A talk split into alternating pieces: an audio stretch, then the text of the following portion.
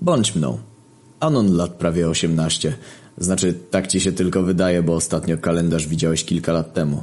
Starszyzna twojej zjebanej wioski uznała, że jest on napełniony szatanem i mrocznymi siłami, a dwanaście miesięcy jest wielokrotnością liczby sześć, więc moc jest zwielokrotniona. No ja pierdolę, Ekse. Mieszkasz gdzieś na Zadupiu w Mazowieckim. W sumie nie wiesz dokładnie gdzie, bo kartografowie spierdolili z tej meliny. Matka poczęła cię w trzecim dniu porównolący wiosennej. Podobno jest to dzień piękna i urodzaju. Szkoda, że urodziłeś się z takim krzywym ryjem. Świętują to u nas piciem świńskiej krwi i tańcami zdobnie ubranych dziewic wokół pomnika jakiegoś bożka. Wszędzie wokół jadło i płonący tłuszcz gęsi w zniczach, ale największą atrakcją są lożki. Przynajmniej popatrzeć sobie możesz, hehe. Wśród nich twoja miłość. Józefinka, brunetka o pięknych piersiach i z małym, słodkim pieprzykiem na szyi. Czuj dobrze człowiek, jak rusza udami. Dzień pierwszy historii właściwej. Budzisz się w swoim łóżku ze strzechy. Jak zwykle pierdolona gęś musiała nasrać ci w twój wykonany z krowej skóry laczek. Laczki są tu prawie jak te u cywilizowanych ludzi, jeśli kroksy uznamy za wynalazek cywilizacji. Starasz się nie być tak zacofany jak reszta. Udało ci się złapać gołębia pocztowego. Chowasz go w klatce zrobionej z gałęzi. Kradniesz starszyźnie pióro i krew gęsi, atramentu tu nie ma. Napisałeś zamówienie na kilka książek, o których tak naprawdę istnieniu byś nie wiedział, gdyby nie wasz wykaż z ksiąg zakazanych, które starszyzna wywiesza na tablicy ogłoszeń. Trochę taki Facebook, ale drewniany. I zamiast selfików tapecier znajdziesz tu ogłoszenia o sprzedaży krowy czy skargę na sąsiada, który zaraził ci partnerkę jakąś chorobą. Mniejsza z dokładną treścią listu. Ważne, że dałeś notkę dla kuriera, żeby 15 mil przed wjazdem na teren waszego plemienia przesiedł się na konia, bo ludzi przestraszy i może stać się celem ataku. Ma też zostawić cały sprzęt elektroniczny i przebrać się w ubrania ze skóry, bo inaczej nawet koń niewiele mu da, jak się grupa myśliwych na niego rzuci. Łapiesz gołębia za nogę? Przywiązujesz list? Puszczasz? I czekasz. Dzień drugi.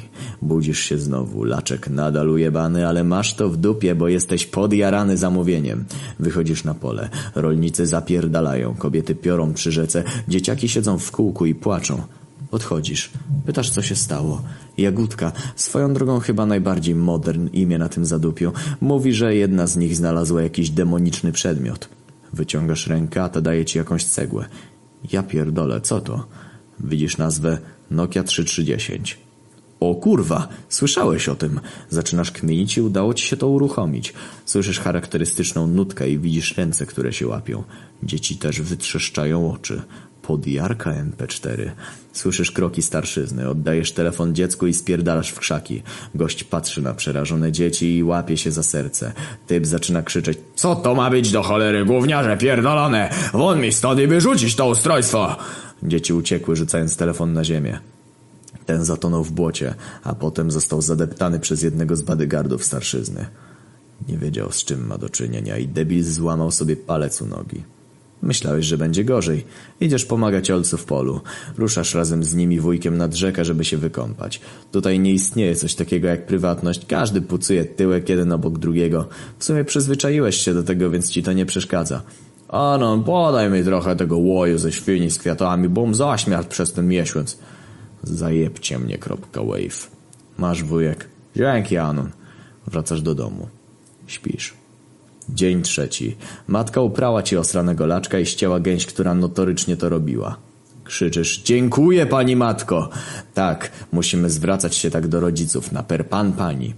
Proszę bardzo, Warłomirze, dziś jak wrócisz z pola, to będzie strawa z tego gąsiora czekać. Jak ja nienawidzę tego imienia. Mogli mi już dać nawet Władysław czy Heniek, ale nie. Musieli pokazać sąsiadom, że nowocześni są. Warłomir, kurwa mać. Wychodzisz na dwór i podchodzisz do tablicy ogłoszeń. Hmm, kupię 15 kg pierza, płacę dużo. Szukam chłopa dla córy, co by to sama nie została urodziwa i gotować umie, zgłosić się pod adres. Józefina z rodziny Ręczykowskich została spalona na stosie za czary. Starszyzna stwierdziła jej kontakty z demonami w sposób niezaprzeczalny. Pieprzyk na jej szyi nie krwawił po ukłuciu go igłą. Sprzedam czterdzieści... Zaraz. Co, kurwa, Józefinę spalili? Ja pierdolę! Zajebie się! Dobrze, że przynajmniej umiesz rysować i zrobiłeś z jej z ukrycia rysunek, jak się kąpała w rzece. Może łapanie się za ubijaczkę od maselnicy do obrazka będzie innym doświadczeniem niż podglądanie jej na żywo, ale jebać. Dobre i to. Robisz kilkanaście kroków, wytężasz wzrok i spoglądasz na wzgórze. Dostrzegasz księcia w czerwonej bestii. Mężczyzna w schludnym ubraniu pędzi przez zarośnięte wzgórza. Ja pierdolę, to kurier. Wjechał na teren plemienia pasatem wtedy i jest ubrany w dżinsy, a na dodatek widać, że ma słuchawkę przy uchu. Biegniesz w jego kierunku, zatrzymujesz go i zanim ktoś się zorientował, bierzesz od niego książki i każesz uciekać. Ten mówi, potrzebuje zapłaty za książki, miała być przy odbiorze. Rzucasz mu w rękę cztery srebrne monety. Miał minę jakby nigdy takich nie widział i woreczek z gęsim tłuszczem za fatygę. Spierdalasz, a ten krzyczy, panie, coś ty mnie dał, dawaj mi pieniądze! Przestaje krzyczeć, kiedy widzi pędzący w jego kierunku tłum ludzi z dzidami w rękach. Robi cyk, dwójeczka, najszybciej jak mógł i spierdala. Ty się trochę śmiejesz, ale i tak przeczuwasz, że daleko nie zajedzie. Idziesz w głąb polany. Książki ukrywasz pod kamieniem i uciekasz do domu. Dopiero za kilka tygodni będziesz mógł je przeczytać, bo he, chwilę spokoju masz tak naprawdę tylko wtedy, kiedy jest jakieś święto, ewentualnie pogrzeb. Śmierci czarownic nie obchodzimy, więc śmierć Józefiny na nic mi się nie zda. Wracasz na pole i pomagasz ojcu jak gdyby nigdy nic. Po kąpieli wracacie do domu. Siedzicie przy stole z całą rodziną. Ty, matka i ojciec. A na stole leży ta jebana gęś, jakieś ziółka i to, co z tej gęsi matka wypatroszyła. Zupa z niedogotowanych wnętrzności gęsi brzmi słabo, ale jak dorzucicie trochę cebuli, to jest całkiem smaczna i pożywna. Ostatni z wymienionych członków rodziny zaczyna pierdolić, że myśliwi złapali jakiegoś obcego na terenie naszych ziem i go na pal nadzieli. O kurwa. Biedny kurier. Chyba więcej książek już sobie nie zamówię, ale dobre i to, co udało mi się zdobyć. Do usłyszenia podczas święta zmarłych. Oczywiście o ile moje notatki trafią do ludzi z zewnątrz. Ciąg dalszy nastąpi.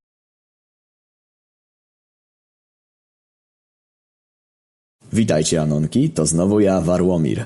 Od ostatniego wpisu minęło trochę czasu, więc mam wam sporo do opowiedzenia. Dzisiaj cała wieś jest zajebana wędkami, koszykami wiklinowymi, beczkami z alkoholem i baliami wypełnionymi bezgłowymi gąskami. No ogólnie ostry Saigon. Nie mylicie się, zbliża się ostatnio wspomniane święto zmarłych. Jebane kurwa dziady. Sam czuję się jak pierdolony Gustaw z części trzeciej od Mickiewicza. Tak czytałem to. Kurier przywiózł ciekawe publikacje. Wiecie, tutaj umarł Gustaw, narodził się Konrad, bla bla. Tyle, że Gustaw był w jakimś friendzone i się zajebał z żalu, a moją niedoszłą pannę spalili na jebanym stosie. W sumie nie wiem co gorsze. Mniejsza z literaturą o niej później. A więc wracając. We wsi zapierdoli każdy coś robi. Ojciec poszedł z wujkiem łowić ryby, a tak naprawdę to nie poszedł, bo będąc w bliskich relacjach ze starszyzną udało mu się namówić gościa, żeby dał przetestować mu tę bestię, którą potem rytualnie spalał nad jeziorem, by przegnać z jej złe moce. Czerwony pasat w TDI.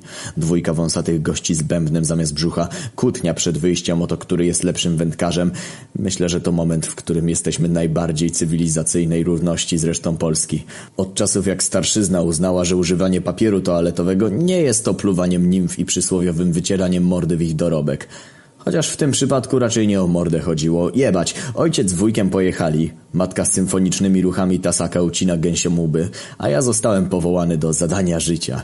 Sama starszyzna wyznaczyła mnie i kilku mi podobnych, żeby wziąć krzesiwa, suchy gałęzie i krowi łój, aby na każdym rozstaju dróg ułożyć stos i nasmarować go tym tłuszczem. Ogień trzeba rozpalić na rozstajach, co by demony obrządku nam nie zakłóciły. Stosy mają być schludne i z długo płonących gałęzi złożone, pierdolił ten ze starszyzny. Śmieszne w sumie, że to spierdolenie zaszło tak daleko i ludzie serio wierzą w coś takiego jak ogień przepędzający demony. Noż kurwa wyobraźcie sobie, jesteście panami ciemności z powołania jakiejś wyższej demonicznej istoty. Możecie wpływać na umysły, mordować ludzi, inne fajne rzeczy są w waszym zasięgu. A kurwa boicie się pieprzonych płonących krowim tłuszczem gałęzi i co więcej więcej może, możecie łazić tylko po drogach z rozstajami, jak w jakimś pakmanie. Gry wideo są ponoć super, kiedyś może sprawdzę, co to dokładnie jest. No ale dobra, starszyzna chce, starszyzna dostanie. Renewik poszedł w kierunku pól, bo on jest najstarszy, więc dostał najwięcej stosów do ułożenia. Wałęs Smoleński przez przyjaciół zwany Brzozą zająć miał się stosami przy pomoście nad no rzeką. No i ja, najmłodszy, Warłomir, Tylko jeden stosik do ułożenia przy drodze prowadzącej do miejscowej zielarki. Co może pójść nie tak? No to idę sobie z tymi gałęziami i łojem pod pachą, wygwidzując ostatni przebój naszych okolic. Może nie jesteśmy najnowocześniejszym społeczeństwem, ale wydaje mi się, że z muzyką jesteśmy dość aktualni i przyznam, że Bogu rodzica naprawdę wpada w ucho. Dotarłem nad skrzyżowanie i zacząłem układać stosik. Wszystko ładnie, Pięknie. Gałęzie natarte łojem, więc można wracać. Szkoda, że jesteś taką spierdoliną, że pomyliłeś łój z jakimś innym syfem. Chyba żywica, ja pierdolę. Łafy ci się lepią, nie możesz oderwać ich od gałęzi. Wyjebałeś się i razem z całym pięknym stosikiem wpadłeś w strumyk. Nie był może jakiś mega głęboki, ale wystarczyło, żebyś zatonął po brzuch, a gałęzie popłynęły z jego nurtem. Ja pierdolę, nie ma stosu, a dziady lada moment.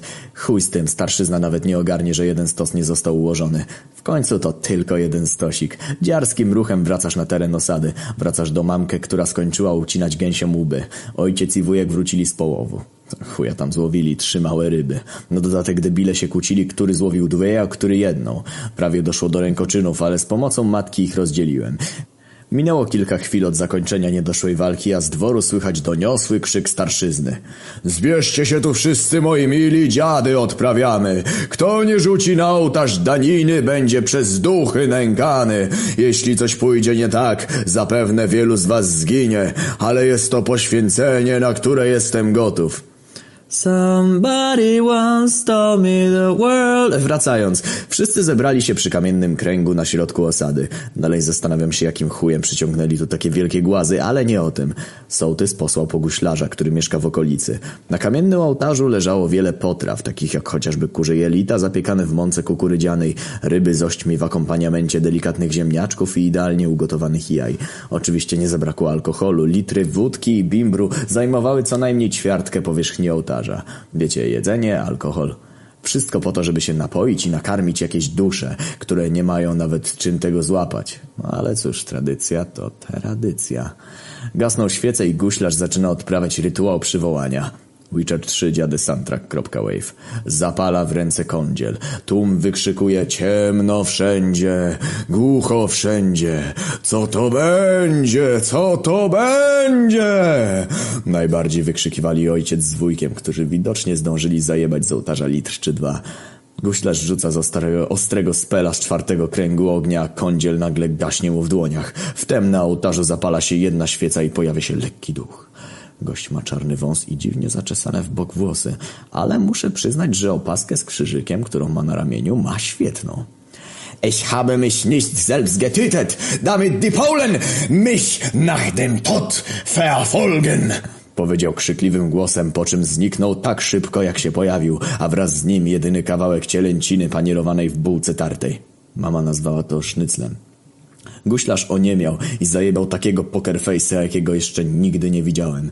Minęła minuta ciszy, a ten zemdlał. No nie wierzę. Wykitował przy najlżejszym duchu. Przez piętnaście minut wszyscy siedzieli nie wiedząc co robić. W końcu nie można przerwać obrzędu. Na szczęście po dwudziestu minutach niezręczności guślarz się wybudził. W oczach miał strach i zaczął krzyczeć. Demon, demon nas nawiedził. Któryś stos nie został zapalony i ołtarz został splugawiony. Ja pierdolę. Splugawiłem ołtarz, nie podpalając jakiś gałązek. No nie, Anon, tak nie może być! Wybiegłeś z tłumu i ledwo dysząc dopełzłeś do miejsca, w którym ostatnio twój punkt, w którym plecy tracą szlachetną nazwę, zetknął się z zimnym potokiem. Zacząłeś układać nowy stos. Nagle usłyszałeś czyjś głos. Witaj, Warłomirze. Zesram się, PNG. Zamurowało cię. Na drzewie siedział jakiś gość, którego nigdy nie widziałeś, a który znał twoje imię. Demon zaczyna coś pierdolić o spełnieniu trzech twoich życzeń.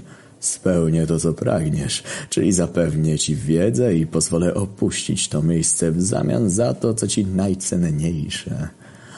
Ehm, bardzo bym chciał, ale dziewictwo straciłem wiele lat temu, kiedy byłem na rutynowej rodzinnej męskiej kąpieli, a mój ojciec poszedł w tym czasie po coś do... Kurwa nie! Jebany z wyrolu mówię o twej duszy, a nie o dziewictwie. A, dobra.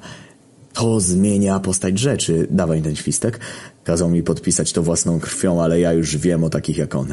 Miałem pod ręką trochę krwi gęsi, gdybym musiał spisać coś w nagłym wypadku. Udałem, że ranię się w rękę i napisałem krwią gęsi strającej mi wcześniej do buta zdobne literki JD.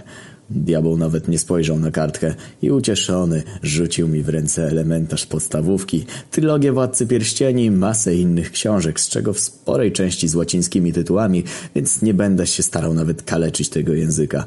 Ważne, że dał mi książki przepełnione wiedzą, która pozwoli mi się wydostać z tej meliny. Demon zniknął. Ja spokojnie ułożyłem stosik z gałęzi w tym samym miejscu co ostatnio, a potem jako rozpałkę użyłem jedną z książek demona, której drugi egzemplarz miałem już od kuriera. Ukradkiem wróciłem do domu. Tym razem schowałem książki pod podłogą, bo ukrywanie ich pod kamieniem było zbyt męczące. Wróciłem do biesiadników odprawiać rytuał. Później guślarz przeprowadzał spokojne rozmowy z duchami średnimi, takimi jak Michael Jackson, a nawet dał się poczęstować kremówką od ducha o żółtym obliczu, który wolał nie ujawniać swojej tożsamości, jednak wydawał się bardzo miły. Następnego dnia na tablicy ogłoszeń zobaczyłem, że zbieraczka znalazła martwego mężczyznę spoza plemienia pod pobliską brzozą. Tak, demon popełnił samobójstwo po tym, jak zobaczył, że zrobiłem go w chuja. Jak wpłynie to na resztę mojego życia? Opowiem wam, kiedy sam się dowiem, a teraz pozwólcie, że zabiorę się za czytanie ksiąg od pana demona.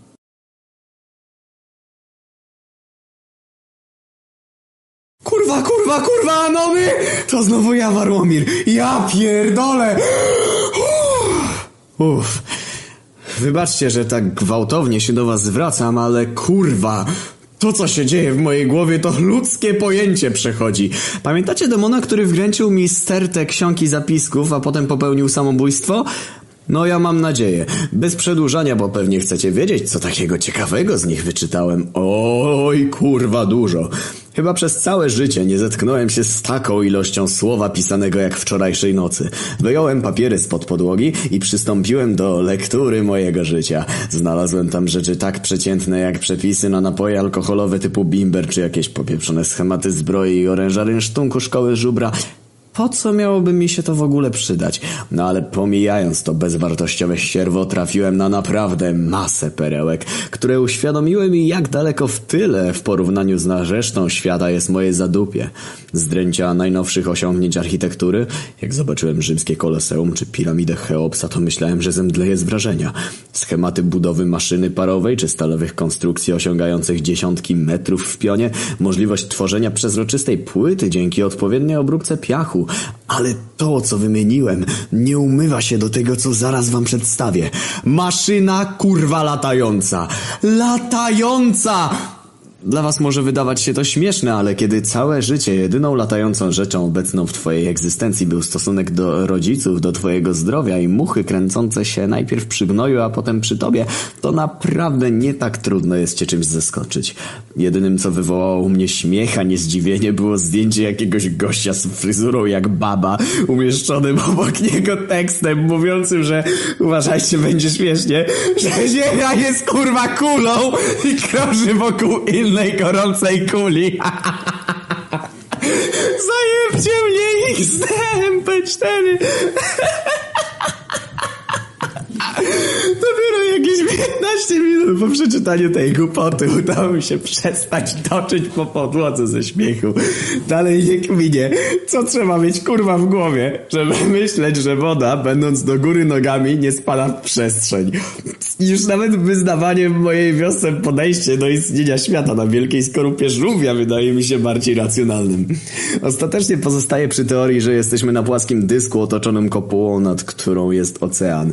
Powracając na właściwy tor, czyli maszynę latającą, od razu gdy tylko zobaczyłem te szkice i schematy mówiące, że można wznieść się w powietrze, to przypomniałem sobie sytuację sprzed paru lat. Nad naszym zadupiem, setki metrów wyżej, pojawił się dziwny obiekt, ciągnący za sobą biały pas. Prawie wszyscy byli przerażeni i uciekali do domów. Nasi więźniowie spoza granic zadupia, tak, nie przesłyszeliście się, więźniowie, mamy własny system prawny, oko za oko, ząb za ząb, ujebanie nóg za wtargnięcie na nasze kurwa ziemię. No ogółem skazańcy krzyczeli Panie pilocie! Dziura w samolocie!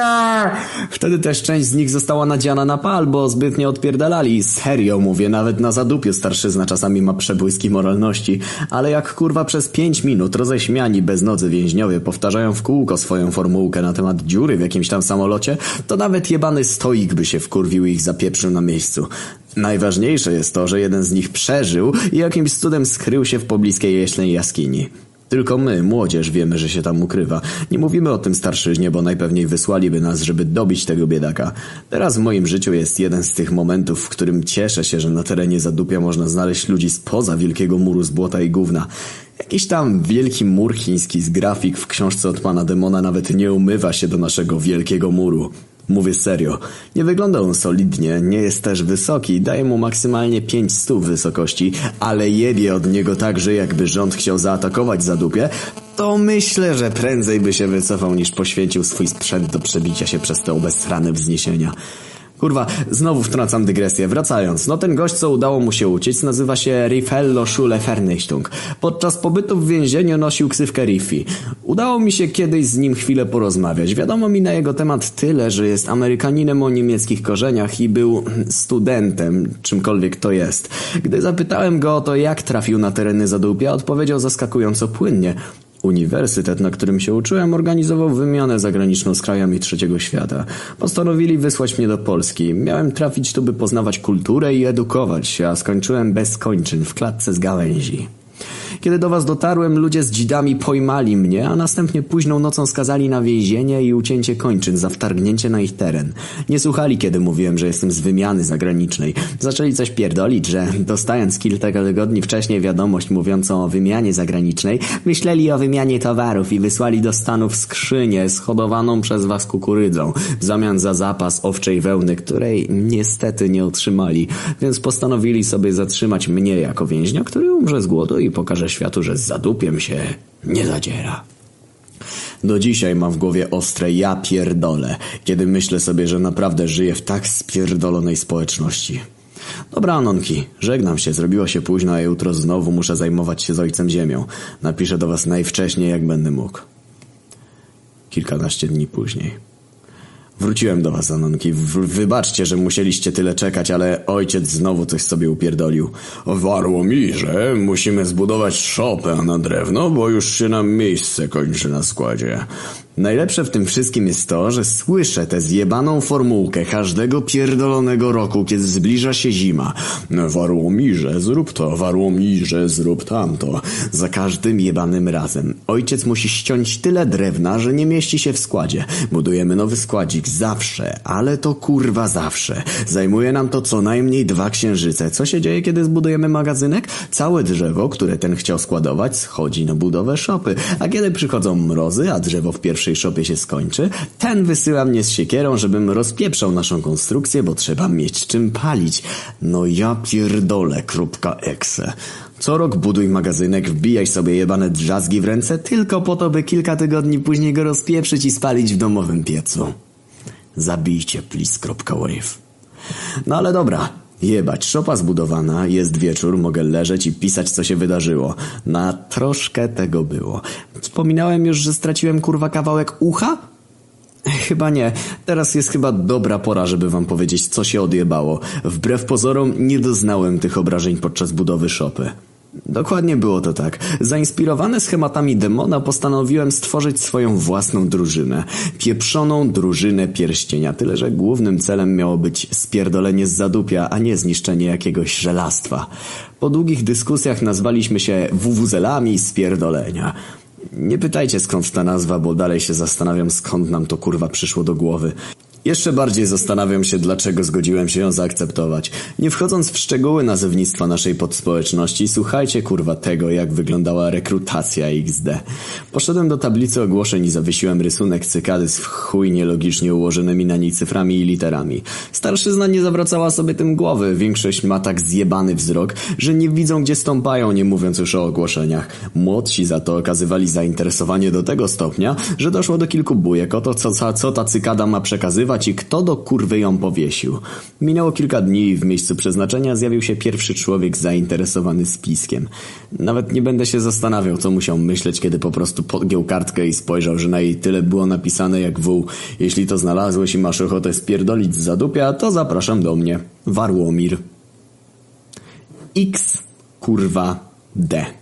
Bardziej prostej i genialnej zagadki chyba nie mogłem wymyślić, ale co do czego członka. Był to gość o imieniu Oilander, wiejski świr starszy ode mnie o jakieś dwa lata. Kilka lat temu znalazł na terenie zadupia opakowanie ociekające tłuszczem z dwoma złotymi łokami na przedzie. Od tego czasu uważa, że jest to ślad od obcej cywilizacji, która stara się skontaktować z zadupiem. Co doprowadziło go do konkluzji, że opakowanie równa się obcy, to ja kurwa nie. Trochę klip z niego, ale w końcu rozgryzł moją hehe enigmę, więc może być cenny dla mojej ekspedycji. Powiedziałem mu, że musimy poczekać na to, aż zalążek naszej grupy poszerzy swoje horyzonty i zyska nowych członków. Mając na myśli członków, chodziło mi raczej o co najmniej jeszcze jednego, a może dwóch członków. Tak wielu ludzi tutaj nie mieszka, by tworzyć nie wiadomo jaki orszak, a poza tym we Władcy Pierścieni podstawową drużynę tworzyli Frodo, Sam, Mary i Pippin, a że sam wzrostem nie grzeszę, to czteroosobowa grupka odpowiadała mi ostro. Niedługo, jeszcze tego samego dnia, zjawił się kolejny Indiana Jones. Wałęs Smoleński, a.k.a. Brzoza. Mam nadzieję, że go pamiętacie. Jeśli nie, to małe przypomnienie. Podczas obchodów Święta Zmarłych był jednym z powołanych do rozpalenia stosów na rozstajach. Wywiązał się ze swoich obowiązań, nie to co ja. Jest więc odpowiedzialny. To dobrze, taki też nam się przyda. Na początku był dość sceptyczny co do mojego planu, ale odkopałem z mojego umysłu, który swoją drogą miejscami nie odbiega złożonością od zadupia i dotarłem do wspomnienia, w którym mówił, że od zawsze chciał wznieść się w powietrze. Rodzice oczywiście szydzili z jego ambicji i jedynym co słyszał wspominając o lataniu były słowa ojca na zasadzie Kurwa, lotów mu się zachciało. Chcesz jeść lecieć młode, to poleć ojcu po piwo do sklepu Ryśka, a nie farmazony wygadujesz. No, typowy rodzic, żadna nowość. Brzoza dał się przekonać dopiero kiedy pokazałem mu schemat maszyny latającej. Od tej chwili był mi bez reszty wierny. Mogłem mu narzucić dosłownie wszystko, a ten byłby w stanie to zrobić. I ci ukradnij z jarmarku dwie gęsi, żaden problem, ser. Jesteś w stanie załatwić dwadzieścia desek z brzozy brzoza? Jak najbardziej, jeszcze jak. No po prostu idealny kooperant. Na dniach pojawił się ostatni z wybrańców, Radion we własnej osobie. Oilander przy tym gościu wydaje się najnormalniejszą osobą na świecie. Radion jest cichy, ma problemy ze składaniem zdania, co najdziwniejsze od lat chodzą plotki, że zajebał sąsiadkę i jej siostrę kijem od szczotki, bo chciał sprawdzić, czy trzon ze świerku jest twardszy od trzonu brzozowego. No ale to tylko plotki, które trudno potwierdzić, więc przywitaliśmy tego milczka z otwartymi ramionami. Tak jest, kurwa. W ten oto sposób narodziła się wuwuzela z pierdolenia i to ona miała wszystko zmienić. Nie zwlekaliśmy i od razu zabraliśmy się do opracowywania planu doskonałego. Zaszyliśmy się w brzozowym lesie i jakieś trzy hektary od ścieżki zrobiliśmy nasze metropolis. Przybytek pomysłu, oazę spierdolenia, jebane mini-imperium. Wyznaczyliśmy teren i wycięliśmy kilkanaście drzew, zostawiając tylko dwa na samym środku wykarczowanego okręgu. O roli tych dwóch drzew dla naszego planu opowiem nieco później. A więc tak, przyciągnęliśmy wielki i płaski głaz, który wyjebaliśmy w jednym z rogów okręgu. Okręgi mają rogi? Kurwa, zapomniałem. Mniejsza z tym. Wielki głaz był teraz naszym stołem apostolskim. Zbieraliśmy się wokół niego i snuliśmy plany na temat tego, co zrobimy po opuszczeniu tego łezpadołu. Planów było wiele. Studia, podróże po świecie, osiedlenie się gdzieś. No, Pomysłów była masa, ale bez zapierdalania nie ma z zadupia wypierdalania, więc praca musiała wreć. Obejrzeliśmy schematy i przystąpiliśmy do stworzenia pierwszych dwóch konstrukcji tworzących spójną całość. Dwóch wież dla stabilności opartych o postawione wcześniej dwa drzewa. Oj, kurwa, już na samą myśl, jakie to będzie zajebiste, dostaje bonera. Każda wieża będzie miała jakieś 60 stóp wysokości. Najwyższy dom we wsi ma mniej niż 15. Budowa ruszyła. Budowa! Au! W ciągu kilku dni cichego wymykania się z chaty udało nam się dokończyć pierwszą konstrukcję. Tak się wkręciliśmy, że zanim się zorientowaliśmy, gotowa była już druga. Jaraliśmy się w chuj. Budowa zapieprzała szybciej niż myśleliśmy. Wieżę nazwaliśmy symbiozą wielkiego tatrzańskiego centaura, w skrócie WTC. By wieże spełniły swoje role, potrzebowaliśmy jeszcze jednego elementu odbiorników radiowych. Trochę trudno o to, bo gdzie tu kurwa znaleźć metal, jak nawet narzędzia są tu z drewna i kamienia. Po krótkim wymyśle na jednym momencie krzyknęliśmy Passat TDI! Tak, kurwa Passat, który zostawił kurier! Ojciec i wujaszek niby mieli go zniszczyć, ale tak im się spodobał, że postanowili go ukryć w jakiejś jaskini nieopodal naszego domu i przeczekać, aż będą mieli okazję kolejny raz się nim przejechać. Poszliśmy do jaskini, mieliśmy naskalne rysunki z wizerunkami dzikich zwierząt namalowane krwią i węglem. Tak, historia początku rozwoju Zadupia znajduje się w tej jaskini. Pradawni osadnicy zapoczątkowali wzrost społeczeństwa na tym obszarze. Myślę, że było to maksymalnie jakieś 40 lat temu. Tak więc idziemy w głąb jaskini. Czeluść wydawała swe mroczne odgłosy, a ze sklepienia delikatnie opadały kropelki krystalicznie czystej wody. Chuj kurwa, wszyscy wierzą, że nad jaskinią jest dół, do którego cała jebana wieś zlewa swoje fekalia, bo po chuj postarać się o jakieś tam dbanie o środowisko, w którym żyć będą oni i najpewniej ich pra pra pra do potęgi kurwa tysięcznej wnuki. W sumie jebać ich, to oni utoną we własnym gównie. Ja i moi bracia nie zamierzamy iść w ich ślady. Schodzimy coraz głębiej i głębiej. I głębiej, i głębiej, i głębiej. Kurwa ja pierdolę, ojciec, po chuj wy tak głęboko ukryliście tego pasata. Po jakichś pięciu minutach spacerku w głębinach dotarliśmy do naszego świętego grala. Mmm, pasacik, niski przebieg, ma wszystko to, czego potrzebujemy. Ojlander zawsze ma przy sobie trochę gęsiego łoju. Radion nie rusza się z domu bez świerkowego badyla, a ja przypadkiem miałem ze sobą krzesiwo. Skąd je dokładnie wziąłem, to nie wiem. Do tej pory nie czułem go w kieszeni, a kiedy nagle sytuacja tego wymagała, to magicznie się tam pojawiło. Hmm. Dzięki stwórco panie za poratowanie. Hehe. Spoko, Anon. Łamanie czwartej ściany. Tak więc używając zgromadzonych ingredientów stworzyliśmy pochodnie. Brzoza przyświecił nią na pasata, a czerwona karoseria bestii zareagowała piękną refleksją, która zamigotała w naszych oczach. Wyjąłem z kieszeni plany i zacząłem wyszukiwać podobnych do siebie elementów. Okazało się, że przyda się całkiem sporo, więc zabraliśmy jej elementy na budowę odbiornika, jak też części do samej konstrukcji samolotu. Hmm, zderzaki można ujebać i zrobić z nich śmigła. Hmm, to się nada jako ten element. Ta kontrolka wygląda w chuj jak coś, co stworzy nam odbiornik. To jest w sumie podobne do tego. Światła w sumie też weźmiemy, bo czemu by nie? Ja to bym jeszcze ten fotel wziął. Propozycja brzozy przypadła mi do gustu, więc wyjebaliśmy jeszcze fotel i obracając się na pięcie wróciliśmy tam skąd przyszliśmy.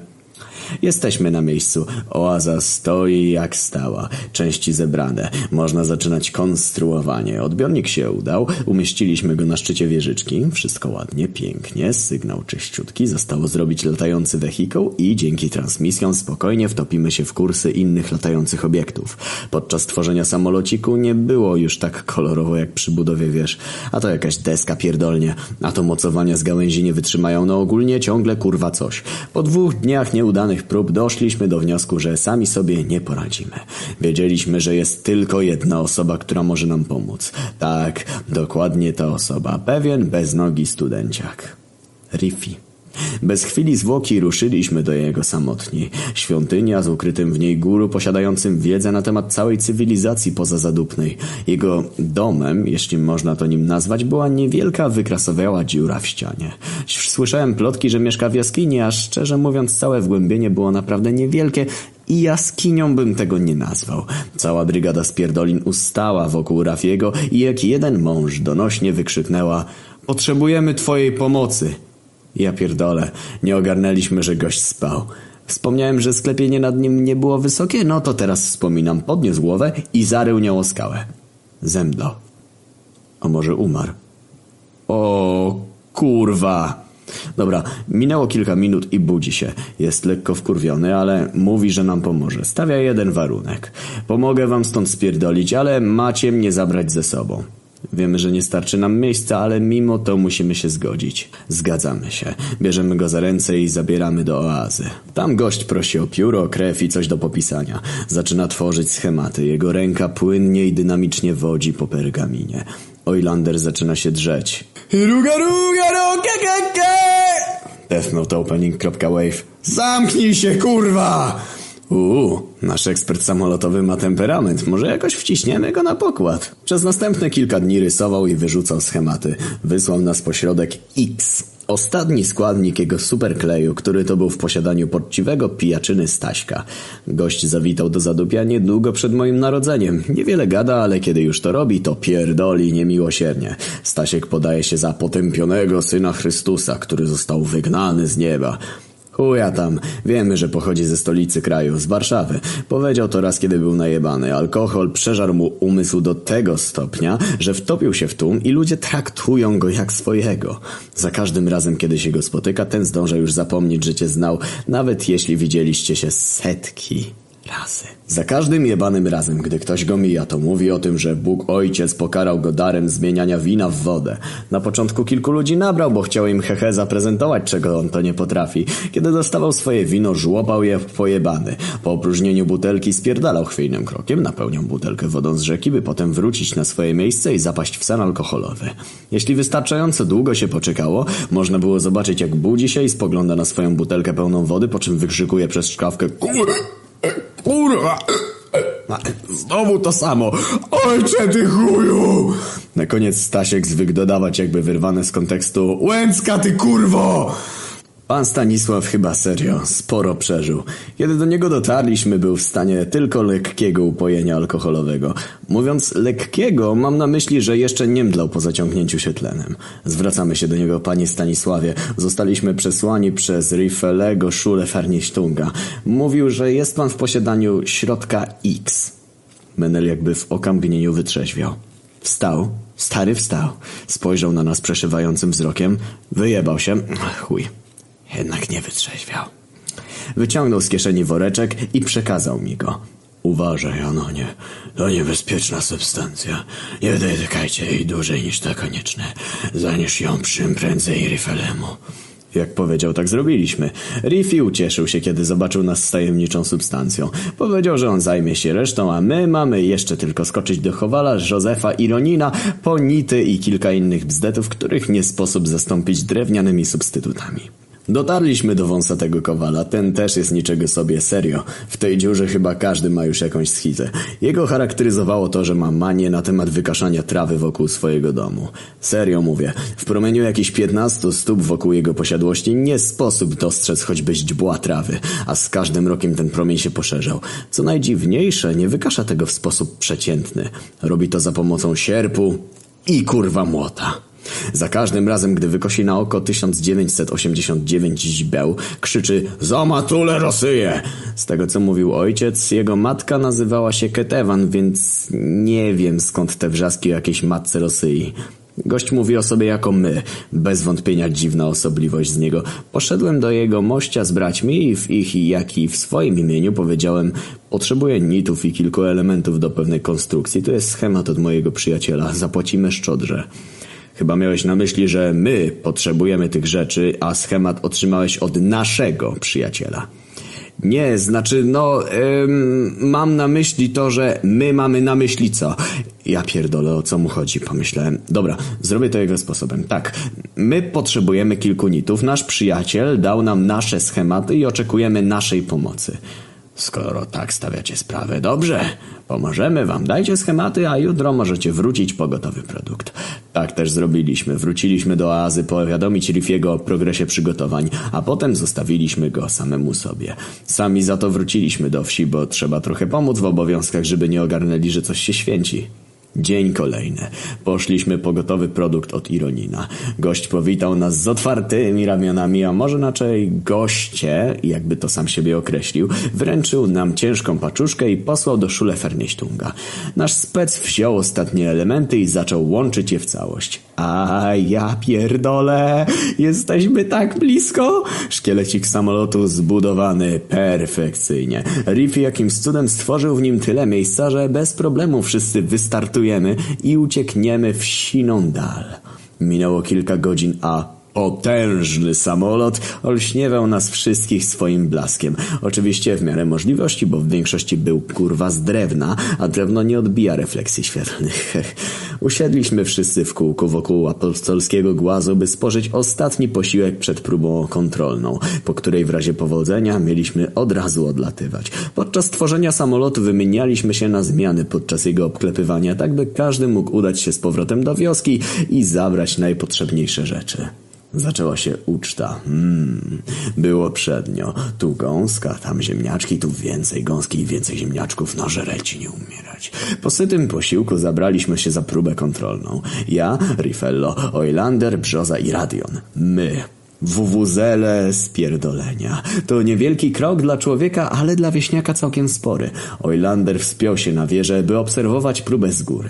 Radion w cholery naciskał, że to on chce przeprowadzić pierwszą próbę. Zgodziliśmy się, w końcu pomógł nie mniej niż inni. Usiadł w kokpicie, wcisnął drewniane kontrolki, symulując przy tym ustami elektroniczne dźwięki typu pip, brr. Śmigła zaczynały się kręcić. Nie do wiary to naprawdę działa. Samolot zaczął startować. Ja pierdolę, rozpędza się, wznosi się w powietrze. Tak! O kurwa, no kurwa, no kurwa, zmienia tor! Radion debilu, skręcaj, kurwa! Krzyknęliśmy. Kurwa, jak? Ten ster, kierownica, czy wie co nie działa? No nie, kurwa! Wykrzyczał Oilander stojąc na wieży. Samolot zapierdolił w brzozę. Nie wałem smoleńskiego, tylko w drzewo. Odbił się i zajebał w wieżę, na której stał Oilander. Cała wieża pierdolnęła. Samolot tak samo. Wszystko w gruzach. Odłamek ojebał mi kawałek ucha. Każdy zszokowany i rozgoryczony. Sam byłem w takim szoku, że uszczerbek zobaczyłem dopiero później. Przerażony Brzoza krzyknął Radion! Oj... Tu urwał mu się na chwilę głos. Oilander. Oboje na szczęście wyczołgali się z ruiny, jednak najgorsze miało dopiero nadejść. Brzoza wykrzykując imiona naszych wuwuzel zawiesił się, wzywając Oilandera. Tak, nie mylicie się. Wyszykując oil, wezwał nad zadupie marynarkę powietrzną Stanów kurwa Zjednoczonych. Co zrobią najeźdźcy z dalekich krain? To już historia na inny wpis. Jeśli to przetrwamy, to usłyszycie resztę. Do zobaczenia, a może raczej żegnajcie. Ciąg dalszy nastąpi. Possible as fuck.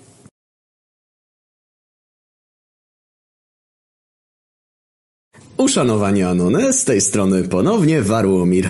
Ostatni wpis dotarł do was jakiś miesiąc temu, więc no, wypadałoby przeprosić, że tyle czekacie, jednak to, żeby tak wypadało nie znaczy, że ja tak zrobię. Jebcie się. Nie no, żartuję, zostańcie ze mną, a zaraz ugaszę waszą ciekawość co do ostatnich wydarzeń. Jak pewnie pamiętacie, lub nie, bo serio trzeba być spierdoliną, żeby nadal śledzić te wydarzenia, naszym ostatnim zadaniem było zdobycie przestworzy. Cel prawie się udał, bo wznieśliśmy się w powietrze, ale upośledzona percepcja radiona i prymitywność naszej technologii posłała cały Airmobil w drzazgi. To samo z wieżami WTC. Ostatecznie skończyłem na tym, jak Stany nadleciały nad Zadupie, po tym jak ten debil Wałęs-Smoleński wykrzykiwał imię Oilandera i zawiesił się na Oil. Noż bardziej wpierdolić nas chyba nie mógł. Ale dobra, to co napisałem wyżej już zapewne wiecie, więc czas na to, co wydarzyło się potem. A więc było to tak. Oilander i Radion na szczęście są cali. Dobra, w sumie tylko Radion jest cały. Oilander stracił lewą rękę przez spadający element konstrukcji. Widok był przerażający, bo krew tryskała na wszystkie strony, ale na szczęście chwilę później biedaczek zemdlał i w końcu przestał krzyczeć. Wywoływanie omdleń to w tej wiosce najbardziej nowatorskie arkanum medyczne. Wszyscy byliśmy przerażeni, a ja w głowie miałem tylko dźwięk o wysokiej częstotliwości. Wiecie, jak w tych wszystkich filmach, kiedy coś wybuchnie obok bohatera i słychać tylko stłumione piskiem dźwięki w stylu Staszek, wstawaj kurwa, zesrałeś się! Szok i konsternacje potęgowały unoszące się nad naszymi głowami helikoptery, z których chwilę później zrzucono drabiny, a po tych praktycznie od razu zeszli amerykańscy żołnierze.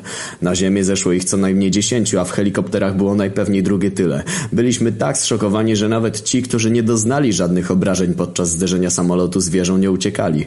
Najzwyczajniej w świecie strach nas sparaliżował. Nie minęła chwila, a zbliżył się do mnie żołnierz z karabinem. Who the fuck are you? Which horse spoke about oil? Be honest or I'll shoot you, bastard. Nie zrozumiałem ani kurwa słowa. Uczyłem się trochę tego języka z książek od demona, ale moja wiedza była naprawdę mała. Na szczęście zapamiętałem jedno zdanie z początku wyrażeń i dalej uważam, że lepszego na tę okazję nie mogłem się nauczyć. My English is not very well, dear Juliet. Żołnierz skrzywił się, ale chyba zrozumiał, co mam na myśli. Skinął palcem w kierunku żołnierza, wskazał na jego rękę i powiedział Gimre. Żołnierz wykonał rozkaz, a mój udręczyciel założył na rękę opaskę i przyłożył przedmiot do ust. Iwona modulator MP3. Słuchaj, włączyłem tryb uniwersalny dostosowujący się do rozmówcy. Teraz powinieneś mnie rozumieć. Sprawa wygląda tak. Wypowiadając to słowo zrzuciliście na siebie zajebiście duże problemy. Być może tego nie wiecie, ale świat jest w obliczu wojny. Co ja pierdolę, na pewno nie wiecie. Dolecenie do celu nigdy nie zajęło nam więcej niż 3 sekundy, a wasz szukaliśmy aż 5, bo satelity odpierdalają w tym rejonie gorzej niż na Trójkącie Bermudzkim. Teraz mówić, co macie na swoją obronę. Żołnierz przyłożył mi tłumacz do ust. Tak, rozumiem wszystkie pana słowa. Nie zrobiliśmy tego celowo, nie wiedzieliśmy, że to słowo ma jakąś moc. Nic też nie wiemy o żadnym konflikcie, ale jeśli nas puścicie, to obiecujemy, że nigdy więcej o nas nie usłyszycie. Ponownie przyłożył obręcz do swoich ust i podczas całego dialogu przykładał go do ust raz sobie, raz mnie. Niestety nie możemy tego zrobić, mamy swoje rozkazy. Zaufałbym wam na słowo, ale ja jestem tylko zwykłym żołnierzem. Zabierzemy was ze sobą. Skoro nie ma wyjścia, to dobrze, bo i tak chcieliśmy się stąd wyrwać. Ale nie pójdziemy, jeśli nie weźmiecie naszego przyjaciela. Oilander stracił rękę i potrzebuje pomocy medycznej. Dobrze, niech tak będzie. Chłopaki, bierzemy ich. Jak powiedział, tak zrobili. Załadowali nas do jednego z helikopterów, opatrzyli Oilandera i tak zaczęła się nasza podróż w nieznane. W ramach formalności panujących wśród mieszkańców Ameryki musieli nas porazić kilkukrotnie paralizatorem i postrzelić tego o najciemniejszej karnacji. Wpadło na Oilandera, którego nasza była konstrukcja przygniatała w największym stopniu. Po postrzale zaklął Amerykanina wydającego wyrok, a żołnierze z uśmiechami na twarzach przybili sobie tak zwane wśród nich high five'y. Ja, a obok mnie Brzoza z Radionem, a po drugiej stronie Riflello i Olander. Wszyscy uziemieni i przerażeni. Zaczęliśmy zbliżać się do granicy oddzielającej Zadupie od reszty świata. Nigdy nie widziałem tego składowiska gówna i błota z takiej perspektywy. Było to na swój sposób piękne. Brzoza nadstawił usta do mojego ucha i mówi, to tutaj. Ja pytam, co tutaj? Przelecimy jeszcze 10 metrów i będę dalej od domu niż kiedykolwiek w życiu. Objąłem go i powiedziałem, Pamiętaj, co zwykł mawiać Bilbo. Znaczy nie, powiedziałem, że jest pizdą i nie ma się czego bać, ale zostańmy, że przy tym, że wspomniałem o Bilbie, bo brzmi bardziej epicko. A, się kurwa oglądało pewien film, to się pamięta. Wracając, pocieszyłem go i zapewniłem, że nic nam nie będzie, dopóki będziemy trzymać się razem. A, wszyscy tak mówią, a ostatecznie i tak ktoś ginie. Nie dramatyzuj, będzie dobrze. W tej chwili przelecieliśmy nad murem i mimo, że nie wyglądaliśmy przez okno, to w jednej chwili wszyscy to poczuliśmy. Każdy z nas na chwilę poddusił się powietrzem i zaczął kasłać. Minęły jakieś dwie minuty i kaszel ustał. Co to było do cholery? Zapytałem przez tłumacz. Różnica atmosfery. Wasza kraina ma zupełnie odmienny skład powietrza. Nawet pierdolone wiatry, które płyną w tym kierunku, nagle bez wyraźnej przyczyny zmieniają kierunek. Nasza strefa 51 czy Roswell to nic z tym, co się u was odpierdala. Po kilku minutach wszyscy zapadliśmy w sen. Najwidoczniej nasze organizmy niedobrze odczuły zmianę otoczenia i potrzebowały czasu, żeby się przyzwyczaić. One eternity later. We're here. Get up, little fuckers. Nie wiedzieliśmy co mówi, bo komunikat wykrzyczał żołnierz bez bransolety tłumaczącej, ale ogarnęliśmy o co chodziło po tym jak wyjebali nas z helikoptera siarczystymi kopami. Jeśli będziecie się zachowywać, to nic wam się nie stanie. Jak powiecie za dużo, to nawet ja nie będę mógł wam pomóc. Chórem podziękowaliśmy jedynemu miłemu żołnierzowi. Tak w ogóle to nazywam się Edward Cullen. Ja już znam wasze imiona, więc nie musicie się przedstawiać. Czas goni, musimy iść. Sprawdzili bazy danych i po zobaczeniu, że jesteśmy z Polski, kazali nam założyć jakieś dziwne pasiaste piżamy, skuli nas łańcuchami i kazali wężykiem iść za Edwardem. Całe to lądowisko było wielkim bojowym kompleksem. Z każdej strony otaczały nas wysokie, prostokątne budynki pełne wielkich, okraconych okien o takim samym kształcie. Cały ten krajobraz kojarzył mi się z tym, co widziałem w książce pod tytułem Polska i PRL. Dlaczego kiedyś było lepiej? Kurwa, kiedyś to było. Zaprowadzili nas pod masywne metalowe drzwi, które pilnował czarnoskóry gość. Otwórz drzwi. Tysiąc baryłek. Co? Co? Kurwa, otwieraj drzwi. Dobra. Drzwi otworzyły się szeroko. Zostaliśmy przeprowadzeni przez długi korytarz, omijając pomieszczenia o różnym przeznaczeniu. Pamiętam laboratorium do tworzenia środków chemicznych, po którym zapierdalał zielony gość w towarzystwie osła i kota w butach. Wylał jakiś wielki dzban i poprzemieniał pracowników sali, a potem spierdolił z małym flakonikiem. Minęliśmy też pomieszczenie od testowania broni palnej na czarnoskórych wolontariuszach. Warto wspomnieć, że strzelający bronią byli w ubraniach pluszowych zwierząt. Trafiliśmy nawet na pokój z feministkami, do którego wrzucano zdrajców stanu. O! I była też sala na środku której stała wielka puszka jabłkowego piwa. Co najważniejsze, to obserwowało ją więcej naukowców niż zauważyłem we wszystkich poprzednich pomieszczeniach razem wziętych. Wydało mi się to w cholerę dziwne, ale wiedziałem, że wiedza ta wykracza poza moje kompetencje. W końcu zostałem pojmany. Wreszcie koniec korytarza. Żołnierz wprowadził kod 1109, a drzwi powoli uchyliły się, odsłaniając przed nami stylowe biuro z wielkim podłużnym stołem, na którego przeciwległym do drzwi końcu siedział podstarzały blondyn w źle skrojonym garniturze. We're here because I really, really do want to make America great again. Sir, bracelet. Oh, sure. Jesteśmy tutaj, ponieważ naprawdę, naprawdę chcę znowu uczynić Amerykę wielką. A wy, wspominając o naszym głównym źródle zasilania, złamaliście światowe prawo. Jako iż jednak jesteście z Polski, to zamiast przeprowadzić na was egzekucję, postanowiliśmy wykorzystać wasze zdolności i możliwość wtopienia się w tłum. Życzliwy Edward dał mi bransoletę. Cieszymy się, że wydajemy się przydatni, ale no, jakby to powiedzieć, całe życie żyliśmy w izolacji, nic nie wiemy o tym, co działo się dalej niż za wielkim murem. Nic nie szkodzi. Nie oczekujemy od was wiele. Musicie tylko udać się do znajdującego się w waszym kraju Oświęcimia. Nasi naukowcy odkryli nowy metal o zastosowaniach tak wielu, że nie sposób zliczyć. Możemy wykorzystywać go do magazynowania ambrozji, zwanej w Polsce kustoszem jabłkowym, gdyż metal ten utrzymuje temperaturę piwerka godzinami. Z mniej istotnych jest on też idealny w celach militarno-zbrojeniowych. Jest lekki i plastyczny, a równocześnie wytrzymalszy nawet od diamentu. Ponadto łatwo jest nadać mu właściwości promieniotwórczych, a przy odpowiednim przetworzeniu nie pochłania promieniowania wcale. Jak więc widzicie, jest to sprawa wielkiej wagi. Same odkryliśmy je obecnie jedynie tylko złoże na terenie Atlantyku. Mamy tam swoją platformę eksploatacyjną. Wokół metalu roztacza się też dziwna aura. W drodze do platformy zniknęło bez wieści wiele statków, a jeszcze więcej rozbiło się o coś. Edward sam miał z tym styczność. Był na jednym z takich statków. Przeżył tylko dzięki drzwiom, które oderwały się podczas zalewania się statku. Prawda, Edwardzie? Edward zbliżył się i zaczął. Tak, musiałem stoczyć bitwę z kucharką, która starała się strącić mnie z tych drzwi. Mówiła, jest wystarczająco miejsca dla dwojga, ale ja jej nie ufałem. Chwilę później zamarzła. W kieszeni miała jakiś dojebany wisiorek z diamentem. Pewnie zajebała go jakiemuś bogaczowi. W ramach gratulacji za przeżycie pan prezydent pozwolił mi spieniężyć wisior na eBayu. Ile zgarnąłeś? 50 puszek kustosza. Pozwolili mi to jeździć autem przez e, najbliższe 10 lat bez potrzeby tankowania. Cholera, ten płyn naprawdę jest niesamowity. Oczywiście, że jest, odezwał się blondyn, ale metal ma równie wielką wartość. Oprowadzimy cię po naszej platformie wydobywczej i sam się przekonasz. Zgoda. Opuściliśmy nieśpiesznie budynek, w którym zdążyli zdjąć nam kajdany. Weszliśmy na pokład odrzutowca prezydenta. Każdy nieco podekscytowany, ale i niepewny. W drodze Oilanderowi zamontowano metalową protezę ręki. Dawno nie widziałem go tak szczęśliwego, a jednocześnie spizganego środkami przeciwbólowymi.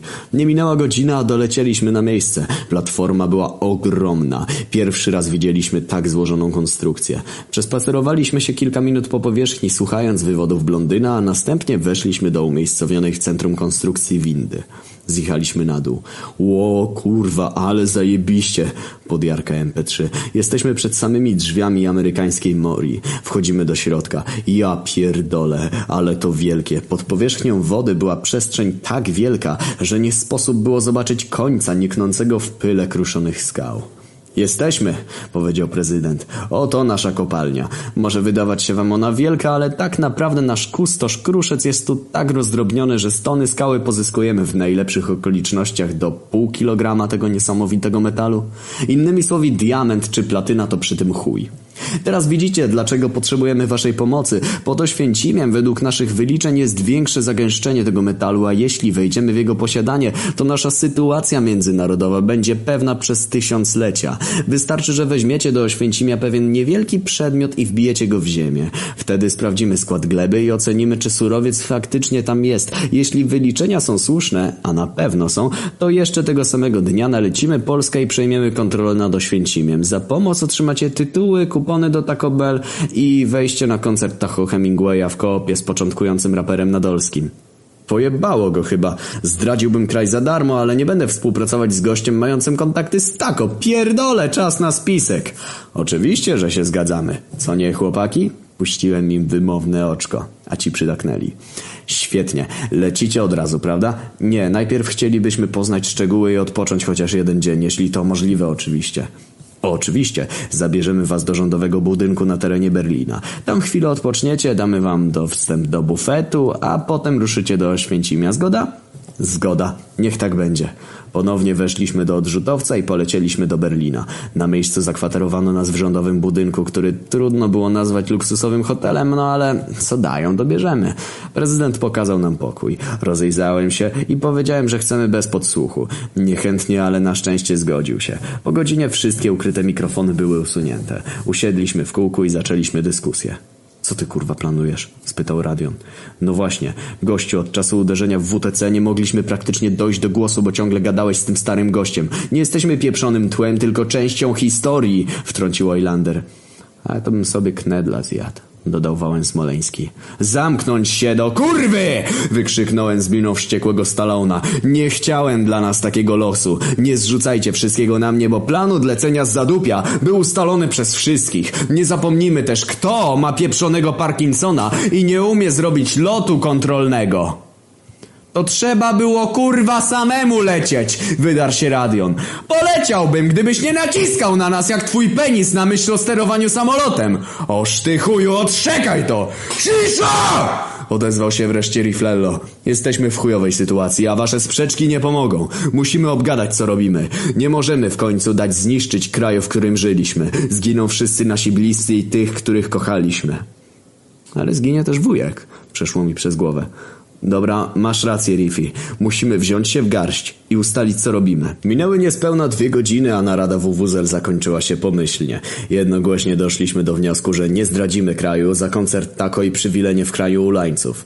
Nasz plan wyglądał tak. Dopytujemy o to, kto może być największym zagrożeniem dla naszej misji. Dowiadujemy się tego, a będąc na miejscu wymykamy się strażnikom i odnajdujemy tego, kto powstrzyma inwazję. Plan prosty, ale im mniej skomplikowanych ruchów, tym większe są szanse powodzenia. Położyliśmy się spać. Po niedługiej drzemce słyszymy pukanie. Otwierać! O kurwa, zinfiltrowani nas. Wiedziałem, że zostawili jakiś podsłuch, wydukał wystraszony Riflello. Chłopaki, chodźcie, bufet czeka. Almost hard attack, kurwa, ekse. Już wychodzimy, odpowiedziałem żołnierzowi, a WWZelom kazałem się ubrać i robić co każą. Opuściliśmy pokój i idziemy za Edwardem. No chłopaki, jak wam się tu podoba? No jest całkiem dobrze. Szczury widujemy dużo rzadziej niż w naszych stronach. Hm, świetnie, że wam tu pasuje. Chodźcie, idziemy do pobliskiej knajpy. Mają zajebiste piwo. Tylko nie wystraszcie się barmana, bo ma nieco najebane w głowie. O, już dotarliśmy. Zapraszam goście przodem, ale zanim to, to musicie o czymś wiedzieć. Klub ma zasady. Pierwsza jest taka, że nie gadacie o tym klubie. Druga jest taka, że nie gadacie o klubie, a trzeciej i czwartej już nie wymienię, bo to burdel, a nie klub walki. Zapraszam. W klubie grała niemiecka technonuta, a na rurach zmysłowo tańczyły Niemki. Tak mi się przynajmniej wydaje, bo przez te oczojebne światło mogło mieć zwidy i równie dobrze mógł to być kręcący się kawał mięsa na kebab. W sumie podobne kształty, więc mniejsza z tym. Usiedliśmy przy barku i zawołaliśmy barmana. Mężczyzna był łysy, szczupły i pomarszczony. Chłopaki, oto Walter, barman najlepszego klubu w mieście, zamówcie coś sobie. Jestem niebezpieczeństwem, znaczy, witajcie chłopcy, co dla was? Zapytał uprzejmie barman. I'll have two number nines, wypalił brzoza. To klub, nie jadłodajnia. Kurwa, Edward, który raz mam mówić, żebyś nie reklamował mnie jako miejsce z bufetem? Wybacz, odpowiedział mu. A co jest do wyboru? Zapytał Brzoza. No cóż, mamy wódkę, browar, ale najbardziej polecam wam specjał tego przybytku Drink Blue Sky. Kopię jak cholera, odpowiedział z uśmiechem. A, to poproszę. Dla mnie to samo, dodał Radion. To i dla mnie jeden, dołączyli Riflello i Oilander. A co dla ciebie? Spojrzał na mnie. Zaufam panu i to samo poproszę. Świetnie. Zaraz będzie gotowe, ale najpierw powiedz jak się nazywam. Co proszę? No wiesz, say my name. Nie rozumiem nadal. Po prostu powiedz Heisenberg, wyszeptał mi Edward. Heisenberg. Masz cholerną rację. Zaraz podam drinki. Spojrzałem wymownie na Edwarda. Nie pytaj. Wypiliśmy drinki, potem poszliśmy do sklepu, kupiliśmy chipsy i tam był taki Maciek i on pojechał do domu, a my wróciliśmy do siebie, ale najpierw w Żabce jeszcze po lodzie zjedliśmy i dopiero wróciliśmy. Poszliśmy spać, a następnego dnia polecieliśmy do Polski. Jednak chwilę przed odlotem udało nam się zamienić słówko z prezydentem i dowiedzieć na temat właściciela pewnego przedsiębiorstwa, który to mógłby być dla nas największym zagrożeniem. Udało się. Mamy informacje, wiemy kogo szukać. Żołnierze wysadzili nas na terenie Oświęcimia. Było ich tylko dwóch, na dodatek nie byli świetnie uzbrojeni z powodu zaufania, którym nas obdarzyli, więc bez większych komplikacji udało nam się ich ogłuszyć i związać. W ich oczach było widać ogromny żal, ale mieliśmy nadzieję, że wybaczą nam tę zdradę. Uciekliśmy do pobliskiego miasta i bez biletu udało nam się dotrzeć do miejsca, w którym działa wroga stanom korporacja. Musimy porozmawiać z waszym szefem, powiedzieliśmy ochroniarzom. Nikt tu nie wejdzie. Szef bierze kąpiel w kustoszu. To sprawa wagi państwowej. Chodzi o atak na kraj w celu zdobycia nowego metalu. Yy, to zmienia postać rzeczy? Poczekajcie tu chwilę. Powiedział, cofając jedną nogę ze drzwi. Po chwili wrócił i pozwolił nam przejść. Dziękujemy. Zostaliśmy zaprowadzeni do biura właściciela i opowiedzieliśmy mu całą historię. Usłyszał szczegóły na temat metalu czy chociażby armii, fury testującej broń na czarnoskórych. Kiedy rozmawialiśmy, przybył mężczyzna z komunikatem, że kraj jest atakowany. Cholera, ogarnęli, że uciekliśmy. Mamy przejebane. Dobra, Damy radę. Ukryliśmy się w schronie i czekaliśmy na rozwój wydarzeń. Po dłuższym czasie udało nam się bezpiecznie opuścić schron, a życzliwy przedsiębiorca obiecał, że pomoże nam w ucieczce przed wojną. Poinformował nas o tym, że Pałac Kultury i Nauki w Warszawie imienia Józefa Stalina to tak naprawdę ogromna, nowoczesna rakieta, którą możemy się ewakuować. Opancerzonym autem eskortowano nas do Warszawy. Widzieliśmy, jak Polska niszczona jest przez nowoczesną broń nieprzyjaciela. Budynki sypały się jak domki z karta. Wszędzie unosił się dym po eksplozji Nie kurwa, nie smog. Miasto było w ogniu, jednak Pałac Kultury trzymał się wciąż świetnie. Jesteśmy na miejscu, została ostatnia prosta. Wychodźcie tutaj i biegnijcie do pałacu. Na samym szczycie jest panel dowodzenia. Naciśnijcie czerwony przycisk, a wyniesie was w przestrzeń kosmiczną. Myśleliśmy nad bardziej skomplikowanym systemem, ale to utrudniłoby mi opisywanie wam, co macie robić, więc lepiej zostańmy przy czerwonym przycisku. Zrobiliśmy to, co kazał. Całą grupą uciekliśmy z wozu i zaczęliśmy biec w kierunku pałacu. Nagle ni stąd, ni zowąd pojawił się za nami samochód z blond prezydentem w środku. Zaczęli nas gonić. Biegnij, Warłomir! Biegnij! Usłyszałem stylu. Od tamtej pory wszędzie, gdzie miałem iść, biegłem. Ale nie o tym. Udało nam się. Zatrzasnęliśmy drzwi i zaczęliśmy biec po wynalezionej w Rosji kratce schodowa. Żołnierze wybili okno i zaczęli pościg. Mimo, że wystrzelili nas w co najmniej dziesięć magazynków, to żaden z pocisków nas nie trafił. Udało się. Jesteśmy na szczycie. Ej, ej, ej, ej, ej. Zamykamy włas i odpalamy rakietę. Podjarany radion rzuca się na przycisk i zaczyna uderzać jak pojebany. Rakieta odpaliła. Ja pierdolę, zaraz polecimy w przestrzeń kosmiczną. Spod pałacu wydostał się kłąb dymu, a budynek poszybował w górę. Jesteśmy bezpieczni. Wolni. Poza zadupiem. I mamy pierdolony, wyszkolony oddział żołnierzy tuż pod naszymi stopami. Zajebcie, please. Niech to się już skończy. Błagam, do chuja. Mam nadzieję, że kolejnego wpisu nie dostaniecie. Pierdolę to. Mam nadzieję, że ten budynek nie wytrzyma wejścia w atmosferę i na tym nasza relacja się skończy. Żegnam. Może.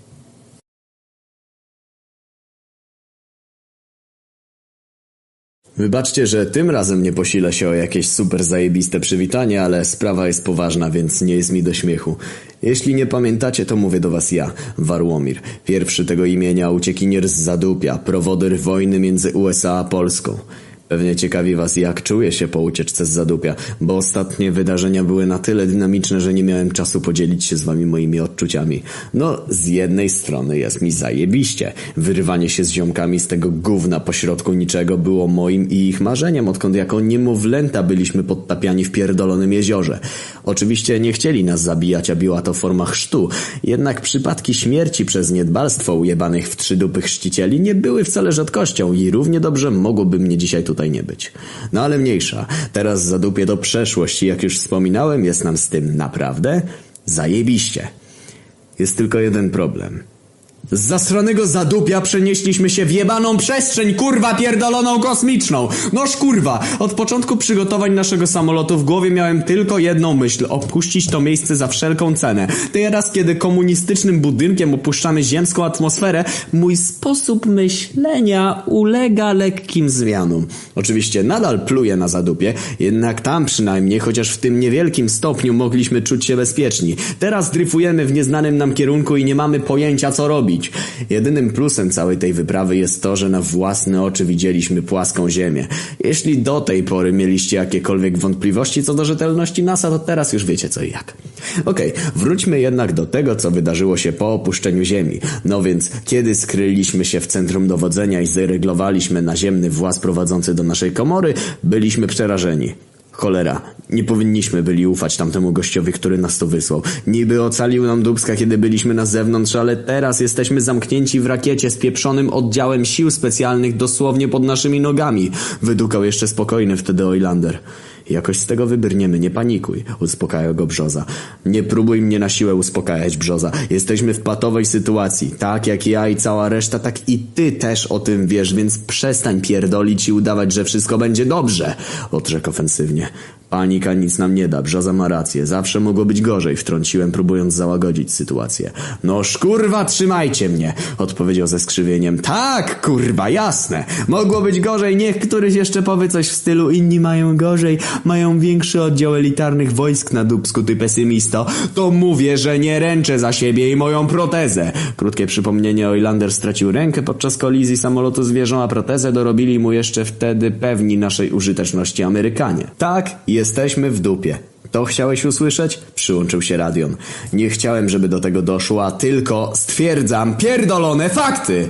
Cichy i oparty do tej pory o ścianę Riffy zbliżył się do nas. Wymownymi gestami i z użyciem niewielkiej ilości słów nakazał nam usiąść na podłodze. W ten sposób byśmy stworzyli wuwuzelski krąg. Riffy wstał, stary wstał i zaczął krążyć wokół nas, przemawiając niczym Mufasa na lwiej skale.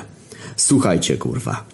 To, czy macie tę sytuację za dobrą, przeciętną czy chujową, jest w tej chwili w cholerę nieistotne. Ważne jest to, że coś musić, musimy zrobić, bo niezależnie od tego, jak tego nie nazwiemy, to he, pod naszymi stopami wciąż chodzi jebany amerykański oddział, który przy pierwszej lepszej okazji pieprzy nam po kulce w łeb. Więc do chuja przestańcie się kłócić i jak prawdziwe wuwuzelskie spierdoliny ustawmy co dalej. Przemowa najwidoczniej podziałała na nas wszystkich. Nie wiedzieliśmy, że gość będący w naszych szeregach już tyle czasu to taki charyzmatyczny przechój.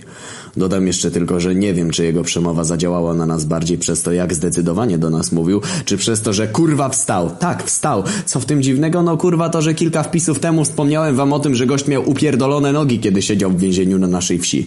Nie chce mi się wracać potem do tego wątku, więc powiem wam, że kiedy niedługo po opisanych poniżej wydarzeniach zapytaliśmy go, jakim cudem odzyskał nogi, odpowiedział chuj wie, ważne, że działa.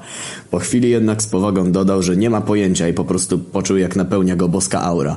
Usłyszał, złap się za guziki i wstań. Stary, wstań.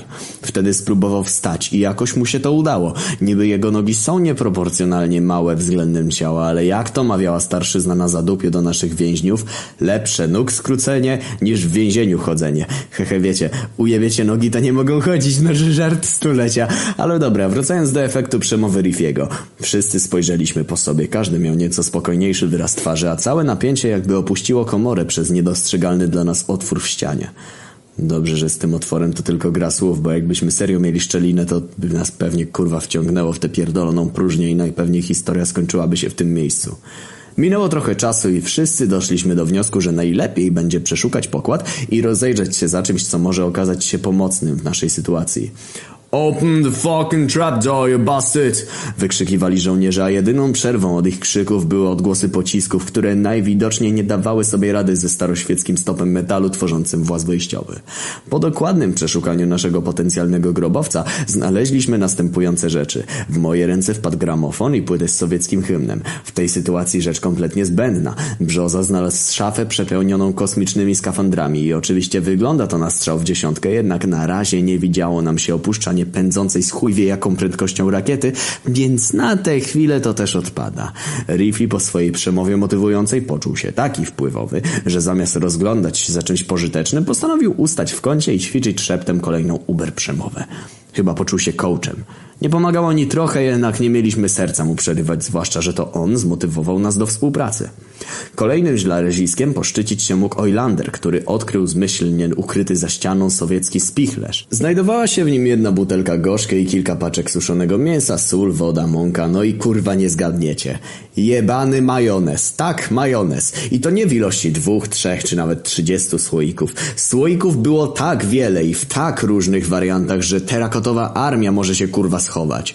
Chłopak tak się podjarał swoim znaleziskiem, że w kilka minut ojebał jakieś cztery słoiki. Każdy po co najmniej 500 ml. Jak on to zrobił, to ja nawet nie. Najpierw Riffy, teraz Oilander. Tracimy myślących racjonalnie ludzi, robi się niedobrze. Na szczęście sytuację uratował Radion, któremu udało się natrafić na panel dowodzenia. Niby ostatnio rozpierdolił nasz latający wehikuł, jednak tym razem zarzekał się, że wie co robi i potrzebuje tylko trochę czasu, żeby rozkminić jak to wszystko działa. Powierzanie swojego życia gościowi z nadpobudliwością to serio mur psychiczny, który niełatwo przeskoczyć, jednak pozbawieni lepszych alternatyw zgodziliśmy się.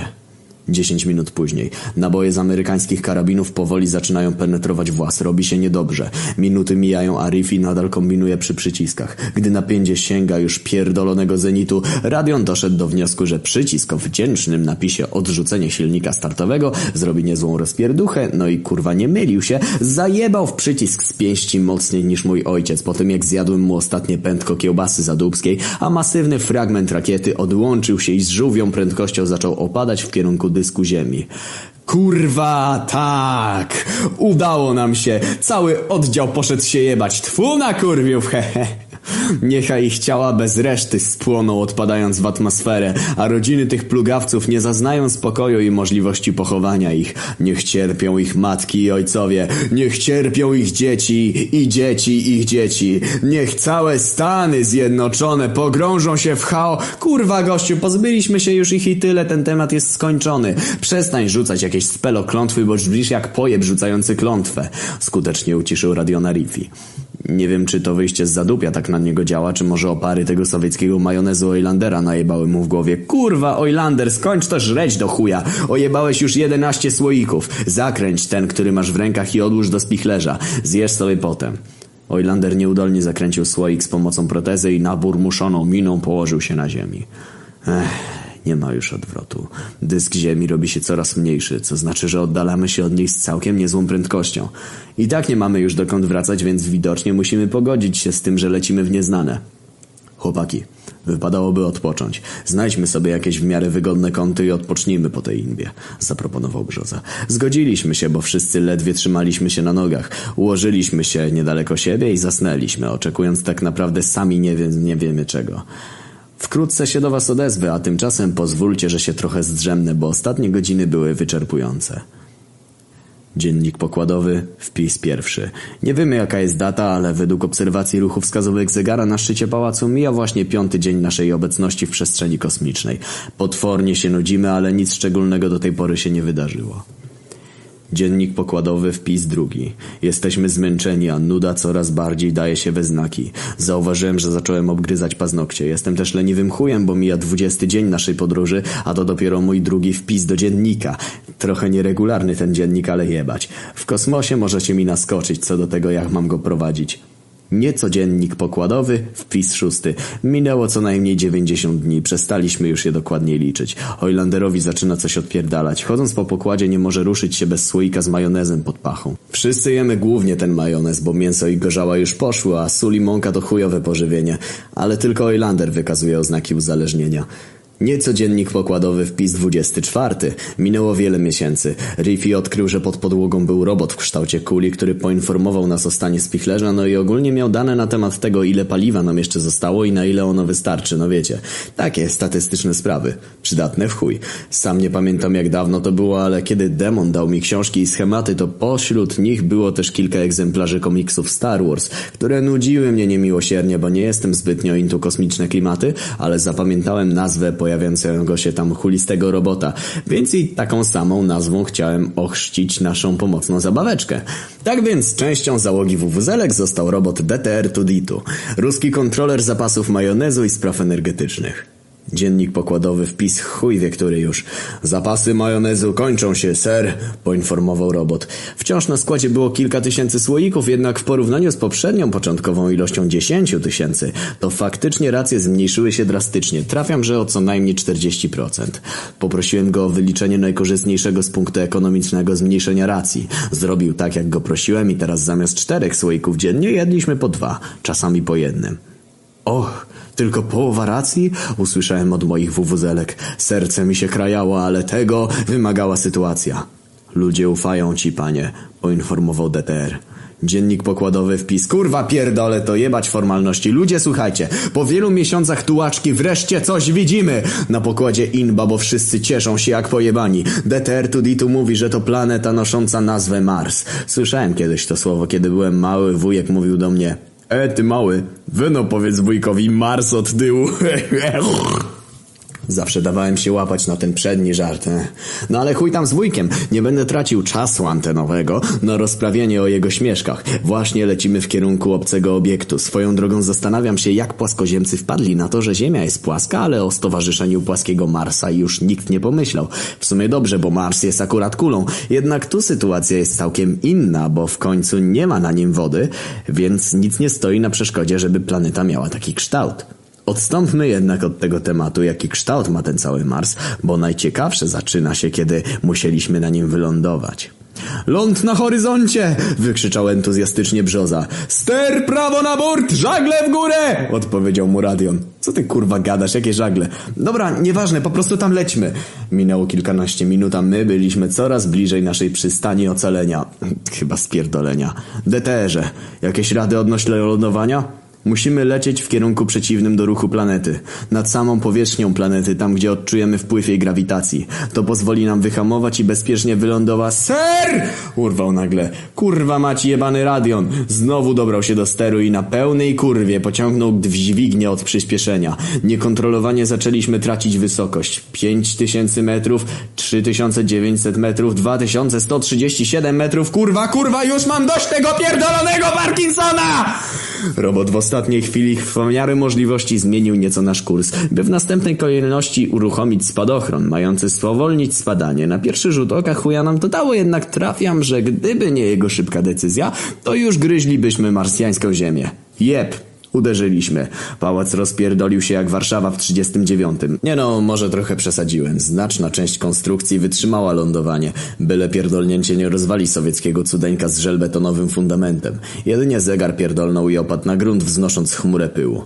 Dobra, na szczęście wszyscy cali. Rzuciliśmy się na radiona z planem wyjebania mu w ten autystyczny łeb. Na szczęście powstrzymał nas DTR, który powiedział, że przemoc nic nam w tej sytuacji nie da. Miał rację, było mi głupio, że chciałem wyciągnąć ręce na brata. Poczucie winy widać było też w oczach pozostałych, w tym samego Radiona, który żałował swojej decyzji. W końcu wszyscy byliśmy cali, więc nic takiego się nie stało. Zaraz, DTR jest ranny! Zauważyliśmy, że jest uszkodzony. Biedny robot nie wytrzymał uderzenia. Ostatnim robotycznym tchnieniem, które swoją drogą nostalgicznie przywołało mi wspomnienie Pasacika, powiedział, że niezależnie od okoliczności musimy się trzymać razem. Obiecaliśmy mu to i daliśmy mu odejść. Wszyscy płakali. Przez te kilka miesięcy naprawdę zdążyliśmy się z nim zżyć. Widocznie jego rola już się skończyła i teraz byliśmy zdani tylko na siebie. Po jakiejś godzinie emocje opadły i tak jak niegdyś przy kamieniu podczas budowy samolotu, tak i teraz zebraliśmy się w okręgu, by zaplanować, co robimy dalej. Zostańmy tu, zaproponował Brzoza. Bez wątpienia kusząca propozycja, jednak wątpię w to, że najlepsza. Słuchajcie, panowie, zrobimy to demokratycznie. Niech ci, którzy są za tym, żeby iść, podniosą rękę, odrzekł Riffy. Jesteśmy w komunistycznym budynku, więc chcąc, nie chcąc, nie możemy tu stosować się do demokracji. Ja założyłem nasze bractwo, więc pozwólcie mi zadecydować? Okay? To jest chwila, w której stawiacie opór, wyszeptałem. Stary, nie, kurwa, no nie, nie ma mowy, nie zgadzam się. Czyli idziemy? Dopytałem. Jasne, odpowiedzieli chórem. No to załatwione, panowie. Wkładać kombinezony i zapierdalamy na zewnątrz. Minęło niespełna 21 minut i 37 sekund, a byliśmy gotowi do opuszczenia kapsuły. Największe opóźnienia spowodował Oilander, który nie mógł ubrać skafandra. A wszystko to, bo ciebie kocham. Znaczy się, a wszystko to przez problemy z protezą, nie mieszczącą się w kostiumie. Musieliśmy więc odciąć fragment, w którym domyślnie powinien był trzymać rękę, a kiedy już się ubrał, to z pomocą kleju z mąki i wody przygotowaliśmy znany i ceniony na zadupiu klej, którym uszczelniliśmy otwór przy jego barku. Dobra, wszystko gotowe. Czas opuścić bezpieczną strefę. Ale zanim to, to muszę wam powiedzieć, że nieźle kekłem przed moim pierwszym krokiem po powierzchni Marsa, bo ja i moje wuwuzelki zalecieliśmy kurwa X do potęgi N tej dalej niż kiedykolwiek człowiek wcześniej. Zabawne, że od momentu rozpoczęcia budowy samolotu do odlotów przez tworza minęło zaledwie parę tygodni, a ten zjebany, rozwinięty świat nie dał kurwa rady dotrzeć tu po kilkudziesięciu latach od pierwszych udanych lotów kosmicznych. No kekże chuj. Ale dobra, my tu nie o moim keku. Otworzyliśmy włas i postawiłem pierwsze kroki na obcy blondzie. Szczerze, różnicy wielkiej nie ma, może poza tym, że czułem się co najmniej o połowę lżejszy. Zaraz za mną, bez zbędnego balastu, poza Oilanderem ze słoikiem majonezu pod pachą, wyszła reszta towarzyszy. Wszyscy rozglądaliśmy się wokół w poszukiwaniu czegokolwiek interesującego, ale szczerze mówiąc niewiele mogliśmy dostrzec, bo z dwóch stron mieliśmy ścianę z marsjańskiej skały. Chyba wpadliśmy do jakiegoś kanionu czy krateru, w sumie chuj wie. Zrobiliśmy kilka kroków w kierunku tej szerszej strony kanionu i ło kurwa, Anony! Co to był za widok? Dostrzegliśmy rozległą równinę. Już nawet po jarmarku było więcej miejsc, na których było można było zawiesić oko, bo a to leżał sobie jakiś zdechły szczur, którego ktoś zdeptał, a to gdzieś leżała klatka, o której zapomniał wędrowny kupiec i można było sobie przygarnąć, a tu kurwa chuj. Czerwony pył, kiła i mogiła, nic, zero, nul. Pustkowie jak ta lala. Nie dziwię się, że nikt tu wcześniej nie przyleciał. Z jednego zadupia przenieśliśmy się w drugie, trafnie zauważył Radion. Szczerze, wolę zginąć na tym zadupiu niż na tamtym. Tu przynajmniej mamy wolność, no dopóki nie skończy nam się tlen i zapasy, skomentował Riffy. Ech, chłopaki, niby jesteśmy chuj wie gdzie, ale przynajmniej osiągnęliśmy nasz cel, a tej satysfakcji nikt nam już nie odbierze, powiedział Brzoza z optymizmem. Macie rację, bracia. Udało się. To zaczyna się nasza wolność i wreszcie możemy żyć po swojemu. Jakieś pomysły, jak możemy to uczcić? Proponuję majonezik na mój koszt, hehe, powiedział Oilander łapiąc zawieko słoika. Przekręcił. Pyk. Odwekowany zdjął korek i jeb kurwa! Co się odjebało to ja nawet nie. Majonez przeżarł się kurwa przez słoik jak jebane kwas. Kurwa, ale jaja! Krzyknął fanatyk sowieckiego majonezu jajecznego. Żrąca ciecz opadła na grunt, który zakipiał niczym dubsko po wigilijnej gęsi na ostro. Jakim chujem żyliśmy o majonezie kilka miesięcy i nic nam nie jest, skoro to gówno przeżarło się przez jebany słoik? Zapytałem z szokiem na twarzy. Hmm... Mam pewną teorię, chodźmy na pokład, zaciekawił nas Riffy. Wróciliśmy do kokpitu i oglądaliśmy jego nieśmieszne poczynania. No słuchajcie, według mnie niezwykły skład tego majonezu po kontakcie z marsjańską atmosferą nabiera nowych właściwości. Spójrzcie tylko, wziął słoik i odkręcił go, a nasze serca na chwilę ustały, spodziewając się kolejnego ataku ze strony morderczej jajecznej zawiesiny. Dźwięk odwykowanego słoika wstrzymał nam oddech. Jednak na szczęście nie stało się zupełnie nic, nie licząc odoru tego ruskiego specyfiku, który w oka mgnieniu wypełnił pomieszczenie. Widzicie? Nic się nie stało. A spójrzcie na to. Wciąż byliśmy w skafandrach, więc pozwolił sobie teraz otworzyć włas prowadzący na zewnątrz i z niezamkniętym słoikiem opuścił pomieszczenie. W ułamku sekund ciecz zaskwierczała i stało się to, co wydarzyło się wcześniej w rękach Hoylandera. W sumie to w ręce, bo drugiej nie ma. Słoik stopił się, a zawartość wyżarła spoczywający na ziemi marsjański pył. Tak jak myślałem, silnie żrący kwas w świecie chemii był uznawany za mit. Przedstawiam wam pierwszy udokumentowany okaz beztlenowego kwasu octo majonezianowego o wzorze sumarycznym JP2GMD. Chodziły niegdyś plotki, że to on był tajnym składnikiem w ogniu greckim. Ogień spalając tlen aktywował reakcję chemiczną tego beztlenowego potwora i zamieniał majonez w kwas, powodując potężne zniszczenia.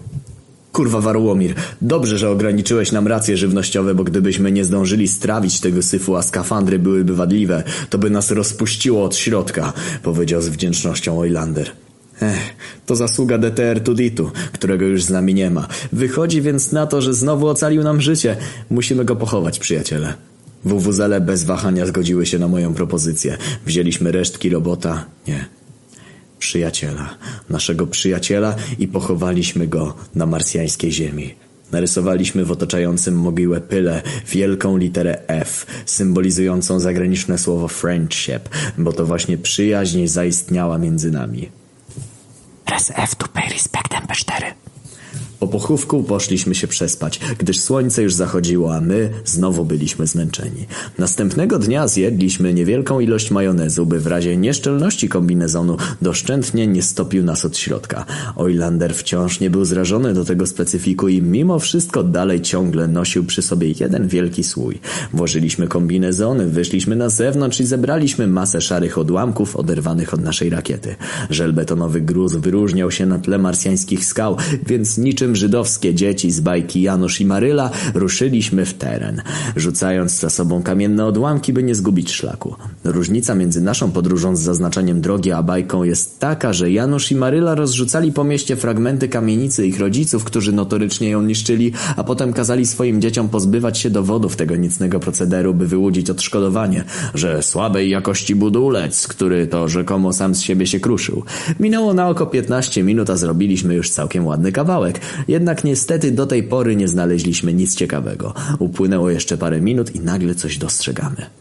O kurwa, co to? zapytał któryś z kompanów. Chuj wie, chodźmy to sprawdzić. Zbliżyliśmy się do niewielkiego pojazdu z gąsienicami zamiast kół. A, dobra chłopaki, nie ma się czego bać, to tylko łazik, powiedział Riffy. Łazik? A co to? Zapytałem, a po spojrzeniach reszty wiedziałem, że to pytanie również cisnęło im się na usta. No to jest taki pojazd od badania skał i terenu na obcej planecie. A kto to tu wysyła? spytał Radion. Głównie Stany Zjednoczone.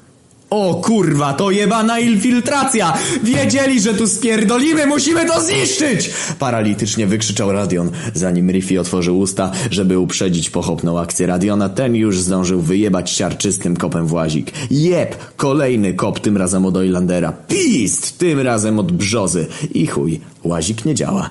Teraz mogę tylko sobie wyobrazić, jakie miny mieli goście zajmujące się obserwacją tego sprzętu z ziemi, którzy widzieli, jak grupa Mazowszan rozpierdala warty miliony dolarów sprzęt. X kurwa D. Dobra, jebać ten łazik, chodźmy, powiedział lekko załamany prymitywnym podejściem reszty kolegów Riffy. Zanim postawiliśmy kolejny krok, który oddalał nas od Pałacu Kultury, dostrzegliśmy odległe światło, które słońcem to na pewno kurwa nie było, mimo że jasnością znacznie nie odbiegało. Kurwa kosmici, spierdalamy stąd! Nie było czasu na dyskusję, Brzoza miał rację. Zaczęli spierdalać w kierunku wąwozu. Udało się. Dobiegliśmy, wyczerpani, ale bezpieczni. Światło wciąż zbliża się w naszym kierunku. Nie mamy co robić. Musimy czekać.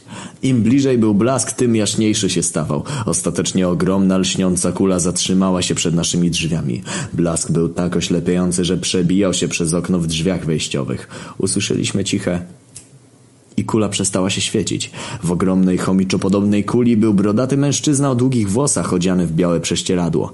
Podpierający się laską nieznajomy wciąż trzymał rękę na włączniku świateł LED na jego kuli. Uderzył w kulę, po czym zapytał, dlaczego przede mną uciekaliście? A dlaczego mielibyśmy nie uciekać? Jesteś pierwszym człowiekiem, którego widzimy od miesięcy i to na pieprzonej, bezludnej planecie. Poza tym, co to za kurwa kula dla chomika? Po pierwsze, primo, powiedział z wkurwionym grymasem, nie jestem człowiekiem, Jezus Chrystus, miło mi. Po drugie, to nie jest żadna kula dla chomika. Ja pierdolę! Który już raz to słyszę, zrozumcie do chuja, że mogę być sobie Bożym Synem, ale jednak nie zacznę z pizdy świecić własnym światłem. Co ja kurwa, świetlik? No i dobrze, dobrze, przepraszamy. Nie chcieliśmy cię urazić. Nie wiedzieliśmy też, że mamy do czynienia z Jezusem. Swoją drogą, co ty tu robisz? Dlaczego nie jesteś na ziemi i nie szerzysz wiary w Stwórcę? Powolutku, chłopcy. Może najpierw zaprosicie mnie do środka. Pan wybaczy, oczywiście, prosimy bardzo. Jezus wyszedł z kuli i wkoczył do naszej stacji dowodzenia. Zamknęliśmy włas, poczęstowaliśmy go majonezem i zaczęliśmy rozmowę. A więc, Chrystusie, Mów mi Jess, powiedział wkładając całą dłoń w słoik majonezu. Dobrze, Jess, a więc kur... jakie to dobre! Mm. Wymlaskał oblizując dłoń upopraną sowieckim specyfikiem. A więc skąd tu się wziąłeś? A, kur... macie kurze jaja? Albo chociaż wędlinę jakąś? Nie kurwa, posłuchaj do chuja! Wystraszony Jezus oblizał ubrudzone majonezem włosy lepiące mu się do policzka i z poważną miną zaprzestał konsumpcji. Wróćmy więc do tematu, co ty tu robisz, Jess? Co ja tu robię? Może raczej to ja powinienem zapytać, co wy tutaj robicie. Co my tu robimy? Przecież jesteś wszechwiedzący, sam powinieneś wiedzieć, że uciekamy z zadupia.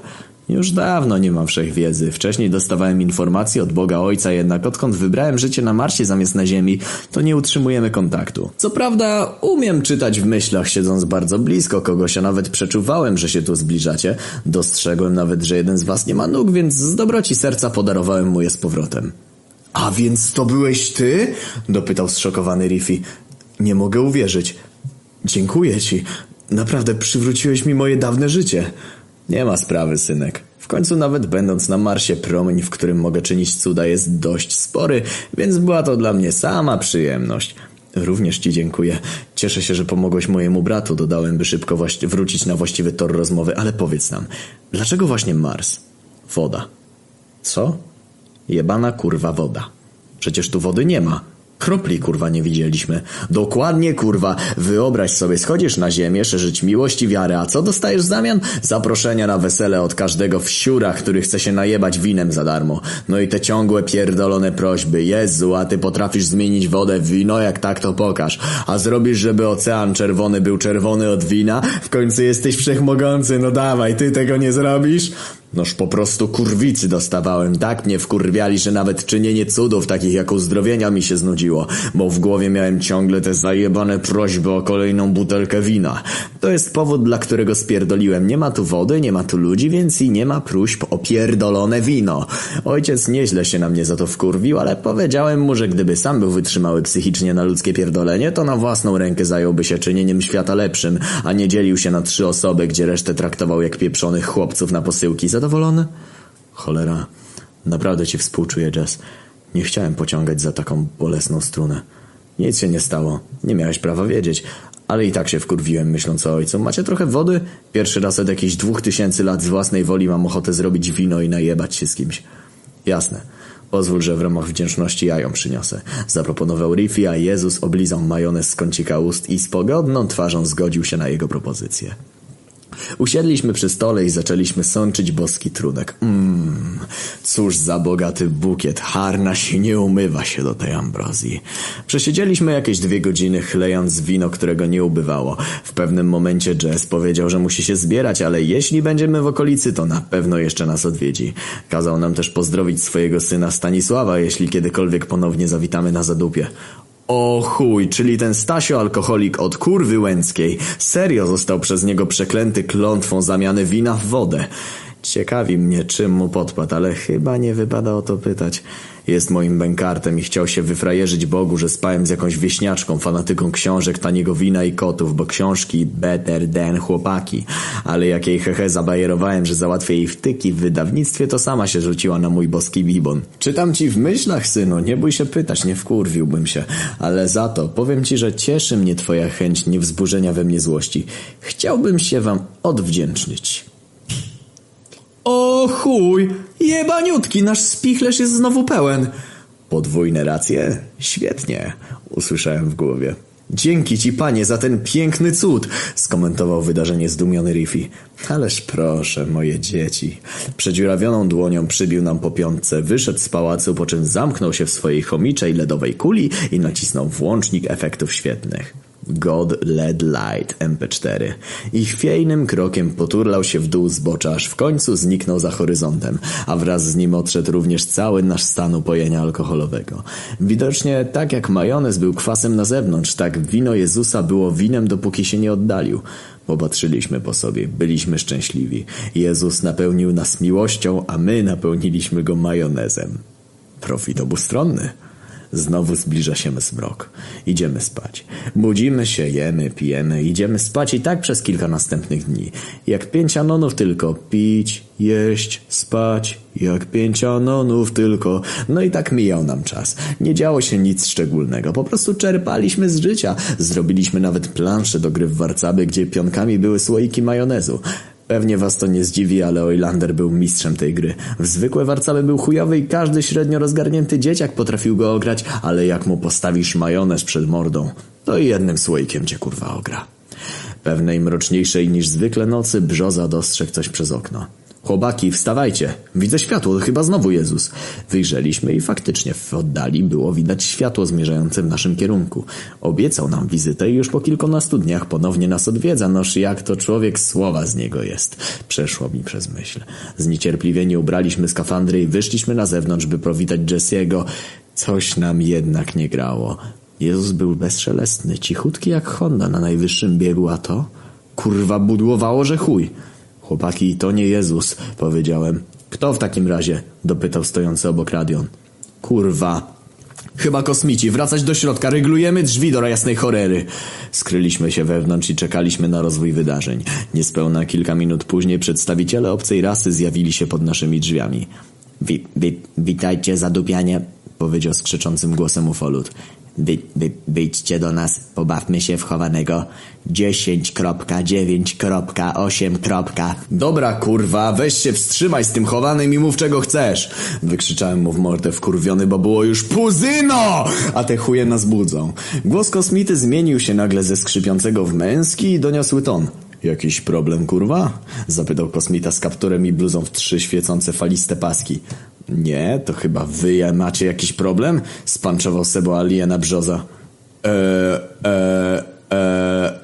Chyba nie miał zaprogramowanego takiego dialogu i nie wiedział co odpowiedzieć. A wpierdol chcesz? Dawaj kurwa! Odpowiedział wściekłemu do czerwoności kosmicie. A pierdol się! Zakończył kosmiczny dres, który najwidoczniej tylko pozornie był taki odważny. Najpewniej był pośmiewiskiem całej planety, ale cóż, nie mnie to oceniać. Dość. Przestań się kłócić z gośćmi naszej planety Serwol Ginildzie ponury bardzie z podwersperskiej chmury. Uspokoił podopiecznego dostojny obcy. Przybyliśmy w celach pokojowych. Tak, a więc co was tu dokładnie sprowadza? Chcielibyśmy wziąć jednego z was i sprawdzić, co ma w środku. Wiecie, organy i takie tam. Za jednego damy wam spokój na wieki, a co więcej, możemy zapewnić wam najlepsze wygody na długie, długie lata. Co do kurwy? Nie, żaden z nas się nie poświęci dla waszych chorych badań, przerwał mu Radion. Właściwie to nie do badań, po prostu zbliża się wesele i musimy podać coś niestandardowego. Ech. Gdybyśmy wzięli ze sobą wujka, to nie byłoby problemu, czy warto kogoś wydać. Ten to by się napił, a potem z uśmiechem dał pociąć. Przesłał mi przez myśl. Dokładnie. Przykro mi, ale nie możemy się na to zgodzić. Jesteśmy rodziną, a rodzina nie wydaje się obcym chcącym wpierdolić ich organy. Przynajmniej w naszych stronach działa to w ten sposób. Może zgadnie znajdziecie chętnych na Podlasiu? A więc wybraliście śmierć! Wydał z siebie piskliwym głosem wódz oddziału, po czym zerwał z siebie ortalionowy pancerz, a z pleców wyłoniły się jego cztery potężne, trójpalczaste łapska. Złapał za włas oddzielający nas od nich, wyrwał go i wyjebał nim z takim impetem, że zgniótł dwójkę z sześciu towarzyszących mu strażników. Rzucił się na mnie, złapał mnie za guziki, kurwa, guziki mi poszły ze skrafandra i wtedy jeb. Jak coś niepierdolnie mu w głowę, Oj, Lander, kurwiu, kocham cię! Wykrzyczałem. Jebaniutki rozbił mu na głowie słoik majonezu, który to w oga mgnieniu roztopił jego kosmiczną głowę, uwalniając nieprzyjemny zapach. Chociaż akurat woń mogła pochodzić od samego majonezu. Trudno mi to teraz określić, bo byłem pod ogromnym stresem. Zapach jest nieistotny. Ważne, że wódz padł na ziemię i zdechł. O kurwa, badygardzi kosmity wodza w kurwienie level over 9000. Rzucają się w naszym kierunku, ale zanim do tego doszło, każdy był uzbrojony w słoik podany ukradkiem przez Oilandera. Pizd, jeb, sium, wzium i kurwa nie ma ich. Został ostatni. To ten ortalionowy chuj, co nam groził w pierdolem. Zostawcie go mnie, powiedział Brzoza. Nie, nie, zostawcie mnie, błagam! Wykrzyczał kosmiczny dres. Wiem, że zjebałem, ale naprawdę nie chciałem tego. Kurwa, zmusili mnie. Nie chciałem być tym, kim jestem. Chciałem być malarzem, ale nie przyjęli mnie do akademii, więc zgodnie z prawem zostałem przerzucony do wojska, gdzie najebali mi w żyłę jakiegoś syfu GMO i zrobili mi tak zwaną próbę w pierdolu. Tylko czterech na dziesięciu ją przeżywa, ale jak już się uda, to potraktowane nią zmienia się w istotę o nadludzkich umiejętnościach jechania po osobach o wyższym stanie majątkowym. W pakiet też wchodzą inne mniej popularne bariery, ale je obejmuje akurat tajemnica. Obiecuję wam, nie zabijajcie mnie, a pomogę wam w walce z tymi kurwiami, które uczyniły mnie tym, kim teraz jestem. Chcę zrzucić marsjański ortalion i znów być normalnym, radosnym kosmitą z uśmiechem na ustach rozszarpującym na strzępy słabsze marsjańskie stworzenia. Dacie mi tę szansę? spytał zasapany. Kurwa, chłopaki, w sumie przydałby się nam ktoś taki, poza tym no spójrzcie na to jego oczy. Kot w butach Ice Mode on. Dobra, Weźmy go na statek i tam zwiążmy. Jeśli się na to zgodzi, to przemyślimy co dalej. Co ty na to? Zaproponował Riffy. Zgadzam się, odpowiedział drżącym głosem. Zabraliśmy go tam, gdzie mieliśmy. Sznura nie mieliśmy, więc musieliśmy zrobić więcej kleju z wody i mąki. Zalepiliśmy mu ręce przy ścianie i po dwudziestu minutach klej w miarę zaschnął, więc mogliśmy go puścić i powierzyć go sile zadubskiego kleju. Oj, kurwa, jak myśmy się wynudzili, kucając nad nim, aż to zaschnie. No ale dobra, wracając, rozpoczęła się się narada, która trwała do rana. Ostatecznie zgodziliśmy się, żeby do nas dołączył, ale jak coś odpierdoli, to rozjebiemy mu na głowie słoik majonezu i na tym współpraca się kończy. Zgodził się na nasze warunki i w ten oto sposób nawiązał się międzyplanetarny sojusz dwóch zadupi. Seba przedstawił nam swój plan. Na pizdę ich. Jednogłośnie doszliśmy do wniosku, że jest chujowy i sami zaczęliśmy sporządzać własny, perfekcyjny plan. Rozpoczęliśmy do, od obadania terenu. Kanion, niewielka przestrzeń, łatwo, więc będzie wykaszać ich pojedynczo. Riffy opowiedział nam o historii spartańskiego przywódcy, który to z trzystoma ludźmi bronił kanionu prowadzącego do jego stron. Ostatecznie przegrał. Oj, kurwa, my nie pójdziemy w jego ślady. Mamy pięciu ludzi jednego kosmicznego dresa. Fakt, nie ma nas wielu, ale mamy coś, czego tamten przywódca nie miał. Kilkaset litrów kwasu octu majonezianowego. Mniej niż litr może zajebać co najmniej kilku obcych. Oczywiście, o ile się dobrze pierdolnie słoikiem. Dobra, plan ustalony. Teraz tylko trzeba zwabić wroga. Tu się przyda pomoc Seby. Ej, Seba, Yy, no, dawaj na pizdę ich. Bierzesz i biegniesz do bazy, dać im znać, że rozgromiliśmy wasz oddział i jesteś jedynym ocalałym. Eee, ale miałem was nie zdradzać. No właśnie tak wygląda sprawa. Biegniesz, zwabiasz ich tu, a kiedy będą już pod kanionem, to my zajmujemy się resztą. No ewentualnie możesz tam ich kilku zajebać od tyłu, jak ci się okazja nadarzy. Eee, no dobra. Dres pobiegł siną dal, a my zaczęliśmy szykowanie zasadzki. Riffy i Brzo zostali na szczycie, skryci przy ścianach kanionu. Każdy z nich miał pod ręką ogromne zapasy morderczej substancji. Oilander przygotował katapultę. Czego on do niej użył, to ja nawet nie. Zrobienie katapulty z półek ze spiżarni to serio pierdolony ewenement, ale nie będę wnikał w zbędne detale. Jak to powiedział niegdyś Riffy, chuj w to. Ważne, że działa. Kolejnym świetnym pomysłem były majonezowe doły zrobione przez Radiona. Jebaniutki zrobił w ziemi głębokie dziury, na dnie których były słoiki majonezu. No szkurwa, jak któryś się w takie wiebie i słoik słoik pęknie jak w pewnym znanym filmie, to już po nim. No a nawet jeśli go to nie zabije, to będzie kaleką do końca życia. No i oczywiście ja, dowódca ludu prowadzący braci na kurhany wrogów. Mówcie mi teraz Anonidas, przyszły zwycięzca bitwy pod kanionem bez nazwy, ale jak to wygramy, to będzie nosił moje imię. Wraz z niewielką pomocą Riffellego opracowałem gaz majonezowy. Udało nam się otrzymać inną formę skupienia tej morderczej trucizny, którą udało nam się zamknąć w swego rodzaju granatach. Po uwolnieniu od marsjańskiej atmosfery zrobi ostry rozpierdol. Gaz musztardowy z bitwy pod Ypres? Poznajcie kurwa gazik majonezowy. Musztardowy przy nim siada, bo nasz to istny ekspresowy rozpuszczalnik bebechów. Dobra, wszystko gotowe? A kurwa, ale będzie inba! Rozjebiemy cywilizację obcych ruskim majonezem. Zobacz jak! Jeśli ktoś usłyszy o naszych dokonaniach, to ta bitwa przejdzie do historii. Kilka godzin później. Sała do nas nie dotarł. Przeczuwam, że wykryli jego zdradę. No, w końcu nie jest to trudne w przypadku takiego tumoka, który ledwo składał zdania, chociaż kiedy błagał o litość, nawijał jak pojebany, wydawał się kompletnie inną osobą. Nie mam pojęcia, co mogło się z nim stać. Wuzele wciąż pytały. Ale przeżył? A ja? Nie znałem odpowiedzi. Przyszedł wschód, a wraz z nim wrogie wojska. Dostrzegliśmy ogromny orszak nieprzyjaciela na dalekim wzgórzu. Zbliżał się do nas równie szybko, co nieubłagana perspektywa zaciekłej potyczki. Szczerze wam powiem, że czekanie było gorsze od przygotowań. Musisz kurwa stać, nie garbić się i wyczekiwać, aż wreszcie się zbliża. Wprowadzasz pierwszą fazę planu, występujesz przed kanion i ze wzniesienia obserwujesz wroga. Wreszcie nadszedł czas. Zbliżyje się na jakieś 200 metrów. Widzisz jak kosmita na czele, najpewniej szef, rusza ustami i patrzy ci w oczy. Nie słyszysz ani słowa. Na nieme wołanie wykrzykujesz w odpowiedzi CO?!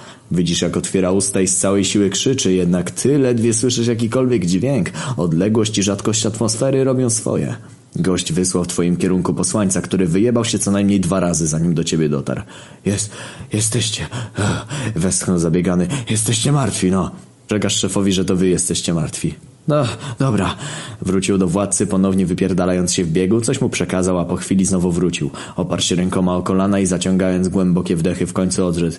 Nie, e, nie, bo wy. E, zobaczysz, to wypadniecie, przekaż mu to. Pobiegł w kierunku władcy, znowu się wyjebał. Mina minuta, dwie, sześć. Nie wstaje. O kurwa, umarł z wycieńczenia. Jebać przekomarzanki. Czas do walki. Do kurwy marsjańskie śmieci jebane. Oilander, szykuj katapultę. Wykrzyczałem, wysłuchał mnie i załadował pocisk będący odpowiednikiem dwudziestu słoików majonezu. Cel! Pol! Jeb kurwa, pocisk leci jak proboszcz na pełną zakrystię i PIS! Spierdolną w tyły wojsk wroga. Kilkunastu martwych, jeszcze więcej rannych. A kurwa, dobry starcik. Widzisz wkurwienie na mordzie wodza. Tym razem usłyszałeś jego donośny krzyk. Wojska biegną w twoim kierunku. Są coraz bliżej i bliżej, a ty, Warłomiraka Stoisz bez choćby drgnięcia pojedynczym mięśniem. Są już 100 metrów od ciebie, już 70, teraz 50, a ty ciągle stoisz. Zostało 30 metrów. Kurwa! Zagapiłeś się na takie fajne wzgórze z tyłu. Miałeś biec przy 40 metrach różnicy odległości. Ja pierdolę, pora więc! Taką petardę strzeliłem ostatnio, chyba jak biegłem z rakiety do limuzyny. A, Ojlander, wiesz co robić. Kolejny pocisk poszybował. Majonez zajebał kolejnych wojowników, jednak wojsko wciąż jest liczne. Wbiegasz do kanionu i obserwujesz, jak majonezowe doły radiona robią swoją robotę. Goście padają jak muchy. Ostatnio czułeś tak dobrze przeglądając Józefinę, ale teraz nie jesteś już tym samym człowiekiem o zwierzęcych potrzebach. Teraz jesteś prawdziwym dowódcą i niezależnym panem po tej bitwie. Już nic, ale to nic nie będzie takie samo. Łapiesz granat, odgryzasz zawleczkę. Kurwa, nie odgryzasz, chciałeś, ale masz jebany kask od kombinezonu kosmicznego. Dramatic sin failure. Wave. Tym razem z użyciem ręki odrywasz zawleczkę za zawleczką i miotasz granatami w tłum. O kurwa, nie spodziewałeś się, że aż tak to zadziała. Osiem granatów zabiło około 300 gości. Czuj boner mocno. Ja pierdolę, widzisz topniejące zwłoki. Majonez wchodzi w pieniężną reakcję. Powstaje rozległe jezioro kosmicznych bebechów, a ci, którzy mają z nim kontakt, również zaczynają się topić. Dobiegasz do Oilandera, który wciąż miota majonezem z katapulty. Wrogowie wbiegają do kanionu. Dokładnie tak jak planowałeś. Zaczajeni u góry Riffy z brzozą zepchnęli pokłady majonezu na głowę oponenta. Krew wrogów rozpłynęła się na wszystkie strony. Boner narasta. Zaraz. O kurwa! Boner przebił kombinezon. Zaczynasz czuć, jak marsjańskie ciśnienie i brak tlenu na ciebie oddziałują. Kurwa, no nie! Ledwo trzymasz się na nogach, widzisz śmiech na twarzy wodza, który wraz z elitarnym oddziałem wyjmuje z zapleców tarcze i robi spowolnie, lecz progresywnie robi z nich most prowadzący przez śmiertelną krwawą kałużę. Oilander stara się ci pomóc, jednak sam jest w tej pułapce i nie może nic zrobić. To koniec. Brzoza, Riffy i Rodion, których do nich dołączył, patrzą ze łzami w oczach w twoim kierunku. Widzisz to, bo po szkłach od hełmów płynie jedyna ciecz, która mogłaby się tam w tej chwili znaleźć. Padasz na ziemię. Łapiesz się za serce. Powoli uchodzi z ciebie życie. Wróg jest coraz bliżej. Nadzieja powoli umiera, a ty wraz z nią. Czujesz tylko ból i smutek. Nie przez to, że umierasz przez wzwód. Nie przez to, że w ogóle umierasz. Smutno ci przez to, że zostawiasz na pastwę losu tych, których powiodłeś tak daleko. Coraz więcej łez napływa ci do oczu. Nie możesz tego powstrzymać. Mimo smutku cieszy cię to, że mimo wszystko umrzesz wolny. Dzieli cię od wroga już tylko kilkanaście metrów. Wiesz, że to koniec, twój i twoich braci. Robi ci się jasno przed oczami, więc mówisz Oilanderowi, że cokolwiek się nie wydarzy, to on ma trzymać pieczę nad resztą. Oilander ze łzami w oczach przysięga, że zrobi co w jego mocy. Blask narasta. Oddech słabnie. Staje nad tobą wódz i ze straszliwym uśmiechem namalowanym na ustach rzuca w twoim kierunku okrutne spojrzenie. Już ma złapać cię swą szponiastą ręką i wraz z życiem ukrócić cierpienie na wieczność. I nagle kurwa jeb! Kiedy już miał cię dojebać, niespodziewanie z nieba skakuje Jess. Tak, kurwa Jezus! Złapał cię za krocze, jedną myślą ujarzmił Bonera i zasklepił dziurę w materiale, zajebał w ziemię chomiczą kulą, a cała gromada wrogów wypierdoliła w powietrze prosto w jezioro top topniejących zwłok. Pojawia się kolejny oddział, a tym razem od drugiej, niechronionej strony kanionu. Zostawiliśmy ją bez ochrony w nadziei, że nawet o niej nie wiedzą. Jezus otwiera chomiczą kulę i każe nam wskoczyć. Słuchacie się go i wskakujecie. Jazz siłą umysłu odbija nas od ziemi i wskakuje na szczyt kanionu. Tam dołączają do nas Riffy, Brzoza i Radion. Siedzimy w kuli z Jezusem. Feel safety. Spadamy w dół z powrotem do kanionu, przy okazji miażdżąc kilkunastu wrogów. Jezus włącza ledy i zaczyna biec w kuli kuli tak szybko, że wszyscy obijamy się o jej ściany, łamiąc sobie to palca, to żebro, to szczęka, ale dobra, ratuje nas, więc nie narzekamy. Wrogowie nas wciąż gonią. Jezus zatrzymuje kulę przed samym jeziorem stopionych w majonezie ciał. Unosi w górę ręce, a jezioro rozstępuje się niczym morze czerwone. Przebiegamy przez powstały tunel. Jesteśmy już na środku jeziora. Ostatnie oddziały wroga siedzą nam na ogonie. Dobiegliśmy do końca. Jezus zdejmuje swojego spela i wrogowie toną w zwłokach swoich braci. Czuj wygryw MP4. Wiwatujemy jak pojebani. Usiedliśmy na wzniesieniu nieopodal falującego morza zwłok i patrzyliśmy na piękne słońce, które dzięki pstryknięciu Jezusa zaczęło zachodzić jak w najwyższej klasy filmach akcji. Spojrzeliśmy na niego i na siebie. Nie trzeba było słów, nasza mimika mówiła mu wszystko. Chociaż tego akurat pewien nie jestem, bo równie dobrze mógł czytać w naszych myślach. Zapytaliśmy Jezusa, jak nas znalazł. Zagwizdał, a za ściany wyszedł Seba. To on powiadomił Jesse'ego, że jesteśmy w niebezpieczeństwie. Okazało się, że prymitywizm Seby wynikał z tego, że się reinkarnował. Jezus zdjął ciążącą nad Sebą klątwę niepamięci. Okazało się, że Seba to DTR Tuditu, który przelał wszystkie dane na najbliższą istotę gatunku innego niż ludzki. Jezus powiedział nam, że to dopiero początek i że przed nami jest jeszcze więcej niż wydarzyło się do tej pory. Powiedział nam o tym, że tę planetę wciąż zamieszkują istoty, które wymagają zatroszczenia się o nie i to właśnie my mamy zaprowadzić tu porządek. Czerwona planeta, jak sama nazwa mówi, do tej pory była uciemiężona pod reżimem komunizmu. Nasz pan i przewodnik rzekł, byśmy uczynili tę planetę żyzną i urodzajną, a wśród ludzi i Marsjan zaprowadzili pokój. Minęło dziesięć lat. Zajęliśmy się smutnym społeczeństwem. Zatroszczyliśmy się o zapłakane z niewiadomego nam powodu samotne matki, których mężowie nigdy nie wrócili do domu. Hmm. Ciekawe, kim oni byli. Mniejsza z tym. Właśnie stworzyliśmy od podstaw nową cywilizację. Powstały tu mieszkania, setki tysięcy miejsc pracy, ośrodki rozrywki i inne świetne miejsca, które czynią życie na Marsie nawet piękniejszym niż na Ziemi. Zakopaliśmy majonez wojenny.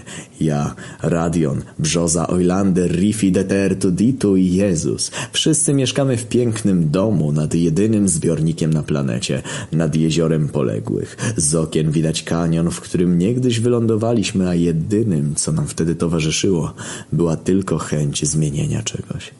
Nie wiedzieliśmy dokładnie czego, ale czuliśmy to pragnienie. No i się udało. Jestem teraz władcą.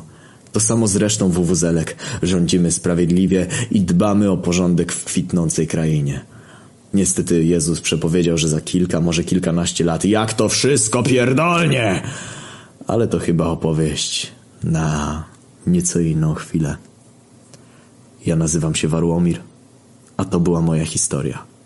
Dzięki za wysłuchanie. Mam nadzieję, że jeszcze o mnie usłyszycie. Koniec sezonu pierwszego. Czytał pastolektor, kurwa korektor.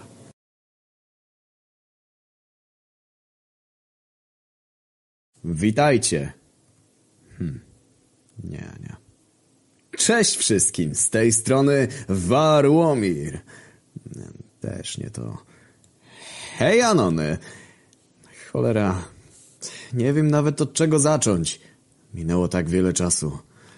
Ech, dobra, mniejsza z kombinowaniem. Uszanowanie Anonki! Witajcie po długiej, długiej przerwie. Mówiąc konkretnie, minęło całe 15 lat. Tak, tak. Cholerne 15 lat. 15 pierdolonych lat. Przez cały ten, nie oszukujmy się, zajebiście długi okres nie dałem wam choćby głupiego znaku życia na zasadzie wszystko u mnie w porządku. I za to już teraz chciałbym każdego z osobna przeprosić. Na swoje usprawiedliwienie nie mam tak naprawdę niczego, no może poza tym, że w te naście lat zbudowałem praktycznie od podstaw pierdoloną cywilizację na obcej planecie. Teraz nie jest mi już obca, teraz to dom mój i moich ukochanych braci, więc no, w sumie wychodzi na to, że powód miałem całkiem całkiem. No ale dobra, koniec z tłumaczeniem się. Zapewne ciekawi was to, co się dokładnie działo przez ten czas i co się dzieje obecnie z resztą członków wuzelskiej kompanii. Już spieszę z wyjaśnieniami. Otóż sprawa prezentuje się tak. Wszyscy wciąż trzymamy ze sobą kontakt, to mniejszy, to większy, ale jednak wciąż rozmawiamy. Do szczegółów dotyczących naszego obecnego życia wrócimy niedługo. Żebyście w miarę orientowali się co, jak i dlaczego, koniecznym jest poznanie dziedzictwa wszelkich obecnych wydarzeń. A więc było to tak. Jak mam nadzieję pamiętacie, 15 lat temu odbyła się wielka bitwa pod no-name'owym kanionem. Uprzedzając pytania, wciąż jest on no-name'owy. Zastanawiałem się, czy nie nadać mu nazwy Rowu Warłomira, ale uznałem, że byłoby to zbyt narcystyczne zagranie. Co jednak najważniejsze, nie wiedzieć czemu nazwa jakoś źle mi się kojarzyła. Nie oszukujmy się, jest do dupy. Żarty o defekacji częściach ciała do niej przeznaczonych. .wave. Nazwa tego pliku dźwiękowego jest zbyt długa. .error. Także ten. Tak czy inaczej, wróćmy do tematu bitwy. Po odniesionym zwycięstwie nie spoczywaliśmy na laurach i od razu wzięliśmy sprawy w swoje ręce. Nie licząc Oilandera, który wziął sprawę w rękę i protezę. Całą gromadą ruszyliśmy przed siebie. Po przebyciu kilku, być może kilkunastu mil, dotarliśmy do wyparywanego przez nas skupiska budynków. Mowa tu rzecz jasna o marsjańskiej osadzie, z której to szturm przypuścili na nas jej mieszkańcy pod wodzą tamtego chuja, co to mało mnie nie zajebał, po niewiadomym z przyczyn. Uszkodzeniu się mojego skafandra. Nie chcieliśmy iść w ślady nieprzyjaznych wojsk. Chcieliśmy okazać łaskę pozostawionym starcom, młodzieńcom i kobietom. No dobra, starcom nie, ich akurat poddaliśmy eutanazji. Powodowane to było oczywiście naszą niechęcią do reszczeniowości próchniejących i bezmyślnych śmieci z naszego zadupia. Czytaj mowa tu rzecz jasna o członkach starszyzny. Jeśli czujecie obrzydzenie wobec naszych działań, to niezmiernie, niezmiernie mi przykro, a w sumie to nie. Możecie stąd wyjść, nikt tu was nie trzyma. Jeżeli jednak wciąż macie ochotę śledzić kolejne wydarzenia, to niezmiernie mi miło i z otwartymi ramionami zapraszam was do dalszej części mojego dziennika. Wróćmy jednak na właściwy tor. Przybywając do wioski, zastaliśmy ubóstwo nieporównywalnie większe od tego, z którym borykać się musieliśmy mieszkając na zadupiu. Domy kurwa wykute w jakiejś skale. Wszędzie po ulicach pływają fekalia, dzieci zapierdalają chude jak szkapy. A co najgorsze, kobiety mają równe prawa z ludźmi. No jak to kurwa opisać innymi słowami niż jebana dzicz? Postanowiliśmy zaprowadzić tam porządek. Siły roboczej niestety było niewiele, gdyż większość mężczyzn zginęła walcząc pod kanionem. Swoją drogą teraz po tych 15 latach nikt z Marsjan dalej nie wie co się odjebało, gdzie podzieli się ich ojcowie czy mężowie, a o genezie powstania jeziora też chuja wiedzą. Myślą, że to jakiś wulkaniczny wyciek z wnętrza litosfery. No ale mimo mniej wielkiej ilości zdolnych do pracy, udało nam się odnieść sukces. Nie będę wnikać w takie detale jak szczegóły naszej polityki, czy tego jak wykorzystywaliśmy każde pojedyncze wykopane przez nas złoże minerałów. Mówiąc w ogólnym uproszczeniu, stworzyliśmy dojebaną metropolię skupiającą różności etniczne z wielu planet. Nie, śmiem stwierdzić, że nawet z wielu galaktyk. Tak, kurwa. Takie to miasto jest potężne. Jakby to zapewne powiedział wujaszek, takiego to by nie wyrzucił z Unii. Tak, to nic, tylko bym ciam, ciaram, ciam, cim, cirim, tam, raram. Naszą gospodarkę oparliśmy o handel międzyplanetarny i przemysł ciężki, jak to przystało na planetę o barwie kojarzącej się jednoznacznie z pewnym ustrojem. Wprowadzona przez nas polityka i rozważność wypiętrzyły Quebona City i, i uczyniły je jednym z najbardziej rozwiniętych ośrodków sztuki, kultury, przemysłu, wydobycia i dziesiątek innych rzeczy po przecinkach, których musielibyście się uczyć kurwa na pamięć, gdyby na lekcjach wam o tym mówili. No więc jak sami świetnie widzicie, progres był pieniężny. W chwili obecnej, kiedy tworzę ten wpis, miasto ma co najmniej 50 milionów mieszkańców, czyli według naszych danych więcej niż w jakimkolwiek współczesnym mieście na dysku ziemi. Budynki są przeogromne, a ich szczyty dosłownie nikną w polu widzenia. Co więcej, mamy nawet dwie linie metra. W końcu to wystarczy na mega zaludnione miasto. Przynajmniej według Riffelego w Warszawie tak jest i zupełnie nikt nie narzeka. Oczywiście niełatwo jest utrzymać porządek w tak ogromnej aglomeracji. Kilka lat temu skończyłem piastować swoją kadencję władcy i uwierzcie mi, ani trochę nie żałuję, że ją skończyłem. Odegrałem swoją rolę, a dbanie o porządek zostawiłem najbardziej zaufanym z poznanych przeze mnie rodowitych mieszkańców tej planety. Obecnie nie pracuję. Praca jest mi teraz zbędna. Uważam, że wystarczająco wiele czasu poświęciłem pracując dla dobra innych. Żyję z odłożonych jako władca oszczędności, które spokojnie starczą mi do końca mojego życia. Wolny czas poświęcam na odpoczynek i pisanie powieści, które posłużą za podstawę do stworzenia trylogii interaktywnych produkcji rozrywkowych. Średnio wierzę w sukces studia Comet Delivery Red, ale zaoferowali mi 30 kacebulionów za ten wysryw, który nazywam książkami, więc w sumie profit. Co do reszty z moich wuwuzelek, to tutaj sprawa nie jest już taka oczywista. Radion i DTR Tuditu wciąż dzielą ze mną willę, w której osiedliliśmy się po bitwie. Żyjemy sobie jak współlokatorzy. Pierwszy z wymienionych postanowił odkupić swoje winy, czytaj zajebanie sąsiadki miotłą. Tak, okazało się, że to prawda. W tym celu został nie kim innym jak stróżem prawa. Mówiąc konkretnie, kimś w rodzaju detektywa do zadań specjalnych. Jeśli więc usłyszycie o sprawach takich jak guziki ze swetra, cebula ma warstwy, stosy zwłok również, czy chociażby biały dym nad Quebona City, to wiedzcie, że to nikt inny jak sam Radion we własnej osobie rozwiązał wymienione wyżej niezmiernie wymagające sprawy. W kwestii DTR-a sprawa prezentuje się tak, że wciąż żyje on w ciele kosmicznego Seby. Cały swój czas poświęca siedząc w podziemnym garażu i majstrując to przy tym, to przy tamtym. Z tego co wiem ma zamiar zbudować sobie zupełnie nowe ciało. Na ten cel wyjebał już tyle takonacoinów, naszej marsjańskiej waluty, że ja pierdolę. Słucha tylko kurwa tej telewizji i zamawia każdy pierwszy lepszy syf, który tam zareklamują. Nawet najwięcej słucha tych popierdolonych spotów reklamowych emitowanych przez sieć Papaja. Noż ja pierdolę. Jakie śmieci oni tam przedstawiają, to ja nawet nie.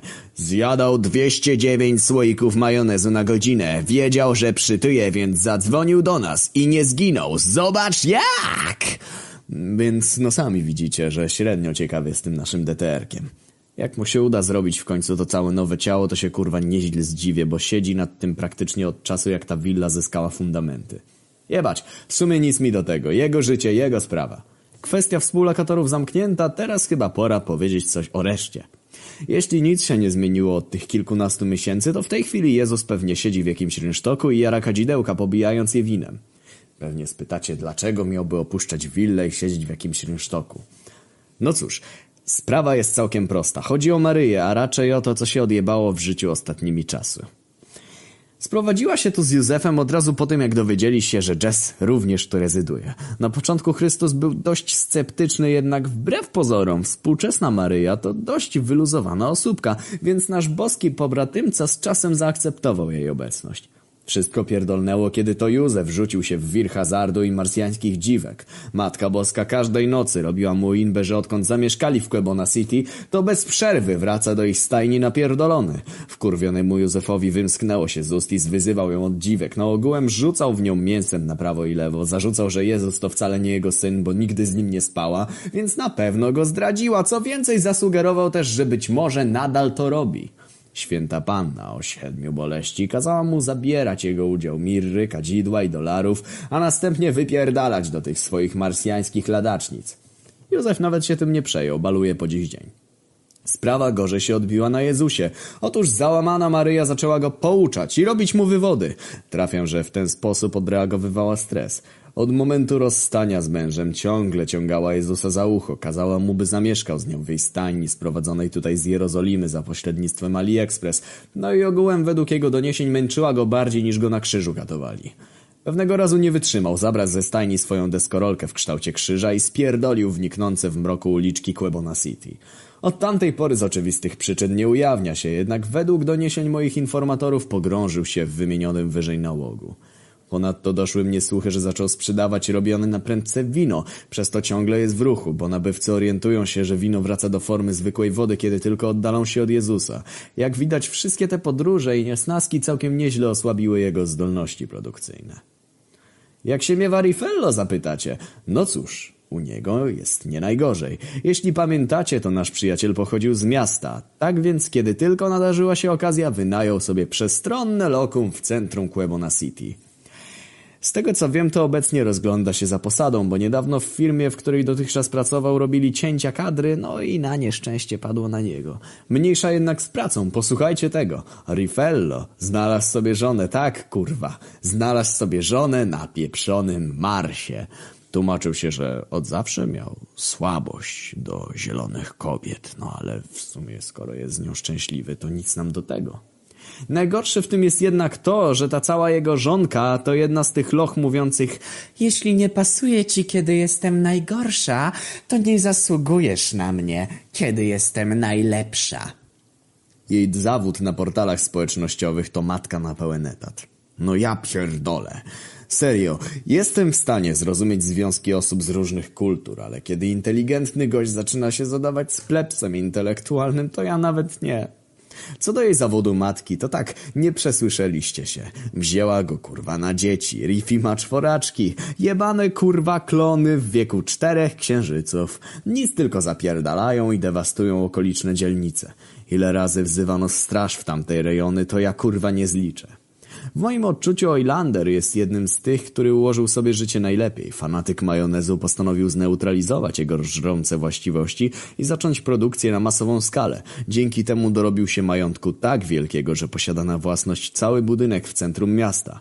Nazwał go Oil Tower, ta, oryginalnie w chuj. No tak czy inaczej, obecnie całymi dniami siedzi w biurze i tapla się w majonezie. Jeżeli moje ptaszki dobrze ćwierkają, to został całkiem ostrym perwersem i przez jego biuro ciągle przewijają się marsjańskie lożki wchodzące do pomieszczenia czyste, a wychodzące w białej cieczy. Trudno określić, czy to majonez, czy coś innego. Więc jak sami widzicie, każdy z nas całym sobą korzysta z dobrodziejstw czerwonej planety. Wyjątkiem jest Wałęs Smoleński, którego przytłoczyła piętrząca się na jego oczach cywilizacja. Równie mocno jak my pragnął wydostać się z zadupia, jednak gdy przyszło co do czego i zobaczył z czym to się wiąże, postanowił, że spierdoli w góry i zostanie eremitą. Miasto odwiedza tylko raz na kilka tygodni, by zrobić zakupy na chuj wie siatek i potem wrócić do siebie autobusem, co to jeździ w jego rejony dwa razy kurwa dziennie. Swoimi zakupami wkurwia niemiłosiernie innych pasażerów. No wyobraźcie sobie, siadacie sobie kulturalnie w środku transportu komunikacji miejskiej, a tu jakiś kurwa gość w pancerzu z siatek, z owadem na froncie każdej z nich, wpierdala się i zajmuje pierwsze od drzwi miejsce, tym samym całkowicie blokując każdemu możliwość swobodnego wejścia czy opuszczenia pojazdu. Zastawić i taki torbami przejście i chuj kurwa, nie piśnij słówka, bo taki pasażer to biedny, schorowany pewnie. Kurwica łapie przy takich ludziach. Mimo wszystko Brzoza to wciąż nasz brat, więc nigdy nie robiliśmy mu wyrzutów o takie zachowania. Nawet jeśli nie cieszy nas fakt, że mieszka tak daleko od nas, to wolimy, by był szczęśliwy tam, niż żył jako depresyjny śmieszek w centrum Kobona City i rozważał popełnienie tostera w wannie. Okej, okay, wydaje mi się, że wprowadzenie mamy za sobą i teraz spokojnie mogę przejść do historii właściwej, która jest powodem tego, że czytany teraz przez was wpis w ogóle powstaje. A więc rozsiądźcie się wygodnie, weźcie szklankę schłodzonej szkockiej whisky i zanurzcie się wraz ze mną w ciąg wydarzeń. Koniec prologu. Wszystko zaczęło się równie niepozornie, co niespodziewanie. Puzyną! Nocą obudziły mnie trzaski dobiegające z piwnicy. Zakonsternowany podniosłem się z łóżka i ziewnąłem, przysłaniając usta prawą dłonią. Chwilę później byłem już na nogach, trzymając w ręce mój Gufone X z włączonym w nim trybie latarki. Z każdym stawianym przeze mnie krokiem napięcie coraz bardziej narastało. Dotarłem do klatki schodowej trzymając się barierki, niespiesznie po niej zszedłem. Dzięki wypełzającym spod zamkniętych drzwi strumieniom światła domyśliłem się, że ktoś jest w garażu. Wyłączyłem latarkę i z grymasem wkurwienia wyjebałem w drzwi skopa. Już przed wyłączeniem świetlnego trybu wiedziałem, co zakłóciło mój głęboki sen. Seba, ty kurwo jebana, wyłącz tę pierdoloną pralkę, bo zaraz ją kurwa wezmę i ci nią wypierdolę w ten twój ortalionowy łeb! Despacito, despacito, odpowiedział Seba. Wyluzuj do cholery, testuję tylko kolejne elementy, które pozwolą mi wrócić do robotycznej formy. Kurwa stary, to już drugi tydzień, jak nie dajesz mi spać, wyjęczałem. I drugi tydzień jak przychodzisz do garażu ze strony z chuj wie jakiej przyczyny. Jakbyś spodziewał się, że to włamywacz lub jakiś kurwa demon ci po parterze grasuje. Zachowujesz się jak postać z horroru klasy B. Słyszysz napierdalanie i od razu tam lecisz. To łaskawie przestań napierdalać tym młotkiem o pralkę i oświeć mnie, w jaki niby sposób nakurwianie w ten syf macie przybliżyć do zyskania nowego ciała. Co do kurwy! Zamarzyło ci się przejąć ciało pralki jak jakiejś kobiecie? Wykrzyczałem z triggerem tak wielkim, że nie sposób opisać znanymi na ziemi czy Marsie słowami. Seba odłożył młotek na półkę i z wysoko uniesioną szczęką przemówił pogardliwym głosem. Powiem ci co i jak, ale najpierw się ucisz, jebany prymitywie. Ech, dobrze już, dobrze. Więc łaskawie wyjaśnij, co ty tu do cholery robisz, a najlepiej sprecyzuj mi jeszcze, ile takich nocy będę musiał wytrzymać.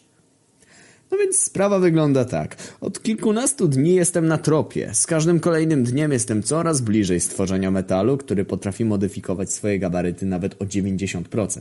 Idąc tą analogią, jeśli wszystko pójdzie zgodnie z planem, będę w stanie uzyskać robotyczną formę, która w zależności od mojej woli będzie dostosowywać się do sytuacji.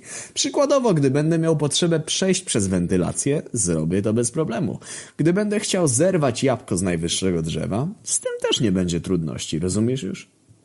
Przecież tu nie ma jabłonek. I chuj, chodzi o sam fakt! No dobra, czaję, czaję, odpowiedziałem z wymuszoną życzliwością. Powiedz mi tylko, co to ma do tego pralka? Hipotetyczna sytuacja. Wyobraź sobie, że pierzesz i nie robi tego za ciebie kobieca niewolnica. Wrzucasz ubranie do pralki, włączasz ją, czekasz. Jeśli materiał jest niskiej jakości albo temperatura wody będzie źle dobrana, to ubranie może się skurczyć, powiedział z szerokim uśmiechem. To samo mogę osiągnąć ja, tylko zamiast materiału użyję metalu. Czyli czekaj, dobrze rozumiem, chcesz zbudować pancerz, który będzie zrobiony przede wszystkim z obudowy pralki, bo pralka może zmniejszyć ubrania, jeśli źle dobierzesz temperaturę. Dokładnie. Myślę, że jeszcze kilka godzin, no w najgorszym wypadku dni i projekt będzie gotowy, chociaż kto wie, może uda się to jeszcze dziś. Jako DTR Tuditu wydawałeś się mądrzejszy. Dobranoc, wydukałem zrezygnowanym głosem, przy okazji szeptając sobie pod nosem ja pierdolę. Co za zjeb. Opuściłem garaż, trzasnąłem drzwiami i ruszyłem w kierunku, z którego przyszedłem. Kiedy już wspinałem się po schodach, usłyszałem, bo trudno było nie usłyszeć, jak ktoś napierdala w drzwi wejściowe. Warłomir, otwieraj do kurwy! wykrzyczał zdenerwowany Radion. Zbiegłem ze schodów i w mgnieniu oka otworzyłem drzwi. Radion, cały zadyszany, wbiegł do przedsionka i rzucił się na mnie, przyciskając do ściany i łapiąc za koszulę nocną. W tych oczach było widać tylko i wyłącznie obłęd. Przekonałem go, żeby mnie puścił i na spokojnie powiedział, co się dzieje. Posłuchał mnie. No i się zaczęło. Zapomniałem dziś kluczy. Gdyby nie to, to otworzyłbym sobie sam. Wybacz, że się tak na ciebie rzuciłem, ale cholera mnie bierze i musiałem odreagować. Wydukał. Dobra, dobra. Nic się nie stało, tylko powiedz mi, co tu się odpierdala. Jest druga rano, a ty dopiero wracasz, na dodatek w takim stanie. Mów do cholery! Wykrzyczałem, kiedy dostrzegłem, że zagapił się na lampę jak jakaś ćma. O, fakt. Słuchaj. Nie chciałem ci o tym mówić, bo uznałem, że sprawa się niedługo skończy. Chodzi o to, że... O to, że... Dopytałem. O to, że majonez trafił na ulicę. Nie mówię o majonezie, który produkuje Oilander, czy jego nieudolnych podróbkach z dzielnic biedy. Mówię o tym majonezie, rozumiesz? Dzisiaj znaleźliśmy kolejną ofiarę. Młodą Marsjankę. Całe życie przed nią było. Moje serce na chwilę ustało a przed oczyma zamigotały mi mroczki. Jeśli nie rozumiecie, dlaczego aż tak nas to przeraziło, już spieszę z wyjaśnieniami. Od czasu bitwy pod kanionem nasz sowiecki majonez pozostawał w ukryciu. Byliśmy zmuszeni do takiej decyzji, gdyż w innym razie moglibyśmy narazić obywateli na niebezpieczeństwo. Jeśli pamiętacie, to w towarzystwie tlenu jest całkowicie nieszkodliwy. Jednak sprawa zmienia się o 180 stopni, kiedy tego tlenu nie ma. Wtedy zmienia się on w kwast octo-majonezianowy, najniebezpieczniejszą substancję znaną po tej stronie galaktyki. Przecież zakopaliśmy majonez wojenny. Dzięki Riffelemu i Roylanderowi udało się nam stworzyć jego unieszkodliwioną wersję. I to w takiej formie miał tu być dostępny. Wykrzyczałem z przerażenia. No właśnie. I tutaj tkwi problem. Na początku braliśmy pod uwagę dwie opcje. Albo ktoś dowiedział się o łańcuchu górskim, na terenie którego pochowaliśmy majonez, albo ktoś odkrył sposób na tworzenie go na własną rękę. Wraz z oddziałem ruszyliśmy w kierunku gór, by rozwiać wszelkie wątpliwości. I czego się dowiedzieliście? Majonez wciąż tam jest. Nikt nie ma pojęcia o jego położeniu. Dzięki temu sprawa jest jeszcze bardziej niebezpieczna. Ale... Ale po co ktoś miałby produkować ten specyfik? Przecież nie prowadzimy już żadnych wojen ani bitew, więc po co do kurwy komukolwiek ten majonez? Rzuciłem ze wzrokiem utkwionym w podłogę. Tu leży słój pogrzebany, że majonez nie służy przestępcom jako broń. Przynajmniej jeszcze nie byliśmy w stanie tego udowodnić. Zaraz, w takim razie, czym on niby dla nich jest? Jak to czym? Narkotykiem. Co? To, co kurwa słyszysz. Narkotykiem. Ci, którzy to robią, znają swój fach. Urozmaicili jego skład. Jest nieco słabszy od tego, który był na pokładzie Pałacu Kultury, jednak jest nie mniej niebezpieczny. Dzięki jego zagęszczonej konsystencji wolniej wchodzi, co oznacza, że możesz wciągnąć, wstrzyknąć czy zjeść nawet kilogram, a efekty tej pochopnej decyzji odczujesz dopiero po kilku godzinach. W mikroskopijnych ilościach majonez nie zabija, jednak każda kolejna dawka zbliża cię do grobu. Znaleźliśmy niewielkie ilości tej substancji i poddaliśmy ją badaniom laboratoryjnym. Przetestowaliśmy różne dawki na zwierz... znaczy na pewnej ochotniczce i badania były zaskakujące. 0,1 mg na kilogram masy ciała wywołuje pocenie się i świąt na narządach rozrodczych. Przy większych dawkach następuje niewydolność organów, konwulsje, rozwolnienie lub śmierć, a w skrajnych przypadkach nawet chęć przestrzegania konstytucji. Cholera jasna. Nigdy nie powinno było do tego dojść. Kurwa, Radion! Musimy coś zrobić, nie możemy tego tak zostawić. Mnie to mówisz. Powiedziałem to samo porucznikowi, a ten spławił mnie z kwitkiem. Według niego trzeba poczekać, aż sprawa przycichnie i nie mieszać się w to, bo źle na tym wyjdziemy. Myślę, że może mieć nieco racji. Osoby zdolne do produkcji i dystrybucji czegoś takiego to jedni z tych, z którymi zadzierając narażasz się na niebezpieczeństwo. Chuj mnie to obchodzi. Nieważne jak potężni są ci ludzie. Musimy coś z tym zrobić. To my odpowiadamy za obecność majonezu na Marsie, więc i my jesteśmy zobowiązani zażegnać ten problem. Masz rację, ale to nie jest takie proste. Poszlak jest niewiele, a sprawa wydaje się naprawdę zagmatwana. Myślę, że najlepiej będzie... Urwałem, gdy z garażu dobiegło siarczyste JEP! A drzwi wyżej wspomnianego pomieszczenia spotkały się z przeciwległą ścianą. Co do kurwy? zapytał Radion. Kurwa, Seba, ty jebany przyjebie, mówiłem ci, żebyś... Znowu urwałem. Znajdujący się między garażowymi framugami drzwi dym został pokryty cieniem potężnej sylwetki. Chwilę potem z pomieszczenia wyłonił się nikt inny jak Seba. Nie. To znowu DTR Tuditu. Ha! Kurwa, mówiłem, że się uda! Wykrzyczał DTR. Co do kurwy do potęgi drugiej, powtórzył Radion. A to do kurwy, że osiągnąłem sukces!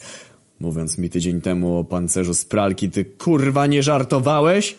No nie, nie żartowałem, spójrz na to! Deter podskoczył, zmniejszył się do rozmiarów ananasa i chwilę przed upadkiem na ziemię powrócił do dawnej formy. O kurwa, dodała chodząca pralka. Działa nawet lepiej niż się spodziewałem. Chuja tam 90% wychodzi na to, że mogę zaginać czasoprzestrzeń. No to ten, cieszymy się twoim szczęściem, ale celebrować będziemy później. Jest sprawa do załatwienia. Przygasiłem temperament DTR-a. Jaka sprawa? No więc opowiedzieliśmy mu całą historię odnośnie przestępców dystrybuujących majonez w Quebona City. DTR był w równie wielkim szoku co ja w momencie usłyszenia tych słów od Radiona. Uznaliśmy, że zwłoka to najgorsze, co w takiej sytuacji może mieć miejsce. Wyszliśmy do komory oddzielającej dom od świata zewnętrznego. Wraz z Radionem założyliśmy skafandry w towarzystwie DTR Tuditu cofnęliśmy się do garażu, z którego to latającym autem firmy Majobach, otrzymanym od bezdomnego, ruszyliśmy w kierunku Quebona City. Po zaledwie kilku minutach dolecieliśmy do wyznaczonego celu. Mówię bez przesadyzmu. Budynki były tak ogromne, że już w odległości 100 metrów nie sposób było dojrzeć nieboskłonu. Dzięki instrukcjom Radiona przecisnęliśmy się przez migoczące ledami uliczki i dotarliśmy do miejsca, w którym to znaleziono zwłoki młodej Marsjanki. Ciało zostało już uprzątnięte, jednak miejsce zbrodni wciąż otoczone było taśmami. Opuściliśmy samochód i ominęliśmy wspomniane wyżej bariery. Uliczka była ciasna i zagracona kartonami. Ściany natomiast pokrywało graffiti, raz fioletowe, raz zielone, a nawet czasem jedno przysłaniało drugie, pewnie jakieś gangi. Radion wskazał nam miejsce, gdzie dokładnie leżała dziewczyna. Po krótkiej chwili rozpoczęliśmy rekonesans. A więc mówisz, że to tutaj leżała? Upewniłem się. Tak, dokładnie w tym miejscu, tuż obok twoich nóg. Przecież kurwa widzisz, że obrysowano to miejsce kredą. Dobra, kurwa, nie czepiaj się, daj mi się przyjrzeć. Już po chwili obejrzałem niewielką ilość sowieckiej zawiesiny leżącej nieopodal kredowego zarysu. Hmm. Konsystencja i zapach nieco inny od naszego, stwierdziłem po ocenieniu majonezu z pomocą chronionego ręczkawicą palca. No, mówiłem przecież, że jest nieco inny, powtórzył się Radion. Dobra, z tego co widzę, raczej nic wartego uwagi tutaj nie znajdziemy, zbierajmy się stąd. Ej, ty, czekaj, usłyszałem z zaciemnionej uliczki. Odskoczyłem. Kim jesteś? Nieistotne. Musisz wiedzieć tylko tyle, że przyjaźniłem się z tą dziewczyną. Siedzę tu, odkąd policja się zmyła. Wciąż nie mogę uwierzyć, że do tego doszło. Wyłkał przez łzy. Masz jakieś informacje? Jeśli tak, to możemy je wykorzystać i zadbać o sprawiedliwość dla tej dziewczyny.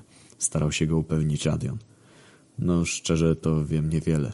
Słyszałem tylko, że ostatnimi czasy miała kontakt z jakimś gościem spod ciemnej gwiazdy. Sprzedawał jej jakiś majonez. Namawiała mnie, żebym spróbował, jednak odmawiałem. Z każdym dniem, kiedy się tu widzieliśmy, wyglądała coraz gorzej. Prosiłem, żeby przestała, jednak ta ciągle mówiła, że nic jej nie jest. Ostatnim razem, kiedy się z nią widziałem, mówiła, że nieprzestrzeganie konstytucji to grzech.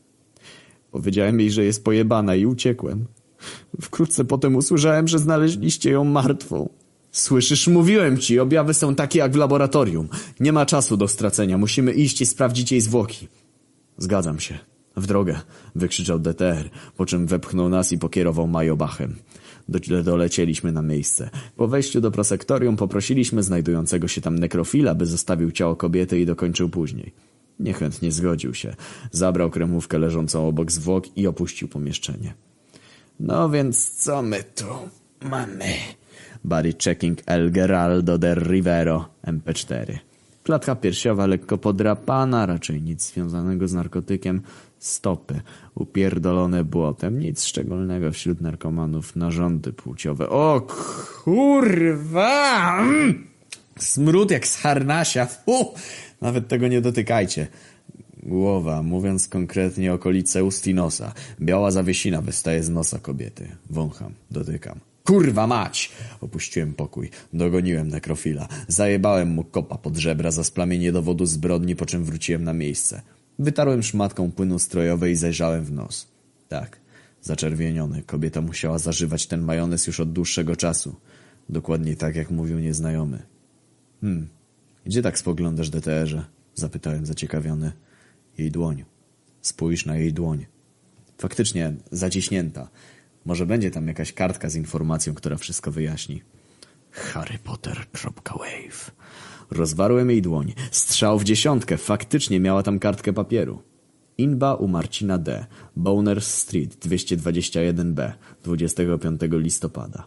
Odczytał Radion. To zaledwie kilka dni temu. Musimy sprawdzić cały ten adres. Rusza... Kurwa, Radion!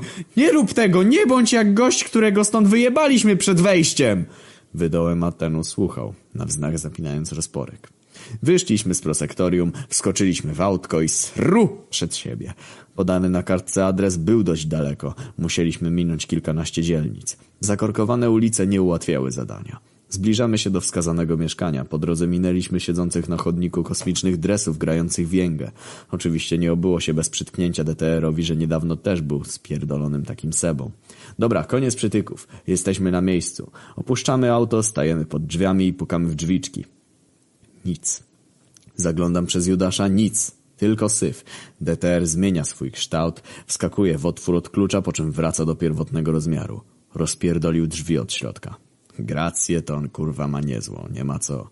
Przeszliśmy przez próg i wbrew naszym oczekiwaniom nic szczególnego nie dostrzegliśmy. Był to jednak zwiastun niezłego kurwa chuj wieczego. Z sufitu spadło ciasto kokosowe, które rozbiło się na głowie Radiona. Kurwa! wykrzyczała ofiara latającego placka. Nagle z pizdy, za ściany wybiegł nie kto inny jak kurwa tygrys z hełmem tlenowym na głowie, a na jego grzbiecie siedział jakiś pojeb z czerwoną od śmiechu mordą. It's a prank, bro! wykrzyczał roześmiany dodając na końcu Biegnij, Chester! Jak rozkazał, tak też się stało. Pierdolony tygrys wziął rozbieg, wybiegł przed szybę i pognał w siną dal. Wskakujemy do auta, kurwa nie dajcie mu uciec! Nakazał nam Radion. Wybiegliśmy na zewnątrz, wskoczyliśmy do mobila i zajebaliśmy po gazie. Prędkość była tak wielka, że mijając wcześniej wspomnianych sebów, podmuch powietrza rozpierdolił ich już ledwie trzymającą się wieżę i ręgi. Nawet nie nadążyliśmy dostrzec ich reakcji, ale strafiam, że zadowoleni to oni nie byli. Ale dobra, Jebać sebów! Tu się kurwa racing dzieje! Goniliśmy pędzącego tygrysa, napierdalał 209 km na godzinę z debilem go dosiadającym przez jakieś 20 minut. Ostatecznie udało nam się zapędzić ich w kozi róg. Tygrys oddał hełm uciekinierowi, powiedział mu, że go kocha, a co się dalej wydarzyło, to już pewnie wiecie. Niestety tygrys rozwinął taką prędkość, że roztrzaskał sobie głowę o ścianę. Nie, Bennington, nie! Chester, proszę, szyj! Nie opuszczaj mnie! Załkał uciekinier. Tygrys zdobył z siebie ostatni dźwięk przypominający kruszonego chrupka, po czym padł martwy na posadzkę.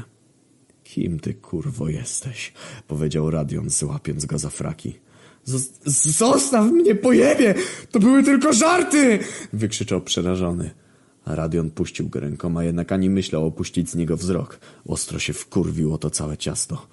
To nie są żarty, młody, rozumiesz to? W mieście rozprzestrzenia się narkomania majonezowa. W ręce jednej z ofiar znaleźliśmy namiary na twoje lokum. Masz nam coś do powiedzenia? A... ale... ale ja nie rozumiem. Kto umarł? Kto miał moje namiary? Dopytał widocznie skonfudowany. Pewna młoda marsjanka. Jeszcze nie zidentyfikowaliśmy jej tożsamości. Zielona skóra, miała nogi, ręce, twarz. Mówi ci to coś? Tak, e, chyba tak, to pewnie Jagna. Jagna? No tak, Jagna, no. Jakieś nietutejsze to imię. Bardziej z ziemią mi się kojarzy. No bo tak, tak, ona zie z ziemi przybyła. Mieszkała tu już wiele lat. Chodziły plotki, że spieprzyła na Marsa, bo ją wyjebali z wioski za ruchanie się z każdym. Nie wiem ile w tym prawdy, ale podobno opuszczała tamtą wioskę na wozie pełnym gówna. Hmm, ciekawe. No ale mniejsza, wiesz gdzie mieszkała lub no w sumie sam nie wiem, cokolwiek, co mogłoby nas nakierować na jakiś trop? No w sumie wiem tyle, że zanim uciekła z domu kilka tygodni temu, to mieszkała ze swoim ojcem, który rezydował tu jeszcze zanim sama postanowiła się tu zapuścić. Z tego co wiem, to miała też myśli samobójcze, pierdoliła coś o jakichś płytach winylowych. Dobra, to brzmi jak trop. Daj adres, a puścimy cię wolno. Marcin wyjął z kieszeni pogiętą paczkę po chrupkach z wizerunkiem tygrysa, w której trzymał kartkę, długopis i książeczkę z najlepszymi dowcipami, kupioną w kiosku. Napisał adres, dał nam kartkę, rzucił w radiona chrupkiem i spierdolił wykrzykując Zostałeś wkręcony! Radion próbował za nim pognać i mu dojebać, ale Deter go powstrzymał. I w sumie słusznie. Teraz mieliśmy znacznie ważniejsze rzeczy do roboty. Wróciliśmy do auta i pojechaliśmy do kolejnego mieszkania. Tym razem dzielnica dość zamożna. Zewsząd migotały światła, a po ulicach nie szwendali się bezdomnie, więc no całkiem, całkiem miejsce. Pukamy w drzwi pod wskazanym adresem. Drzwi otwierają się, a naprzeciw nas stoi schludnie ubrany mężczyzna, który o dziwo nie jest zielonoskóry. Janusz Śnieg, co mogę dla was zrobić? Zapytał nas brunet odziany w futro. Próbujemy znaleźć osoby odpowiedzialne za śmierć Jagny. Po usłyszeniu tego imienia jego źrenice poszerzyły się. Jagna nie żyje? Cholera, jak to się stało? Wejdźmy do środka, to wszystko panu opowiemy. Pozwolił nam wejść. Usiedliśmy przy stole i przedstawiliśmy mu detale. Ten również przekazał nam kilka istotnych informacji, między innymi to, że powodem jej ucieczki z domu było to, że śnieg zarzucał jej spanie z innymi niż on, umowa, jaką zawarli, miała postawione zgoła odmienne warunki. Hmm, moglibyśmy zobaczyć pokój, w którym spała? Zapytałem. Oczywiście, jak najbardziej. Proszę za mną. Weszliśmy do pomieszczenia, w którym ta ofiara urzędowała. Pokój był wszechstronny i schludny. Z początku nic się nie rzucało w oczy, jak się domyślacie, tylko z początku. O, patrzcie, coś wystaje z tej szafy. Dostrzegł DTR, pociągając za klamkę od mebla. Jak nie jebnie, jak nie pierdolnie. Z szafy wysypały się setki płyt winylowych, które dosłownie pokryły całą podłogę i zasypały nas po pas. Co do kurwy, Janusz! Janusz wbiegł do pokoju, a jedynym, co był w stanie z siebie wydobyć, to... O chuj. Ja pierdolę, co to jest? Płyty winylowe, wypunktował Radion. No co ty kurwa nie powiesz? Nie. Nie rozumiesz. Pamiętasz, co mówił ten debil od Tygrysa? Wspominała coś o samobójstwie i płytach winylowych. Fakt, fakt, ale kurwa. Czy to znaczy, że musimy to wszystko przesłuchać? No, na to wychodzi, powiedział równie zrezygnowany DTR. Kurwa, już samo przewiezienie tego do domu będzie zajebistym wyzwaniem. Przynajmniej masz gramofon, który znalazłeś w Pałacu Kultury. Inni nie mają gramofonu, inni mają go... Morda tam! Chuj. DTR, teraz czas, żebyś się wykazał. Idź na ulicę i zmień się w przyczepkę do auta. Taką długą w chuj najlepiej, bo tych płyt trochę tu mamy. Zrobię co mogę, odrzekł. Po jakichś dwóch godzinach byliśmy w willi. Odsprzątnęliśmy dom, by zmieścić płyty.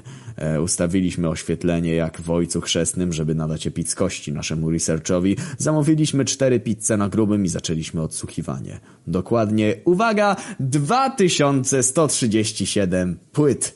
2137 pierdolonych płyt, każda po kilka minut. Zapowiada się zajebiście. Dobra, gramofon postawiony, wkładamy płytę. Wave.wave mode on. Halo? Halo? Czy to już się nagrywa? Chyba tak. Hej, to ja. Jagna Paczesiówna. Nie regulujcie odbiorników. To prawdziwe samozajebańsko. A few eternities later. Kurwa, Anonki. Dziewięć dni. Dziewięć pierdolonych dni. Tyle nam zajęło słuchanie tego gówna. Połowa z tych płyt to bezwartościowe ścierwo, w którym to żaliła się z rzeczy takich jak Mamełę kazała mi się ruchać ze starym dziadem, bo pole ma duże. Ludziałkę na wsiałkę wyzywają mnie od dziwkałkę. Moi bracia grają w Battle Royale, etc., etc. Największe znaczenie dla naszej sprawy miała ostatnia, 2137 płyta. Tak naprawdę mogliśmy sobie darować pozostałe, ale nie, bo Radion pierdolił, że procedury wymagają przejrzenia całości. No ale dobra, chuj, czasu nie cofniemy. Najważniejsze jest to, że nasza ogólna wiedza po sprawie się poszerzyła. Jagna wspominała, że zaczęła się spotykać z jakimś furasem, który to sprzedawał jej majonez. Z początku była sceptyczna, ale ostatecznie uległa i bez reszty uzależniła się od tej pieniężnej zawiesiny jajecznej. Co więcej, jej opisy były naprawdę szczegółowe. Przypominało to swego rodzaju dziennik. Okazało się, że furas kręcił się w dzielnicy, w której, uwaga, razem z tym furasem kupiła wino od jakiegoś hipisa. Alkohol z początku smakował zajebiście, jednak kiedy opuścili alejkę, to zamieniał się w wodę. Taki trop to już naprawdę coś. Czas odnaleźć Jezusa, chłopcy! Jakieś pomysły? Gdzie zacząć? Deter? Cisza. Radion? Hmm. Maryja. Musimy iść do Maryi. Jeśli ktoś może wiedzieć, gdzie jest Jess, to tylko jego matka. No i zajebiście. Lecimy.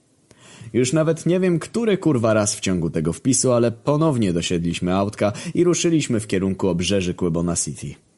Dobra, jesteśmy. Widać stajnie, to tam mieszka Maryja. Serio, kurwa, nawet szopę na Marsa przeniosła z sentymentu. Chyba serio przywiązała się do tej struktury. Widzimy ją. Klęczy przy pustym żłobku i żłopie majorenę. Odpowiednik ziemskiej amareny, ale z mocniejszym działaniem. Witaj, Matko Boska Marsjańska. Przyszliśmy spytać o miejsce pobytu efektu twojego ruchańska. Mniej poetycko mówiąc, szukamy Jezusa. Ja... ja nic nie wiem. On uciekł i nie mam z nim kontaktu. Zostawcie mnie. Odbąknęła, odwracając się do nas plecami. Potrzebujemy go, rozumiesz? Wiemy, że nie dałabyś mu tak o spierdolić. Na pewno coś wiesz. W mieście grasuje szajka dealerów majonezu, którzy z jego pomocą doprowadzają do każdego do obłędu i śmierci. Bez ciebie nie damy rady, rozumiesz? Ech, niech wam będzie. Róbcie to, co ja. To, co się odjebało, to ja nawet nie. Maryja rzuciła się na żłobek i krzyknęła Król Herod nie wiedział o rzezi dzieci! W tym momencie Jezusowi żłobek zamigotał niebieską poświatą, a jego postawa otworzyła się, odsłaniając ukryty tunel, do którego spadło kolejno sianko, a potem sama leżąca w nim Maryja. Z podziemi usłyszeliśmy donośne Złazicie kurwa, czy mam tu czekać, aż nastanie zbawienie? Jak zasugerowała, tak też zrobiliśmy. Pierwszy wskoczył DTR, później Radion, a na samym końcu ja. Co tam znaleźliśmy, to kurwa. Wszystkiego się spodziewałem, ale nie tego. Miała podziemne, okablowane centrum dowodzenia. Na ścianie była wielka, korkowa tablica z porozwieszanymi na niej robionymi z ukrycia zdjęciami Jezusa i osób z nim powiązanych. Każdy element połączony był nićmi zakręconymi i wbite w tablicę szpilki. A więc tak, Jezus od czasu swojej ucieczki szwendał się po całym mieście. Ostatnio widziano go tu, wskazała palcem na konkretny punkt mapy. Jeśli się pośpieszycie, to najpewniej zostaniecie go tam lub w najbliższej okolicy. Uważajcie na siebie i nie mówcie mu, że go śledzę. Jeśli to zrobicie, to kurwa, nie liczcie nigdy więcej na moją pomoc, a anulowanie waszego zbawienia w razie ewentualnej śmierci też się zatroszczę. Zrozumiano? Przytaknęliśmy i czym prędzej opuściliśmy maryjskie leże. Silnik auta ponownie zmuszony był pracować na pełnych obrotach. Przed nami rozpościera się ulica przepełniona kaszlącymi Marsjanami. Wszędzie brud, smród i rozwalone słoiki po majonezie. Dam sobie palca uciąć, że nawet słyszałem parę uprawiającą stosunek w bocznych odnodze uliczki. Jak więc widzicie, rynsztok w chuj. Kilka minut przedzieraliśmy się przez ten obraz nędzy i rozpaczy, aż nagle widzimy go! Jess! Leżał lekko przyćmiony, w ręce trzymał butelkę wina, przecinek! Hej Jess, to my! Wa Warłomir? Radion? DTR Tuditu! Kopelat, chłopaki! Co wy tutaj robicie? Powiedział rozradowany, po czym rzucił się i objął nas wszystkich. Mówcie no, co was tu sprowadza, bo nie wytrzymam. Niestety nic dobrego. Staramy się rozwiązać sprawę narastającego współczynnika zgonów powodowanych majonezem. Zaraz. Majonezem? Tym majonezem? Tak, dokładnie tym. Sam widzisz, sytuacja jest poważna i nie ma czasu do stracenia. Fakt, tylko cholera. Czego ode mnie dokładnie oczekujecie? W sensie, no jak mogę się przydać? Otóż w jednej z dzielnic, w których byłeś, miało miejsce spotkanie pewnego furasa z młodą Marsjanką. To właśnie owy furas zapoznał ją z tym sowieckim specyfikiem. Widziałeś coś podejrzanego? Przychodzi ci coś do głowy? Hmm, furas, powiadasz. Tak, tak, tak, kojarzy coś. Była późna noc. Siedziałem z takim gościem na wózku z wystającymi za wargi zębami i waliliśmy winko. Swoją drogą ten wózek naprawdę miał dojebany. Pozwalał mu rozmawiać mimo paraliżu, a co najistotniejsze odwalał z nim takie triki, że nawet ja i mój krzyż wysiadamy. No, ale mniejsza z moim towarzyszem. Sprawa wygląda tak, że faktycznie dostrzegłem furasa. Widziałem, jak rozdawał ulotki oraz majonez.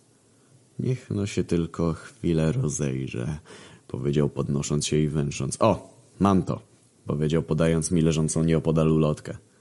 Hmm, Ferry Club. Tajne stowarzyszenie miłośników fury. No kurwa, serio, tajne. Jak na ulotkach je rozdają, plus potrafią taką zostawić na ulicy. Dobra, musimy się tam udać, chłop... Oilander? Riffy?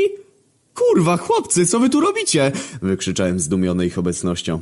No cóż, DTR Tuditu uznał, że może się wam przydać pomoc. W tajemnicy nas powiadomił o tym, co się dzieje. Ta sprawa dotyczy również nas i nie ma mowy, żebyśmy też nie wzięli w niej udziału. Cholera, nawet nie wiecie, jak się cieszę. Ale co z Wałem Smoleńskim, gdzie on jest? Eee, zaczął powoli DTR. Udało mi się z nim skontaktować, jednak powiedział, że ma dość życia w biegu. Mówi, że życie na odludziu jest tym, czego chce teraz najbardziej i prosi, żeby to uszanować. Wyczułem w jego głosie jakby, jakby tęsknotę za zadupiem. Ech, niestety nic nie mogłem poradzić. Wow, no skoro tak postawił sprawę, to nie możemy go zmuszać. W tej chwili potrzebujemy zdecydowanych działań. Brzozą zajmiemy się później. Polska dała radę 8 lat bez informacji o detalach o pewnej brzozie, to i my damy bez wiedzy o naszej. Racja, przyznał Riffy. Ruszajmy do tego całego klubu. Macie jakiś transport? Ja i Oilander dotarliśmy tutaj Uberem, jednak myślę, że w drugą stronę to się nie sprawdzi. Jasne, chodźcie do auta. Chociaż chyba zabraknie nam jednego miejsca. DTR, umiesz zmieniać rozmiary i kształt. Może ty na coś, coś na to zaradzisz. Nie ma potrzeby, wtrącił Jezus. Jedźcie, dogonię was. Ale żadnych ale, ruszajcie. Usłuchaliśmy jego polecenia i już po chwili byliśmy w drodze do fury klubu. Wyglądałem niecierpliwie za okno, wypatrując, czy może Jezus się w końcu nie pojawi. O, patrzcie chłopaki, to on! Zauważyliśmy Jessa biegnącego po dachach poruszających się w powietrzu aut. Kiedy skończyły mu się miejsca, z których mógłby odbić stopę, wyjął z za pleców wielki krzyż. Swobodnie spadając, w ostatniej chwili wskoczył na niego i poszybował ku górze, wywijając zaprzeczające prawom fizyki salta. Woohoo! Dało się słyszeć z zewnątrz. W aucie mu humor w chuj dobry, bo Jezus rozbawił. Dobra, dotarliśmy. Jesteśmy pod klubem. Bramkarz mówi nam, że przepuści nas za butelkę wina od Jezusa, jednak bez stroju fury zakaz wstępu. Poszliśmy do sklepu i był tam taki sprzedawca, no, zakupy się rozpoczęły.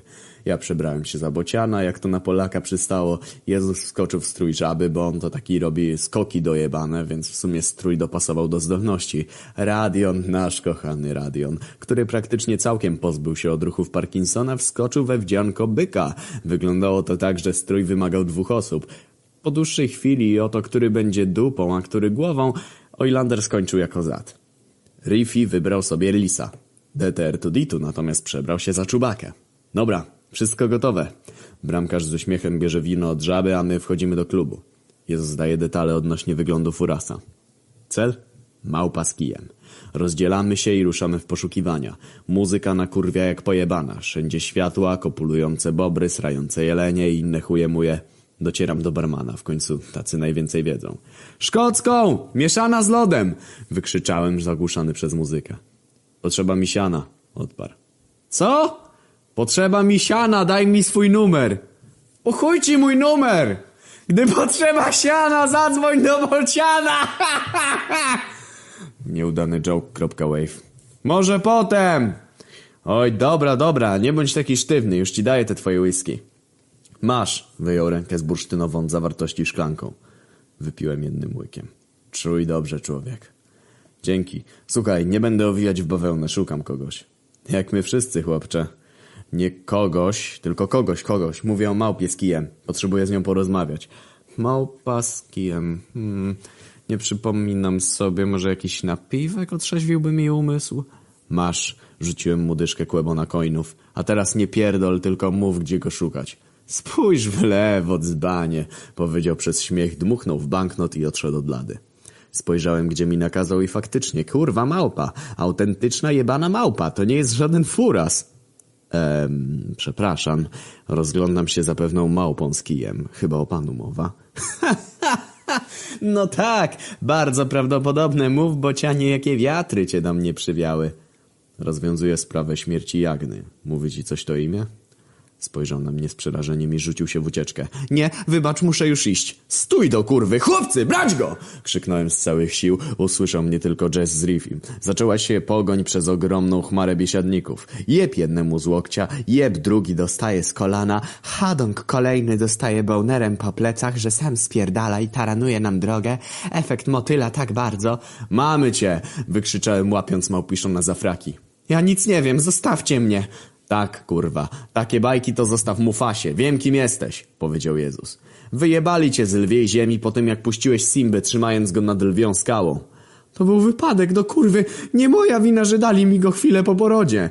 Cały był upierdolony w śluzie tej pierdolonej lwicy, to nie moja wina. Pierdolą mnie twoje tłumaczenia, mów co wiesz o majonezie albo zaraz dostaniesz jeden słój pod żebra. Dobra, dobra, spokojnie, już, już. Nie wiem wiele, powiem tyle, co jestem w stanie. A więc no, pewien gość zaciągnął mnie w ciemną uliczkę. Groził, że doniesie mu fasie o miejscu mojego pobytu, jeśli nie rozprowadzę zawartości pewnej paczki w okolicy. Nie miałem wyjścia, musiałem się zgodzić. Nie wiedziałem nawet, co sprzedaję. Co to za gość? Co możesz o nim powiedzieć? Dopytał Riffy. No więc... W tej chwili dobiegła do nas reszta kompanii, no więc a wiem tyle, że jest niebezpieczny i ma znajomości w każdym sektorze miasta. Ludzie boją się nawet o nim mówić. Ale, ale, znam kogoś, kto może powiedzieć coś więcej. Zaprowadzę was, tylko, no musicie mi obiecać, że nie wydacie mnie Mufasie. Stoi. Prowadź. To całkiem daleko stąd, od ludzie, wiele, wiele mil na wschód od miasta.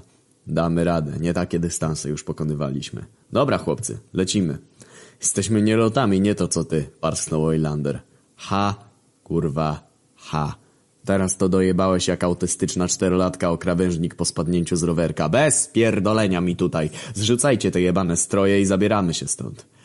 Kilka godzin później zaczęliśmy odczuwać zmęczenie. Nawet już nie liczę, ile czasu nie śpimy. Tyle się dzieje, że sen nie był nam do tej pory w głowach. Adrenalina robiła swoje, jednak wiadomo, że wieczna egzystencja bez snu to dość chujowy pomysł. Dobra, niedługo odpoczniemy. Trzeba to dokończyć, a przynajmniej załatwić sprawę związaną z tym całym gościem, który może coś wiedzieć. Dobra, już tylko kawałek, poinformował nas Małpiszon. Skoro mamy jeszcze chwilę, to powiedz nam, jak się tutaj dostałeś? No cóż, kiedy tu przybyłem, na ziemi już od jakiegoś czasu panowała wojna. Z tego co mi wiadomo, większość mocarstw upadła, a świat trwa w terrorze. Uciekłem, jak już sami wiecie, bo byłem do tego zmuszony. Mufasa, ty kurwo jebana. To jego wina, jego i tylko jego. Simba by żył, gdyby nie on i wydzieli nas jego... Kurwa, nie pytam o Simbę. Pytam o to, jak się tu dostałeś. No to akurat trudne nie było. No i mu odjebało i zaczął mówić o kolejnej powodzi. Nie chciało mu się tracić czasu na budowę arki i ponowne zostanie na rozpierdolonej gniewem boskiej planecie, więc zajebał rakietę Rosjanom. Przekonałem go, że skoro kiedyś ocalił moich przodków, to miło by było, gdyby uczynił to ten jeden ostatni raz, no i zgodził się. Dzięki temu teraz mam spokój, mogę siedzieć w klubach dla furasów i świetnie wtapiać się w tłum. Nie muszę ograniczać się z alkoholem i żarciem, mówiąc w skrócie, mam to jak w raju. No ale mniejsza, spójrz na to. Już jesteśmy. Wskazał palcem na odległy obiekt. Co do kurwy? Dopytałem, co tutaj robi jebany van kempingowy. Wejdziesz do środka, to się przekonasz. Opuściliśmy auto i powolnymi krokami zbliżyliśmy się do podejrzanie wyglądającego pojazdu. Spojrzałem na podziurawione kulami drzwi. Zostaw ty pierdolone chili upośledzony szczylu. Nic kurwa nie wiesz o majonezie, nic kurwa, nic! Co wy kurwa macie z tym jebanym chili? Przez innych dragach mój pomocnik też wszystko musiał skurwić, a teraz i ty robisz to samo z majonezem! Dobiegło nas ze środka. Niezniechęcony krzykami zapukałem do drzwi. Kto tam? Zapytałbym o to samo, ale chyba domyślam się, z kim mam przyjemność. To ja, stary znajomy, Warłomir. War... Z Berlina? Masz cholerną rację, ty łysy draniu. Drzwi otworzyły się i wyszedł przez nie nikt inny jak sam barman Walter. Kopelat, Warłomirze, świetnie cię widzieć. Nieźle wkurwiłeś tych Amerykańców te 15 lat temu. Edward to mój dobry przyjaciel, jednak no... Przez wzgląd na historyczne niesnaski każdy kop w dupę Stanów to przyjacielskie klepnięcie po ramieniu Niemca. Ach, wspaniale cię widzieć. Spójrz no, kto tu jeszcze jest. O, dobrze pamiętam Oilander, Erifi, Radion, ale was dwóch nie kojarzę. Jezus. DTR Tuditu, przedstawili się. Ha! Wychodzi więc na to, że teraz wszyscy się znamy. Ale gdzie się podział ten, no... Jeszcze jednego mieliście. Racja, mm, Brzoza. No cóż, jemu nie widziało się dołączenie do naszej kompanii po wielu latach przerwy. Współczuję. Ale dobra, odłóżmy na bok żale, wchodźcie do środka. Poznajcie mojego współpracownika. No chłopcze, przedstaw się. Cześć, Lucjan jestem, ale możecie mówić mi Lucek. Przylecieliśmy tu razem po tym, jak jego wiejska żona zaczęła odpierdalać na weselu grubej inby. Poznaliśmy się w barze za pośrednictwem jednego Żyda, który przysłużył się sprawie i wziął na swoje barki rolę paliwa do naszej niemieckiej rakiety restinpepperoni.txt Wow, nieźle. Naprawdę nieźle. Spodziewałem się wszystkiego, ale nie tego, że cię tu zastanę, przyznałem. Chciałbym więcej z tobą porozmawiać, jednak czas nagli. Mam bardzo, ale to bardzo ważną sprawę. Powiadasz, a cóż to za sprawa, młodzieńcze? Chodzi o morderstwo, a raczej serię morderstw. Od jakiegoś czasu nasze miasto omęczone jest plagą rozprzestrzeniającego się nielegalnie majonezu o niszczycielskich właściwościach. Rafi powiedział nam, że możesz coś... Kurwa, ten jebany małpiszon spierdolił. Dobra, chuj z nim. A więc no, mówił, że możesz coś o tym wiedzieć. Słuchaj, o takich rzeczach lepiej nie mówić głośno. Drzewa mają uszy. Tu nie ma drzew. Ale masz kurwa wzniesienia i one też słuchają. Nie możemy o tym tutaj rozmawiać. Jeśli oni się dowiedzą, to już po nas. Jacy oni? Dopytałem zaciekawiony. Nie wiem o nich zbyt wiele. Spotkałem się z nimi zaledwie kilka razy. Uznali, że mój błękitny majonez niepowodujący spustoszenia w organizmie jest zagrożeniem dla ich produktu zwanego zaganiaczem. Udało mi się ich przepędzić, jednak wciąż węszą i węszą. Wiem, że mają jakiś większy cel.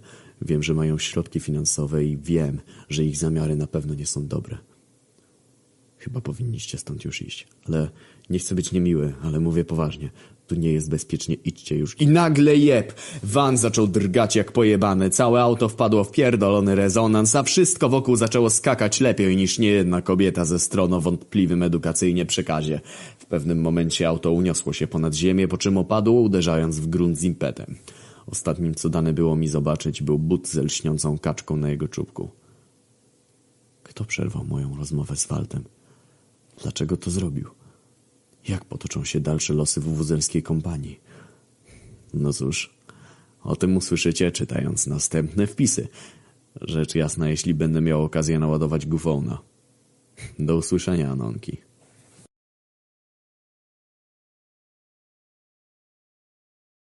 Ostatnim, co widziałem, był but. Ten pierdolony kaczy but. Moje powieki powoli opadły, co jak pewnie myślicie było zwiastunem omdlenia. Cytując pewnego prowadzącego, otóż nie tym razem. Nie miałem nawet chwili, by móc pozwolić sobie na te pierdolone omdlenie pojawiające się w dosłownie każdym szanującym się tekście popkultury, co jest następstwem dramatycznej sceny z eksplozjami i chaosem zwieńczonej widokiem na but. Omdlenie rzecz jasna, jak to tak bez omdlenia pomyślicie? No cóż, tak o i chuj. Nieoczekiwany jegomość w kaczych butach nasłał na nas swoich bodyguardów tak szybko, że nawet nie danem mi było zobaczyć oblicza owego skurwola, bo naciągnęli nam jakieś spierdolone worki na hełmy od skafandrów. Nim zdążyłem pojąć, co się dokładnie stało, ci dali radę zawiązać mi ręce. Trafią, że reszcie zrobili dokładnie to samo, po czym przewieźli nas, chuj wie tak naprawdę dokąd. Bez choćby imitacji delikatności rzucili nami na jakieś krzesła i uwaga, skrępowali nasze ręce i nogi, związując kończyny wokół krzeseł. Macie kurwa swój typowy, jakże bardzo wyczekiwany element ze stereotypowym uprowadzeniem. Teraz możecie zanurzyć się w opowieść, mimo iż każdy z was winien już w tej chwili domyślić się, jak dalej potoczą się losy bohaterów znajdujących się w takich sytuacjach, no ale dobra. Powiedzmy sobie, że jesteście obserwatorami pozbawionymi tej wiedzy i chcecie kontynuować lekturę. Uprzedzam, to wasz wybór, że sobie to robicie, a ja jako autor szydzę z was, że taka obłuda krąży wokół was i oczekujecie, że opisane niżej porwanie będzie zwieńczone całkowicie innym zakończeniem niż objawia się to w innych tekstach na świecie. Mniejsza z tym, zamknijcie drzwiczki od piwniczki i ponownie wkroczcie w dzieje mego spierdolonego żywota. Tak więc no, jak już wspominałem kilka linijek temu, myślę, że lepiej przypomnieć, bo dygresja odnośnie porwań mogła zaburzyć wam postrzeganie akcji. Usadowili nas na krzesłach i skrępowali, ograniczając przy tym możliwość, by to chociaż po nosie można byłoby się podrapać. Delikatniej, skurwysynu! Wykrzyczałem do ciemiężyciela obwiązującego moje nogi. Milcz, psie. Odpowiedział. Kurwa, co to był za dźwięk? Ko? Pomyślałem skonfundowany. Posłuchałem, zamilkłem. Trafiliście tutaj na własne życzenie. Trzeba było nie drążyć, nie węszyć, nie wpychać się tam, gdzie wpychać się nie powinniście. Dobiegł moje ucho niezwykle niski głos dochodzący z góry. Swoją zuchwałość i bezmyślność wkrótce przypłacicie życiem, moi mili ziemianie, moi mili Grecy. Ale, ale my nie jesteśmy z Gre... Starałem się zakomunikować oponentowi. Cisza! Przerwał niskogłosy. Nie oszukajcie mnie, nie wyrobicie, nie wykiwacie. Nie, nie tym razem. Wystarczająco wiele razy dawałem wam szansę na zaskarbienie sobie mojej łaski. Wystarczająco. Wystarczająco. Odrzekł, kwitując gdaknięciem. Cholera, co to za dźwięki do kurwy? Chociaż to nam powiedz, bo zeświruję! Rzuciłem z pogardą i wkurwieniem w głosie. Nie macie tu prawa domagać się czegokolwiek, wy żałosne kmiotki. Jednak... Hmm... Cóż byłby ze mnie za kat, gdybym nie pozwolił mym wrogom spojrzeć na oblicze tego, który ukraca ich życie. Zreflektował się. W sumie, w sumie kaci zasłaniali głowy i nie pokazywali twarzy tym, których ścinali. Trafnie dostrzegł Radion. Zamilcz! wykrzykał mu w odpowiedzi. Nie radzę ci poprawiać osoby, w której to rękach spoczywa twój los. Oj, dobrze już, dobrze. Wybaczy jaśnie pan. Ukłoniłbym się, gdybyś nas kurwa nie skrępował! Odbąknął mu wyżej wspomniany wuwuzel. Jesteś dla mnie niczym, psie. Nawet mi cię nie żal, grecki śmieciu jebany. Tu masz kurwa skrępowanie. Usłyszałem dźwięk uderzeń dochodzący z kierunku, z którego wcześniej dobiegł nas złowieszczy głos. Domyślam się, w co się w tamtej chwili uderzył, ale wam chyba oszczędzę tych domysłów. Pokaż się nam w końcu, śmieciu! Wydarłem się ostro poirytowany przedłużającym się dialogiem. Dobrze, skoro tego chcecie. Himmler. Ser? Odpowiedział prawdopodobnie wywołany z imienia. Zdjąć worki. Nakazał, a po chwili rozkaz się dokonał i... Orzesz, kurwa jego mać! Ja pierdolę, co do kurwy, co? Co do chuja? Takie właśnie słowa posypały się z naszych ust, gdy dostrzegliśmy, kim był zagrażający nam Nemezis. Domyślacie się, kto to mógł być? No błagam, kurwa, spróbujcie chociaż trafić. Nie? Wyręczę was. To jebany kurwa kogut. Tak, nie przesłyszeliście się. Pierdolony na oko dziesięciometrowy, wąsaty kogut z butami zwieńczonymi kaczym wizerunkiem, który to raczył stać nad naszymi głowami, wyszczerzając swój mrożący krew w członku uśmiech. Na dodatek wpierdalał zasmażanych ludzi z kartonowego kubełka pokrytego napisem MFH. Mars Fried Human. A co znajdowało się wokół niego? Stado innych, pomniejszonych kurwich kur i kurewskich kogutów w zielonych mundurach i czapkach, których, szczerze mówiąc, nie jestem w stanie nawet opisać. Chuj wie, jak je nazwać, po prostu je mają. Zaskoczeni? Zapytał kogut dowódca. Nie, skądże? Jesteś już piątym kogucim dowódcą na naszej drodze, zaironizował milczący do tej pory Jess. Ha, kurwa. Ha, no humor to masz świetny, że ho, ho. Nie dziwię się, że cię zawiesili na tym krzyżu. Jakby mnie zmusili do słuchania takiego kogoś, to albo sam bym się ukrzyżował, albo nakazał zrobić to z tym, który to ten w kurfu mnie wywołał. Odszczekaj to, nakazał kogutowi Jess. Ani my się myśli, Chrystusie. Radzę ci oszczędzać siły, bo przy mojej pomocy będziesz konać znacznie, znacznie dłużej niż niegdyś.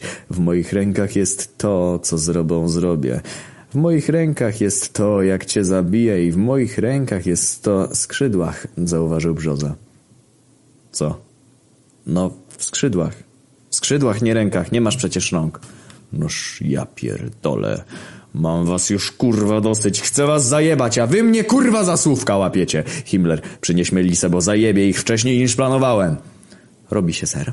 Wykrzyczał przystojny kogut, który to po kilku minutach powrócił, trzymając w skrzydle filiżankę z zanurzoną w niej ornamentyczną łyżeczką. Dankę, wydął wciąż zbulwersowany kogut biorąc przy tym filiżankę i nieśpiesznie sącząc z niej napar, mrużąc przy tym oczy w sposób tak obleśny, że wolę go tu nie przyczadrać. Uspokoiłem się trochę. Ech, zwieńczył po wypiciu części zawartości naczynia. A więc, powiesz nam w końcu ktoś ty? Zapytałem. Noże wiele imion. Jednak tym, którym posługuje się współcześnie jest Arbeit macht Quatsch. Jestem istotą przedwieczną, istotą poza waszym pojmowaniem i istotą, której dorównać nie będziecie w stanie. Arbeit macht Quatsch, sparafrazował Radion, ledwie powstrzymując śmiech. Tak, jam jest Arbeit macht Quatsch, stwórca i niszczyciel, życie i śmierć, barbarzyńca i łaskawca. Jam jest wszystkim, co spotkacie w waszym kończącym się już życiu, wykrzyczał kogut, piejąc w przerwach na wrzęcie oddechu. Arbajcie macht Quatschu, zacząłem niepewnie. Chciałbym cię o coś zapytać. Powiedz nam, dlaczego? Dlaczego to robisz? Czemu sprowadzasz na Quebona Sitian cierpienie i ból, które my tak usilnie staraliśmy się od niego odsunąć? Jaki cel ci przyświeca? Tak, uważaj. Już ci mówię. Nie dowiesz się. Już ja znam te zagrywki. Odpowiedział tocząc pianę z pyska, chociaż jest też możliwość, iż był to sos, którym uprzednio polał zasmażonego człowieka. Jakież to zagrywki masz na myśli? Poprosił o doprecyzowanie DTR Tuditu. Takie, że wyjawiając wam mój plan, wykreuję sobie wizerunek, jaki kreuje każdy stereotypowy antagonista.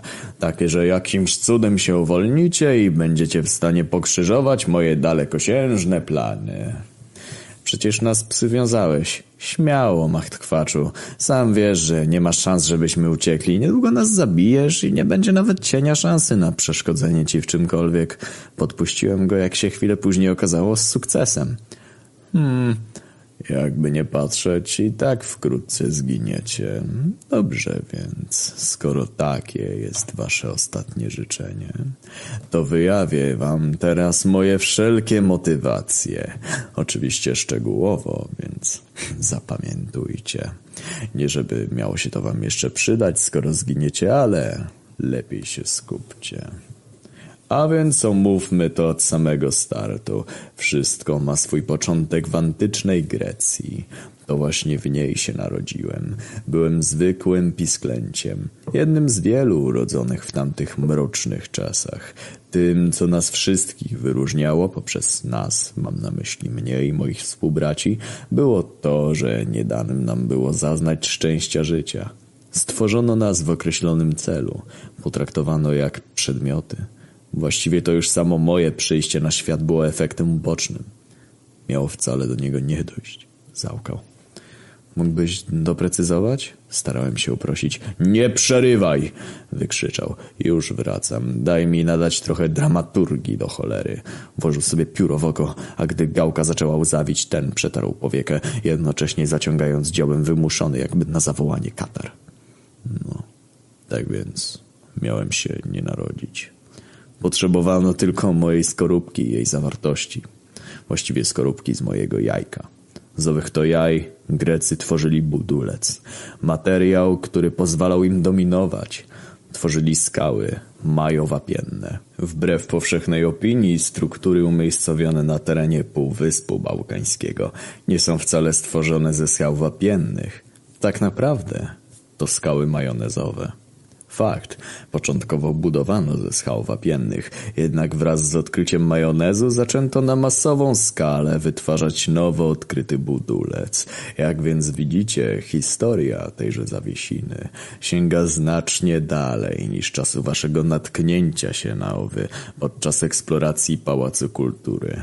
Majonez od zarania dziejów budował i niszczył. Wasz Mondrala, Rifello, wspomniany przez Machtwacza, który wyraźnie się skrzywił, nie mylił się, wspominając, że kwas octo majonezianowy brał udział w tworzeniu ognia greckiego. To wszystko przez ten cholerny majonez. Ech. Chcąc nie chcąc, mnie też dotknęła jego klątwa. Gdy nasze kurze matki wysiadywały jaja, my byliśmy miotani o skały i przerabiani na zawiesinę, która po utwardzeniu stawała się niezwykle wytrzymałym, ale też i prostym w obróbce tworzywem. Mnie na szczęście się udało. Uniknąłem śmierci. Jajo, w którym byłem, stoczyło się po skałach, niczym polska ekonomia stacza się od końca komunizmu. Z tą różnicą, że wasz kraj wciąż upada, a ja jestem wyżej niż jakikolwiek ptak w historii. Jednak my tu nie o Polsce, mniejsza z nią. Wróćmy więc do stoczenia się jaja. Tak więc, gdy spadłem w przepaść, porwał mnie prąd wody znajdującej się w wyrwie rzeki. Rozbiłem się na wybrzeżu, gdzie jako kilkudniowe piskle nie miałem szans na przeżycie. Jednakowoż, ku memu szczęściu, przygarnęła mnie wilczyca, pilnująca również dwójki ludzkich szczeniąt. Gdy dorosłem, pozbyłem się ich obu. Jednak, by zatrzeć ślady mojego istnienia, zmuszony byłem ochrzcić pewną czynność pod zaskórkę jednego z nich. Tak, nie mylicie się, to ja, Arbeit Macht Kwacz, stworzyłem Rzym. Nie żaden tam ludzki szczyl. Przyświecał mi tylko jeden cel. Zemsta. Zemsta za to, co starano mi się uczynić na terenie Grecji. Zemsta za to, jak potraktowano mych braci. Serio, kurwa. Zemsta. To twój motyw. Noż, Dlaczego? Każdy jebany antagonista musi kierować się zemstą? Zapytałem poirytowany. Zamilcz, ludzki kmiocie. Zemsta to nie mój jedyny cel. Poza tym... Poza tym daj mi dokończyć. Wygdakał, dopijając resztki melisy. Tak więc, no... Zemsta, tak, jebana zemsta. Właśnie ona była i jest moim głównym motywem. Od narodzin po dziś dzień danym mi było podjąć dziesiątki, jeśli nie setki trudnych decyzji. Jeżeli nie wiecie, kto dopuścił się zabicia Juliusza Cezara, to tak, to również byłem ja. Dyskretnie chciał podsunąć mi plan skończenia rywalizacji z Grecją. Taki chuj. Wbiłem mu nóż od maselnicy w plecy, a skurwiel wykrwawił się. Przypisałem to jego przyjacielowi, buntownikowi. To też ja podbiłem Spartę, nie żaden keks, crackers, czy jak mu tam kurwa było. Zajebałem Spartan jednym prostym trikiem. Ale jak, to już wam nie dam zobaczyć. Zaraz, chwila, wyrwał się Jezus. Ja, ja cię skądś kojarzę. To ty, skurwysynu! Niech no cię tylko! Skrzywił się. Wierć się, wierć, robaczku. Na nic twoje trudy. O co chodzi, Jess? Dopytałem, patrząc mu głęboko w kipiące z wściekłości oczy. To ten skurwiel zasiał ferment wśród skarabeuszy. Faryzeuszy, chciałeś zec. Poprawił go kogut. Nie waż się mnie poprawiać. To przez ciebie mnie ukrzyżowano. Wiem też, że to przez ciebie apostołowie napisali różne wersje Biblii, by ateiści mogli argumentować tym swoją niewiarę. To właśnie ty ich podpuściłeś chwiejąc przy tym autorytet mojej boskości! Wyskrzyczał Jess. Zasłużyłeś na to, boski kmiocie. Twój biblijny bożek wchodził w układy z Zeusem i nie kiwnął nawet palcem, by ukrócić jajeczny holokaust. Nie wiem, kim jesteś, nie wiem, czego chcesz. Mam natomiast wyjątkowe umiejętności, które zdobywałem w trakcie wieloletniej służby w niebie. Dzięki nim stałem się postrachem grzeszników takich jak ty. Zacznę cię szukać, jak gdy cię znajdę, zabiję, odpowiedział, próbując przyłożyć ozdobioną stygmatem rękę do ucha, jakby mając w uchwycie niewidzialny gufon. Co ty odkurwiasz? Przecież właśnie wyjawiłem ci, kim jestem i czego chcę. Skrzywił się kogut. Ech, mniejsza. Wysapał zrezygnowany Jess. Uff, zasapałem się. Himmler, zimne whisky raz. Robi się. Wygdakał pomagier, wracając po chwili z trunkiem, kurczakiem Danielsem pod skrzydłem. W kilka chwil Arbeit napełnił naczynie, przystępując równie szybko do konsumpcji alkoholu, by chwilę później wrócić do swojego, nie ukrywajmy się, zjebanego monologu archetypowego antagonisty. Także ten, na, na czym ja to... A, tak. Skoro znacie moją historię i powody, z jakich pałam nienawiścią do waszego greckiego narodu, to pora na to, by... My nie jesteśmy z żadnej pierdolonej gry... Starałem się wykrzyczeć, ale nim dokończyłem, uderzono w mój hełm. Na wznak, że jeśli nie zamilknę, to zmiażdżą mi nakrycie głowy. Razem z zawartością. A więc, kontynuował kogut, chcę przeprowadzić masową zagładę gatunku ludzkiego. Nej, wszelkiego stworzenia. Wprowadzając majonez do obiegu wśród narkomanów, mogę wytępić was wszystkich. Bez kiwnięcia piórem. Wyniszczą was. Wasza zachłanność i żądza odurzania się. Jak na Paczesiówno odczuła to mocniej niż każdy pojedynczy bolec we wsi Lipce odczuł to pewien polski raper, którego majonez doprowadził do obłędu tak wielkiego, że wyskoczył z okna. A media milczą, nie wierząc nic o majonezie. W ten oto sposób przeprowadzę eksterminację na was wszystkich. Zacznę od narkomanów. Później wraz z innym kurzym oddziałem zatroszczę się też o prawowitych cywilów, a nawet samych władców. Świat zapadnie się pod majonezem, jak zapadły się miliony kurzych istnień wiele wieków temu. Zacznę od was. Wy, wy cholerni, cholerni Grecy! Wykrzyczał pełen wściekłości, unosząc przy tym skrzydła, by w następstwie wydać z siebie donośny odgłos gdakania. Mówię już trzeci raz, nie jesteśmy Grekami! Wykrzyczałem na tyle szybko, że nie zdążyli mi przerwać. Sala zamarła. Kury jakby zmieniły się w kamień. W kogucim oku błysnęło światełko konsternacji. Ale... ale jak to? Przecież sprawdziłem to wiele razy. Dokumenty mówią jasno. Każdy z was ma greckie korzenie. Wydukał z siebie, kurczowo przewracając podane mu przez Himmlera dokumenty pełne tabletek. Ja, Radion i Warłomir Jesteśmy z Polski, wyprowadził go z błędu Oylander. No, a ja jestem Amerykaninem o niemieckich korzeniach, dorzucił od siebie Riffy. Ja również jestem ze Stanów, a Rydel to Polak, dołączył się Walter. Natomiast ja jestem z zadubskich terenów w Afryce. Zresztą sam powinieneś wiedzieć, byłeś przy ukrzyżowaniu Afryka od Grecji trochę daleko, nie uważasz, ptaszku? Skwitował ironicznym tonem Jezus, jakby odczuwając głęboką satysfakcję z powiniętej nogi kwacza. To to niemożliwe, Himmler! Co to ma do kurwy być?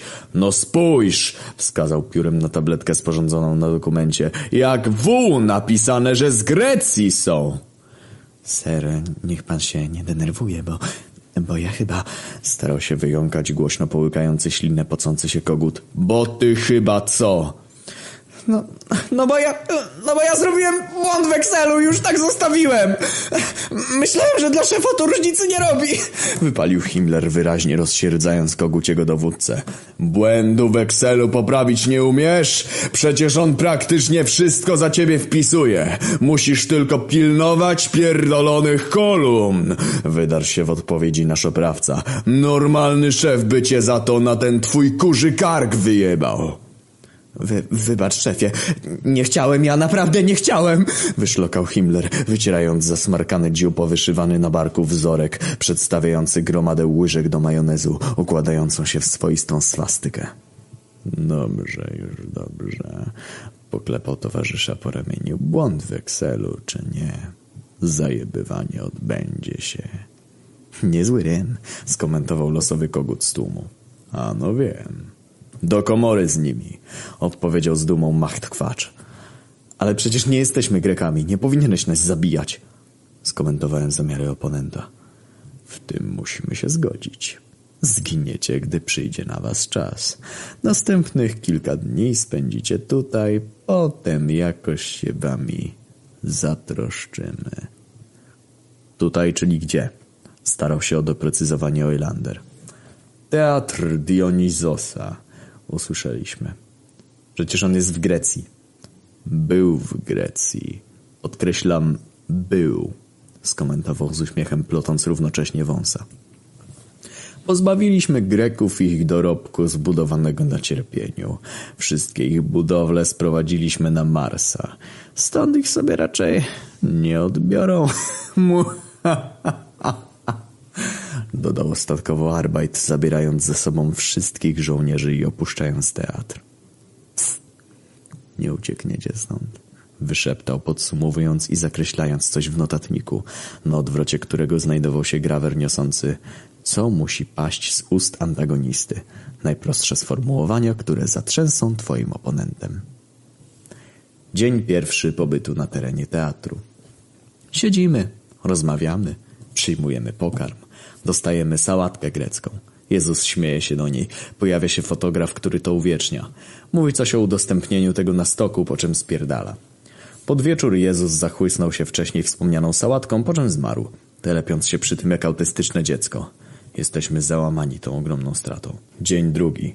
Neomajonazistowskie koguty śmieją się z śmierci Jessa. Ani im się śni pochować jego zwłok. Dzień trzeci. Jezus wypluwa z ust pomidorek koktajlowy i ożywa dnia trzeciego, jak oznajmia pismo. Feels good. Dzień czwarty. Ej, chłopcy, zaczął Jezus. O, wydaliśmy chórem. Bo jakby w sumie nie patrzeć, to jestem boskim synem. Co wy na to, żebym przeciął te linki, które nas krępują? Będziemy mogli trochę rozprostować kości, a zanim koguty wrócą, to się je naprawi. Nawet się nie skapną. Mówię wam, byłem u nich jakieś dwa razy późną nocą i się nie skapnęli, że coś im podwinąłem ze szpichlerza. Co do kurwy, Wave. Cały ten czas mogłeś nas tak po prostu uwolnić i dopiero po czterech dniach wychodzisz z taką inicjatywą? Chill. Zabrałem im łyżkę. Zaraz przetnę nasze sznury, odrzekł roześmiany Jess. Lepiej powiedz, w jaki sposób uwolniłeś się za pierwszym razem, upomniał się wyraźnie poirytowany Walter. Jak już powiedziałem, jestem Bożym Synem. Taki sznurek to dla mnie nic. Więc po chuja używasz teraz łyżki, zamiast po prostu, no nie wiem, rozluźnić ten sznur myślą? Ech, to by było mniej efektowne, odpowiedział niewzruszony. Z kim ja się kurwa zadaję? Przeszło mi przez głowę.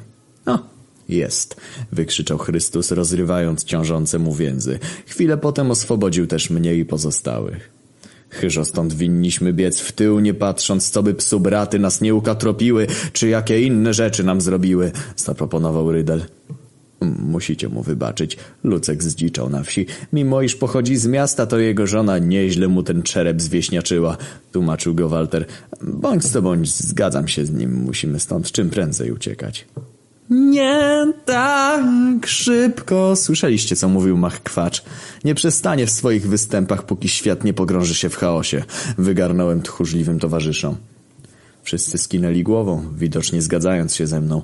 Jedynie Walter i Rydel wciąż stali przy swoim.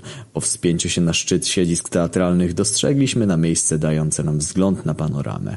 Była to ogromna, podziemna jaskinia przepełniona szczątkami greckich budowli. Niektórych w lepszym, innych w gorszym stanie. Ja... Ja i Lucjan wysiadamy. Nie będziemy walczyć z tym chorym pojebem. Wybaczcie, chłopcy, ale będziecie musieli poradzić sobie sami. Takie rzeczy to nie dla nas. My wolimy zająć się skocznym majonezem. Skocznym majonezem? dopytał DTR. No tak. Skoczny majonez, mówiąc konkretnie niebieski majonez. Zwiększa on czasowo zdolności kondycyjne tego, który go zażywa. Macht kwacz od tygodni stara się zepchnąć mnie z rynku. Nie zamierzam dać mu się wygryźć, jednak podejmowanie z nim otwartej walki to czyste samobójstwo.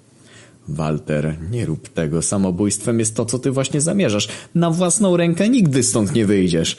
Starałem się go przekonać. Proszę. No to niewielka ilość tego specyfiku. Pozwoli nam na szybsze poruszanie się po jaskini. Natomiast ja i Rydel uciekamy bez chwili zwłoki. Jakoś znajdziemy wyjście. Nie martwcie się o nas. Powiedział, po czym szybko zniknął w cieniu, ciągnąc za rękę Rydla, ruszając się, jakby uprawiali jakiś dziwny taniec. Wnioskuję, że był to taniec po ich jakby losowych, ale rytmicznych krzykach wzywających chochoła. Cokolwiek to jest. Dobrze, ruszajmy w drogę, chłopcy. Musimy rozejrzeć się po tych budynkach. Być może znajdziemy coś, co nakieruje nas jak to, na to, jak powstrzymać Machtwhacza. Jak nakazałem, tak też się stało. Wyłączając Jezusa, mającego wrodzone zdolności akrobatyczne, spożyliśmy podawcę niebieskiego majonezu i rozpoczęliśmy efektowne skoki po greckich budynkach. Zadupian Screed PDF. Minęliśmy kilkanaście struktur, każda z nich pozbawiona choćby jednej żywej duszy. Tu pusto i tu tam też, wykrzyczał Jezus. To moja narracja. Uciszyłem go, a ten ku zaskoczeniu bezdyskusyjnie usłuchał. I tam pustka. Ech. O! Jest coś! Spójrzcie! Zakomunikowałem, docierając do Partenonu pełnego Greków, którzy po dostrzeżeniu skaczących bez ładu i składu nieznajomych skryli się, za czym się tylko dało. Wyjdźcie, dobrzy ludzie! Przybywamy w pokoju! Uspokoiłem ich, a ci niespiesznie wychylili się z kolumn i samczych rzeźb o małych przyrodzeniach, jakże charakterystycznych dla tamtego okresu. Kim... Kimże wy jesteście? Zapytał jeden z prześcieradłowych gości, wyrywając przyrodzenie jednej z rzeźb i trzymając je jako wyznacznik dystansu między nim a potencjalnym zagrożeniem. No, granicy wielkiej to on nie nakreślił, ale mniejsza z tym. Uciekliśmy Machtkwaczowi. Uwięził nas i planował zabić. Wiemy, że to samo planuje zrobić też z wami. Wybąkałem. A więc wyście przyjaciel, a nie wróg. Odrzekł z ulgą, odrzucając skalny penis. Przeklinam dzień, w którym usłyszałem to imię. Arbeit macht Kwacz. Cholerny psychopata. Masz rację. Dlatego też potrzebujemy waszego wsparcia w walce z nim. Nie możemy pozwolić, by spowił świat w mroku jajecznej zawiesiny. Nie możemy na to pozwolić, rozumiesz? Starałem się dobitnie podkreślić powagę sytuacji. Postradałeś zmysły? Machtkwacz nie jest zwykłym kogutem. To potężny kogut. Nie zabijesz go od tak. Prędzej zginiesz, niż wyrwiesz mu pióro. Widziałeś ty go chociaż? To pierdolone dziesięciometrowe ptaszysko. Nie macie z nim szans, a my tym bardziej. Więc co proponujesz? Mamy pozostać bierni i pozwolić mu, by wszystkich zapierdolił? Nie, ale wiem, co możecie zrobić, a właściwie wiem, kto wie, co macie wiedzieć, żeby dowiedzieć się, jak go pokonać. Wysypał pełen entuzjazmu Grek. Co? No, mówię. Wiem, kto wie, co macie wiedzieć, żeby się dowiedzieć. Czyli wiesz, co robić, tak? Starałem się upewnić. Nie, ale wiem, kto może wie. Zamknij się do kurwy, wyrwał Jezus. Po prostu powiedz nam, gdzie mamy się udać, ty brudny zasiłkowcu. Tylko bez takich. Wsparcia finansowe dla bezrobotnych to był wspaniały... Tak, a teraz Grecja bankrutuje. Szczerze to pieprzy nas w tej chwili polityka. Mów, gdzie mamy iść, czas nagli. Rozejrzyjcie się za świątynią Zeusa, tam znajdziecie odpowiedź. Nic wam więcej nie powiem. To już jest coś, w drogę, ponaglił nas Soylander. Mijały minuty, a my wciąż błądziliśmy po tajemniczej jaskini. Wciąż dostrzegamy nasz cel przeznaczenia, majestatyczną świątynię piętrzącą się ponad gruzami innych struktur. Doskakujemy pod schody emanującej bielą świątyni. Przy okazji warto wspomnieć, że w owej chwili opuścił nas też efekt działania niebieskiego majonezu. Stawiamy krok za krokiem, przybliżając się do ogromnego łuku wejściowego. Spójrzcie, wskazał naruszający się w mroku kształt Riffy, wykrzykując przy okazji w jego kierunku słowa Halo! Ktoś ty! Kontury jakby skamieniał. Widać było, jak sylwetka powoli unosi się. Zbliżcie się, odrzekł jegomość zachrypniętym głosem, a my usłuchaliśmy. Przy wielkiej rzeźbie słoika majonezu stał przykuty łańcuchem starzec, dzierżący w dłoni metalowe dłuto. Witajcie, nazywam się Fidiasz, rzeźbiarz i artysta. Witaj, Fidiaszu. Cóż tu czynisz? Zapytałem, nie wiedzieć czemu z przesadną podniosłością. Jestem tu z tego samego powodu, co i wy. Macht Kwacz mnie uprowadził. Załamał kontinuum, by zmusić mnie do przekucia posągu Zeusa w wielki słój majonezu, pękający pod wpływem koguciego dzioba. Nie wiem, jakim chujem mam tego dokonać, ale nie mam wyboru. Ech, jakoś to będzie. Odparł z żalem. Nie lękaj się, Fidiaszu. Zrobimy co w naszej mocy, by pokrzyżować plany Arbajta. Jednak by to osiągnąć, potrzebujemy twojej pomocy. Zasłyszeliśmy, że wiesz, co trzeba poczynić, by mu przeszkodzić. Skąd też taka informacja? Dopytał wyraźnie, oczekując odpowiedzi. Pewien Grek nam powiedział, znaleźliśmy go w Partenonie, odpowiedziałem bez zwłoki. Ach, to pewnie dzbanoklates. Ten zawsze lubował się w żartach, no ale mimo wszystko jego słowa miały w sobie ziarno szczerej prawdy. Jestem jednym z pierwszych uprowadzonych przez Kwacza na. Tak zwie się oddział Macht Kwacza na Marsie. Uprowadzony przez Kwacza na. Uprowadzony przez Kwacza na Fide, młodzieńcze, upewnił mnie starzec. Wracając, zasłyszałem, że do podróży w czasie używa maszyny zwanej majoganem, miotacza majonezu zakrzywiającego czasoprzestrzeń. Wiem o nim tyle, że ma w sobie kilka trybów, z czego każdy z nich można modyfikować dodając konkretne ingredienty. Każdy z trybów przenosi użytkownika w inne miejsce, oferując opcje od podróży w czasie po podróże między wymiarami i światami, których nie sposób sprecyzować nazwą. Uświadom nas proszę, czy ten sprzęt ma jakiś konkretny cel, przeznaczenie? Wtrącił się Oilander. Tak, młodzieńcze. Macht Kwacz chce użyć go, by pozyskać słoiki nieskończoności. Słoiki czego? Dopytałem przekonany, że się przesłyszałem. Nieskończoności. Słoiki nieskończoności są to rozsiane po wszechświecie i czasie słoje wypełnione majonezem o różnych właściwościach. Mając te słoiki, Macht Kwacz będzie w stanie zasilić kurzy kubrak nieskończoności, z którego pomocą będzie mógł poruszać się przez galaktykę 209 lat świetlnych na godzinę, nie nosząc kasku bez podniesienia przy tym śmierci, czy to przez jego towarzyszy, których darzy miłością, czy to przez niego samego. To niesamowite i przerażające zarazem, stwierdziłem dostrzegając widoczną konsternację ze strony wuwuzelek. Zaprawdę powiadam wam, że wszechświat pogrąży się w Helmansie, znaczy w chaosie. Jeśli nic nie poczynicie, to nasz los jest już przesądzony. Gdzie mamy szukać tych potężnych słoików? Próbowałem przycisnąć rzeźbiarza. Wyczujecie to w sercach, moi drodzy. Słoiki nieskończoności załamują wnętrze i wpływają na duszę nawet tych najsilniejszych. Dlatego też baczcie na siebie, jeśli podejmiecie się je przejąć. Podejmiemy. Powiedz, gdzie one są. Pośpieszyłem. Sami musicie je odnaleźć. Jeśli znajdziecie Majogan, reszta to już tylko kwestia waszego zaangażowania. Jest on tak zaprogramowany, że z łatwością odkryjecie przybliżone położenie słoików. Zdobądźcie pistolet, moi drodzy. Tylko tyle mogę wam powiedzieć. Gdzie mamy go szukać, Fidiaszu? Jeżeli wychylisz głowę, zobaczysz drzwi prowadzące do biura jednego z podwładnych machtkwacza. Wychylam głowę za rzeźbie o formie słoika i faktycznie widać. Przez szklaną ścianę widać, że wisi na niej pistolet, oczy otoczony oczywiście szklaną szybą. Zbijcie ją, a pistolet jest wasz. Z moich obserwacji wynika, że musicie wyrzucić w przestrzeń łyżkę majonezu i trafić w nią promieniem, zanim zawiesina zetknie się z podłożem. Na Marsie nie będzie to wyzwaniem, jednak pamiętajcie, że kolejne wymiary i czasy mogą rządzić się innymi prawami.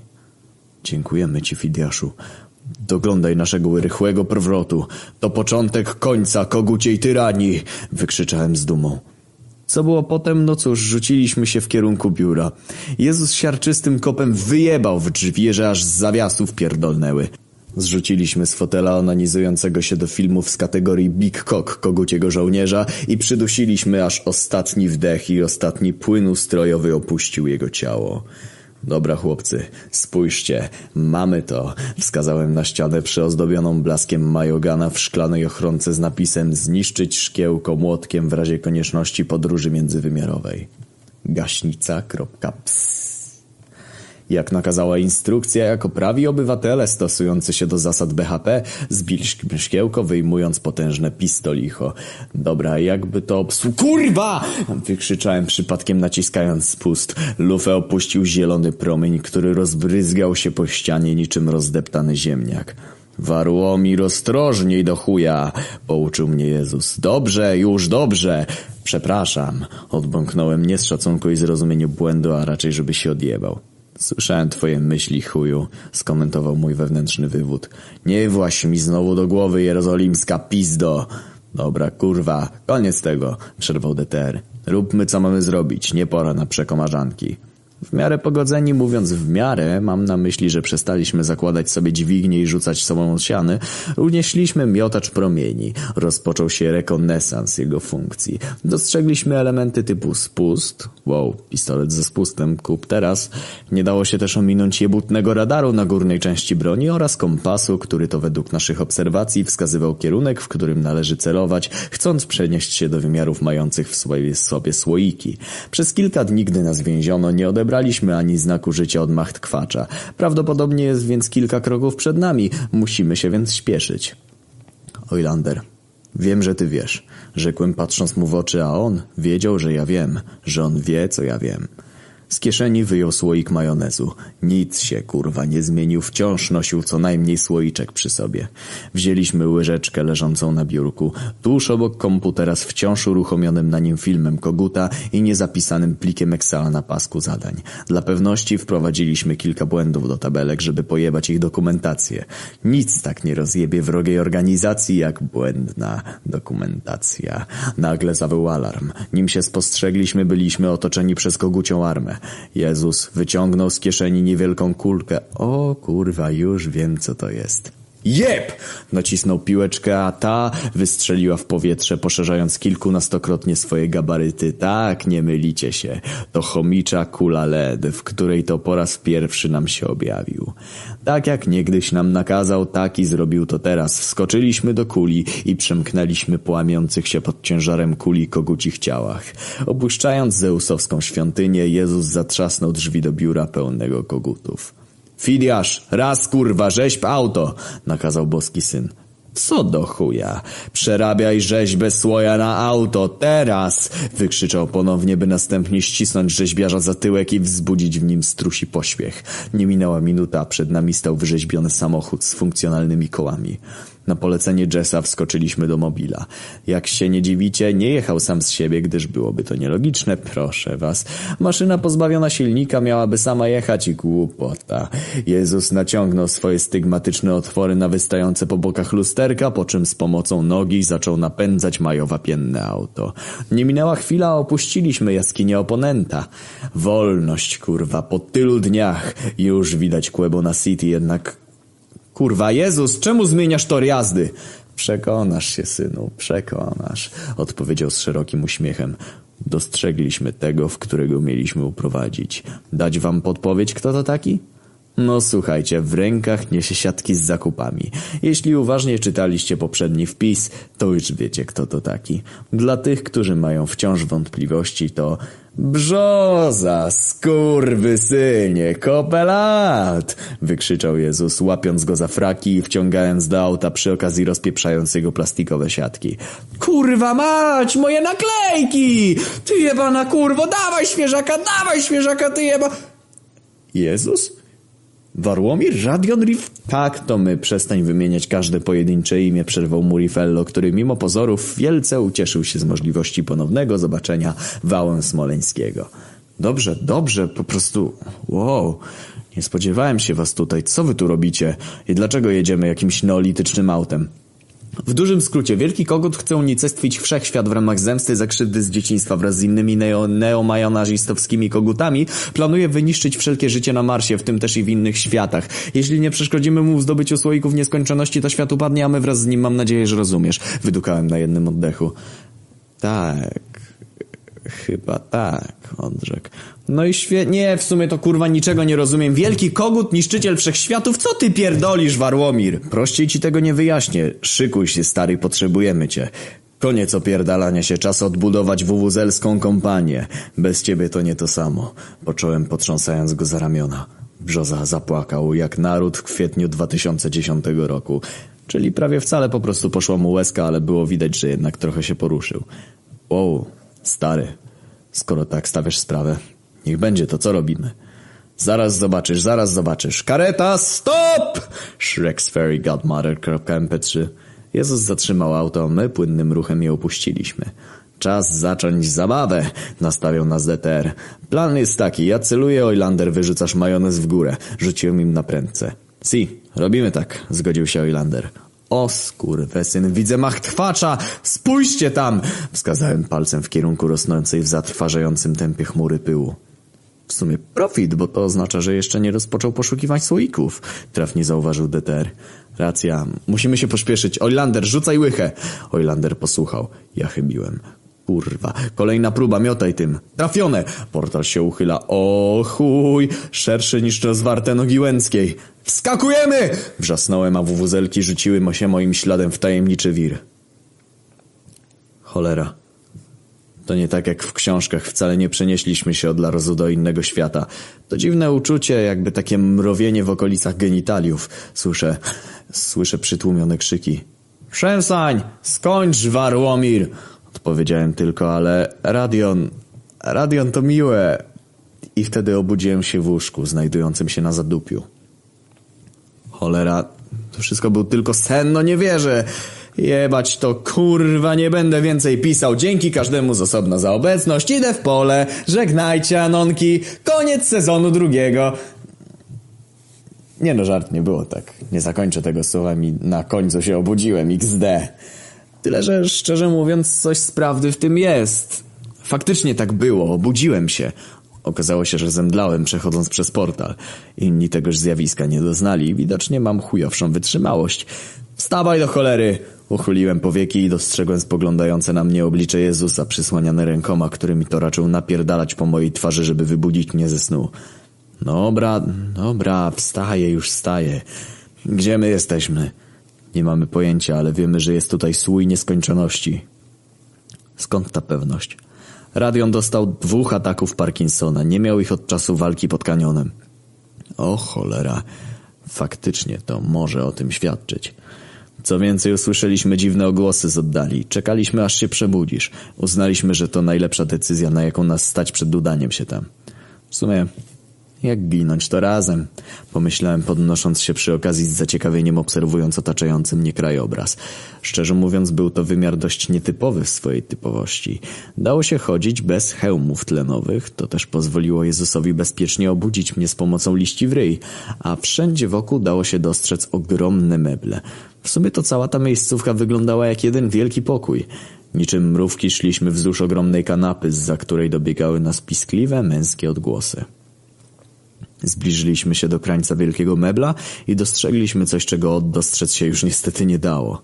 Stał tam ogromny, nagi mężczyzna o owłosionych nogach. Przez nasze gabaryty nie dostrzegał nas, jednakże my widzieliśmy go ostro i wyraźnie.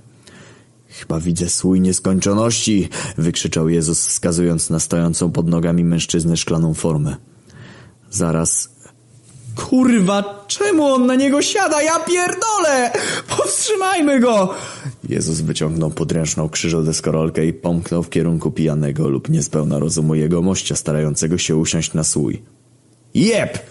Jess uderzył oponenta w oko, a ten niby porażony gromem przewrócił się upadając na słój, spod którego natychmiastowo popłynęła jucha oraz niesione nią kawałki popękanego szkła. Jak się później okazało, słój nieskończoności był mniejszą wersją tego oto stojącego pod nogami sanca. Słój, który interesował nas, był zamknięty w tym większym. Dzięki temu słój nieskończoności już niebawem winien trafić w nasze ręce. Ruszajmy! wykrzyknąłem rozkazująco do Wowuzel. Po kilku minutach dotarliśmy do krwawego wycieku i niczym przez bagna przedarliśmy się do emanującego czerwoną poświatą słoika. O chuj, no kurwa! To macht kwacz, panowie! Bierzemy słój i spierdalamy! Ma pomocników, spójrz! Wymierzył palcem Riffy, wskazując wielkonosych, poruszających się na czterech kończynach ogarów o zaniedbanych brodach i miotających się na wszystkie strony pejsach. Żydo, ogary! Wykrzyczał Jezus, miałem już z nimi do czynienia. Te kurwie ścigały moją matkę i jej gach, e, znaczy Józefa, w drodze do Jerozolimy. Uciekajcie, zostawcie ich mnie. Kogut Arbeit zaczepił się szponami do pędzące bestie, zmierzając w naszym kierunku coraz szybciej.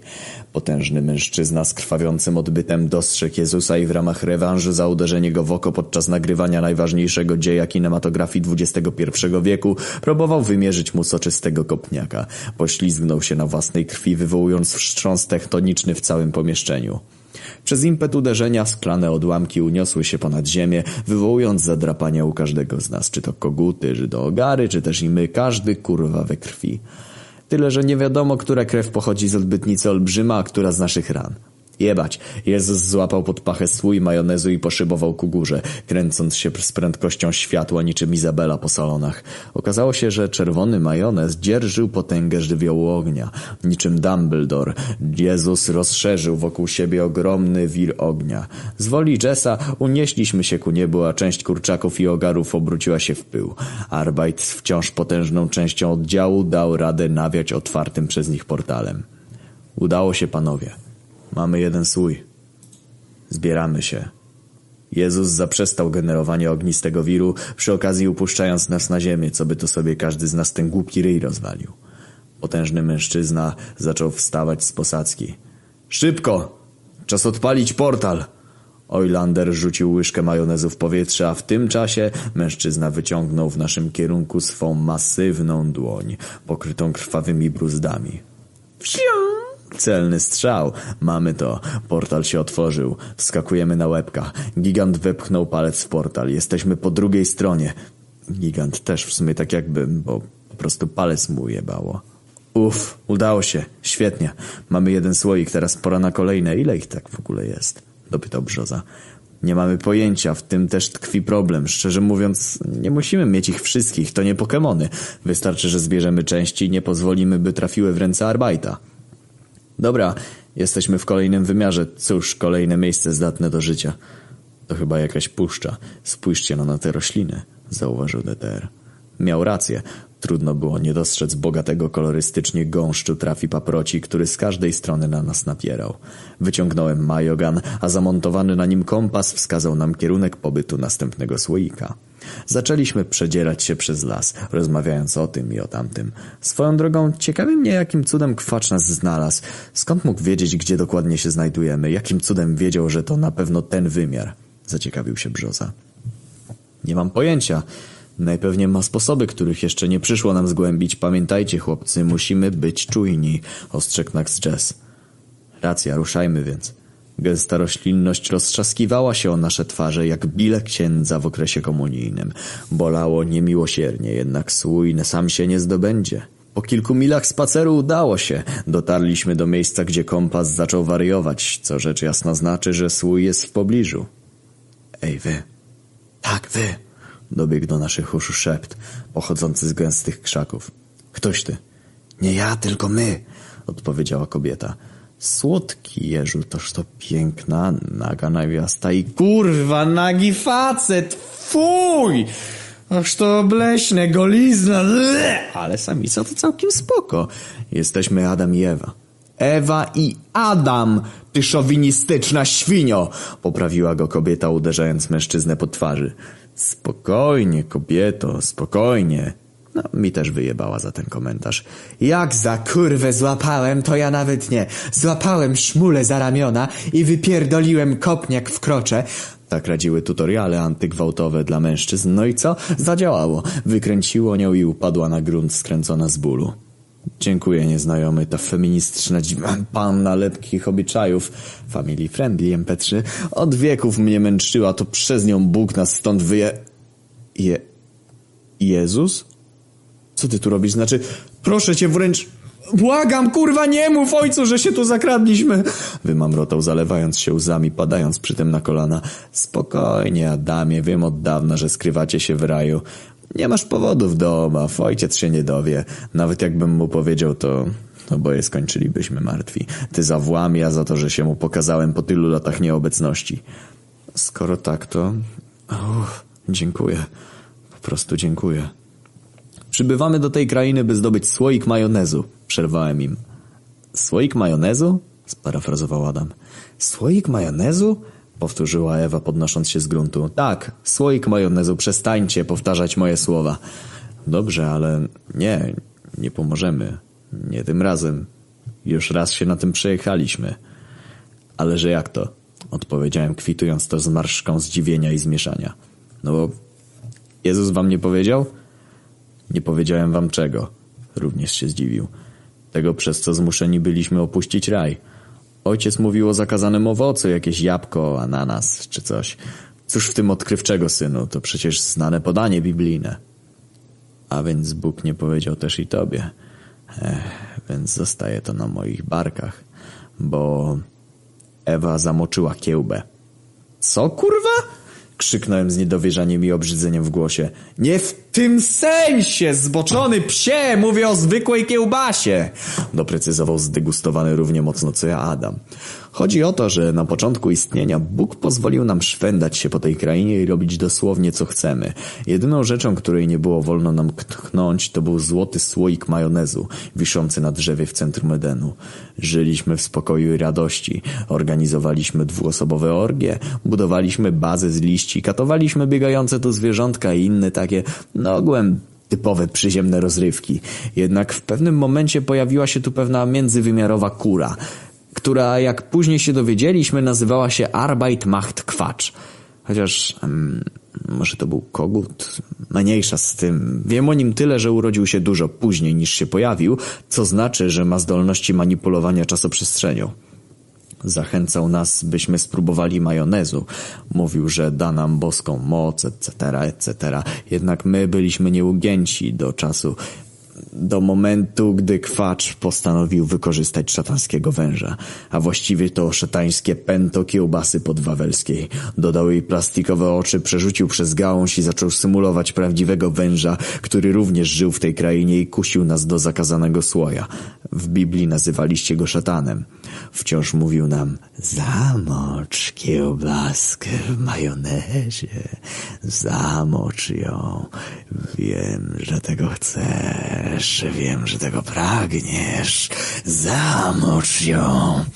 W końcu Ewa uległa, a ja za nią uległem też ja. Otworzyliśmy słój, włożyliśmy kiełbasę i wylizaliśmy ociekające tłuszczem pętko. Więc jak sam widzisz, chcica kobiety na kiełbasę w sosie to prowodyr grzechu pierworodnego, a nie jakieś kurwa jabłko. Kurwa ojcze, ty śmieciu, znowu wyjebałeś mnie na prawdomówność. Pieprzony hipokryta! Zaklął Jezus. Spokojnie, Jess, skupmy się na misji. Powiedz nam proszę, gdzie podział się słój, Adamie. Bóg wiedział, że ktoś będzie się za nim rozglądać. Umieścił tu wabik, pozorujący obecność słoika w tej krainie. To pewnie właśnie przez ten wabik tutaj trafiliście. Z tego co mi wiadomo, Bóg powierzył go Sigiemu. Sigiemu? Kto to taki? Dałem mu do zrozumienia, że pierwszy raz słyszymy to imię.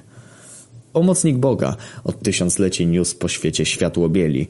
Z tego co wiem, ostatnio widziano go na obszarach pustynnej krainy, równoległym wymiarze, gdzie ekspansja czarnoskórego gatunku człowieka do krajów cywilizowanych zapoczątkowała pustynienie obszarów nawet najbardziej zalesionych. Bóg zrzucił go tam za jakiś odpał, ale zapomniał o słoiku, który to wcześniej mu powierzył i tym oto sposobem Sigi zmuszony jest żyć w strachu o własne życie, po wsze czasy. Cholera, czyli przyszliśmy tu na nic? Załkałem zrezygnowany przedłużającymi się w jakby nieskończoność podróżami. Nie do końca. Teraz przynajmniej wiemy, dokąd mamy zmierzać. Poza tym Arbeit na pewno również tutaj przyjdzie, a wtedy my będziemy już dwa kroki przed nim. Musimy tylko znaleźć sposób, jak znaleźć tego całego Sigiego. Pocieszył mnie Radion. Szczerze mówiąc, to mam przy sobie coś, co może wam pomóc. Wtrącił się ponownie Adam. Spójrzcie no. Widzicie ten proszek? Oto proch, którym Sigi niósł biel w czasach swej świetności. Nie mam nic, co bardziej mogłoby być z nim związane. Jezusie, czy myślisz, że nada się to na ingredient dodatkowy, o którym to wspomniał Fidiasz? A może jak najbardziej jeszcze ja? Dość. Czyli nada się. Także no, czas zacząć zabawę. Pomyślałem, po czym wymownym spojrzeniem uprosiłem Oilandera o podanie mi łyżki majonezu. Wrzuciłem kilka drobin proszku do majonezu, a z zawiesiny uniosła się złocista para. Chyba działa. Oilander, rzut, strzał, otwarcie portalu, skok. Świetnie, jesteśmy na miejscu, chociaż czy aby tak świetnie to nie jestem pewien. Kurwa! Co się tu dzieje? Upał 40-stopniowy co najmniej. Podparuje, zanim zdąży spłynąć po skórze pod skafandrem. Jezus otoczył nas wietrzną kulą, dzięki czemu zrobiło się nieco chłodniej. Uff. Dobra, czas wyjąć majogan i sprawdzić, gdzie jest słój. Chłopcy, nie żeby coś, ale chyba tam widzę w oddali. Zaniepokoił nas radio. No i kurwa rzeczywiście, gromada czarnoskórych ludzi, dzierżących dzidy zaczęła gnać w naszym kierunku. Biegniemy, panowie! Biegniemy! Rzuciliśmy się w morderczą ucieczkę, zmierzając w stronę wskazywaną przez kompas umiejscowiony na miotaczu. Plemię dzikusów wciąż siedziało nam na ogonie, a my powoli opadaliśmy z sił. W pewnym momencie spadliśmy do głębokiego kanionu z jeziorem na jego dnie. Pierwszy zbiornik wodny, jaki dany nam było tutaj dostrzec. A cóż takiego przy źródełku? Jaskinia, przy ścianie skulony siwowłosy mężczyzna odziany w białą koszulę, trzymający pod pachą masywne, pomarańczowe opakowanie z okrągłym logiem w jego centrum. Przerażony jegomość odsunął się w tył tak daleko jak mógł, by ostatecznie prawie że przytulić się do ściany nieudolnie, zasłaniając się wcześniej wspomnianą paczką, jakby licząc, że skryje przed nami swoją obecność. Kim jesteście? Zostawcie mnie! Nie uczynię was bielszymi, tylko dajcie mi spokój, wyczarcie pomioty! Wykrzyczał mężczyzna, broniąc się opakowaniem. Spokojnie, nie chcemy zrobić ci krzywdy. Możemy porozmawiać, jeśli tylko pozwolisz nam wyjść na brzeg. Po chwili namysłu na oko pięćdziesięcioletni facet pozwolił nam usiąść przy jego ognisku i wyschnąć. Wciąż było widać nieufność w jego przeszywającym spojrzeniu. Sam fakt przytulania się do masywnego opakowania również to sugerował.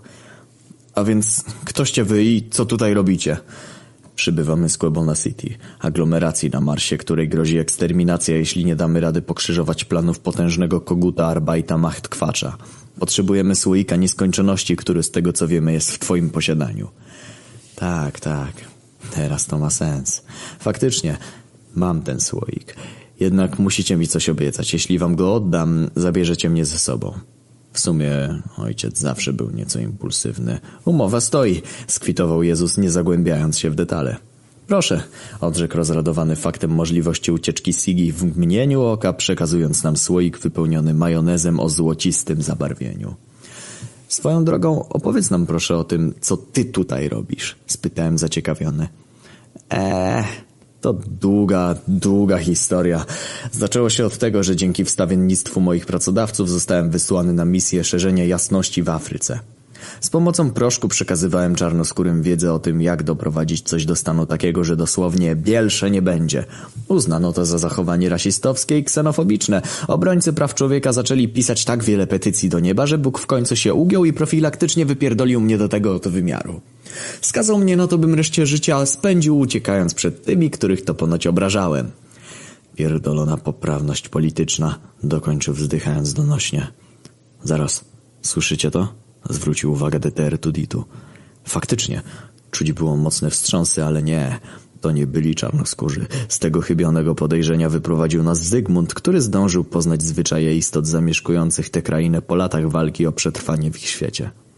Tomach kwacz i Żydoogary! Załkał rozgrygatany z przerażenia brzoza. Nie panikuj, stary, jakoś się wywiniemy. Uspokoiłem go na tyle, na ile byłem w stanie. Pierdolony kogut. Jakim cudem ten śmieć wie, gdzie jesteśmy? Nie miał prawa tutaj dotrzeć, zauważył Riffy. Połączmy fakty. Wie, gdzie jesteśmy? Ciągle siedzi nam na ogonie? Hmm. Musimy coś omijać. Coś... coś istotnego. Blizny na szyi! wykrzyczał Brzoza. Co z nimi? dopytał Riffy. Nie rozumiecie? Od czasu porwania każdy z nich kompulsywnie drapie się po szyi. Przejdźcie palcem bocznej jej części, zobaczycie sami, że coś tam jest. Faktycznie. Kurwa, brzoza, ty spostrzegawczy kurwiu. Musnąłem palcem po skórze i wyczułem obły kształt. Jakby jakiś guzik zaszyty pod naskórkiem. Zygmunt, dawaj fragment opakowania, posłuży za skalpel. Poprosił stanowczo Jezus. Po chwili rzucił nam po zaostrzonym fragmencie z górnej części opakowania. Każdy z wuwuzel szybkim i stanowczym ruchem przesunął po podejrzanym punkcie. No, z wyjątkiem Rifelego, bo ten się bał i ciął wolniej, jednak all też pozbył się ciała obcego. Coż znajdowało się pod naskórkiem, zapytacie? Monety. Jebane złote monety. Ten skurwysyn Macht Kwacz zaszył nam je, by jego żydowskie pomioty wyczuły naszą obecność nawet w najodleglejszych rzeczywistościach. Zdolność tej nacji do wykrycia cennych kruszców załamuje nawet pierdolone prawa jakiejkolwiek logiki, trafnie wypunktował Brzoza. Trzy, dwa, jeden, jeb, monety wyrwane. Teraz nie będziesz szansy, by tak łatwo nas wykryli. Ojlander, majonezu czas, rzucaj! Wymierzyłem w łyżkę, oddałem strzał i... No... No i nic. Kurwa... Majogan się rozładował, ja pierdolę! Zginiemy, kurwa, zginiemy! To jedyne myśli, które w tamtej chwili wypełniały mój umysł, jednak dla dobra sprawy starałem się ukryć panikę przed resztą. Spokojnie, chłopcy. Ja to załatwię. Wyszedł przed szereg Zygmunt. Jezusie, przenieś nas na powierzchnię. Ależ Zygmuncie! Żadnych ale, wyciągnij nas tam. Jezus usłuchał. Już po chwili stoimy naprzeciw potężnej armii koguta Machtkwacza. A więc ponownie się widzimy, moi mili. Zapiął złowieszczym śmiechem Machtkwacz. Tyle czasu, tyle czasu. Niby to kilka chwil, a jednak przy zabawie czasem i przestrzenią. Jakby wieczność zdążyła upłynąć. Moi drodzy, posłuchajcie mnie. Dam wam ostatnią szansę. Ułóżcie się przy ziemi, a nigdy więcej nie zaznacie konieczności uciekania przed moją potęgą. Widzę, do czego jesteście zdolni. Dołączcie do mnie, a wszechświat nigdy więcej się nie podniesie. Gdy ja będę niszczył, wy będziecie grabić, bogacąc się razem ze mną. Nawet na to nie licz, macht kwaczu. Gdy już polegniesz, przeprowadzimy procesy kłebonafickie, gdzie występki twoje i twoich pobratymców zostaną ukarane. Naprawdę na to liczysz, robaku. Po drugiej wojnie procesy ominęły wielu zwyrodnialców, więc i mnie też nie ominą. Jeśli rzecz jasna w ogóle do nich dojdzie. Dla mnie jesteś nikim. Zdepczę cię, a cały świat nawet nie zapłacze. I tutaj się mylisz, wyszeptał Zygmunt z głową lekko opuszczoną ku podłożu. Wymownie uniósł brew i głęboko spojrzał w oczy Arbajta. Złapał zaopakowanie od wizira i jak nie wypierdolił w powietrze całej zawartości, to ja nawet nie. Cały oddział kogutów pokrył się białym proszkiem. to wszystko, co masz, osiwiały psie, wykrzyczał wyraźnie rozbawiony Machtkwacz. Tak, to wszystko, co mam ja, ale jest coś, co dodał tu jeszcze Bóg. Wiersza nie będzie! Wykrzyczał w niebogłosy Zygmunt, siadając na paczkę po waniszu. Jak to pewna szmaciura raczyła siąść na butelkę. Nie minęła minuta, a z pobliskiego wzgórza wybiegł oddział murzyńskich wojowników, którzy w oka mgnieniu rzucili się na oddział Machtkwacza. Przerażone koguty zaczęły w popłochu rozbiegać się na wszystkie strony. Powiedziałbym wręcz, że spieprzali jak kurczaki. Czejcie, kurczaki, bo koguty, no nie. Eee, nieważne. Szybko, panowie! Brać Majogan Macht Kwacza! wykrzyczał Brzoza, którego polecenie niespełna po chwili raczył wypełnić Jezus. W nasze ręce trafił kolejny słoik majonezu nieskończoności. Co więcej, zyskaliśmy funkcjonalny pistolet międzywymiarowy. Po paru dziesięciu sekundach od ataku plemienia czarnoskórzy mieli już na swoim koncie kilkadziesiąt rozszarpanych kogutów i żydoogarów. Feels good. Pióra latają na wszystkie strony. Łycha majonezu w powietrze, jeden celny strzał, portal otwarty, o cholera, koguty obudziły w sobie jakąś podejrzaną siłę. Szala goryczy przechyliła się na korzyść drobiu. Murzyni są w strzępach. O kurwa, szybko się uwinęli. Jebać, teraz albo nigdy. Bierzemy rozpęd w kierunku międzywymiarowej wyrywy. Kolejny wymiar rozszerza przed nami swoje tajemnicze oblicze. Cholera, za dużo tych podróży jak na jedną podróż. W sumie jak tak teraz w sobie pomyślę, to mogłem po prostu cofnąć się w czasie i zajebać tego koguta jak jeszcze był jajkiem, zamiast dawać jebanie o podróże międzywymiarowe, wyszłoby na to samo. Ale czy na pewno? Przekonajmy się! Ale to... No cóż, to już zostawimy na inny moment. Do usłyszenia, już po drugiej stronie portalu. A, no i jeszcze jak przeskoczyliśmy przez ten portal, to po kogu wykrzyczał niech żyje zbrodniczy reżim. Przypuszczam więc, że pewnie jeszcze o nim usłyszymy.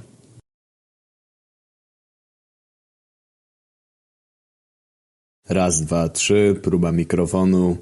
Witam was, Anonki, z tej strony Któż by inny jak nie wasz Warłomir.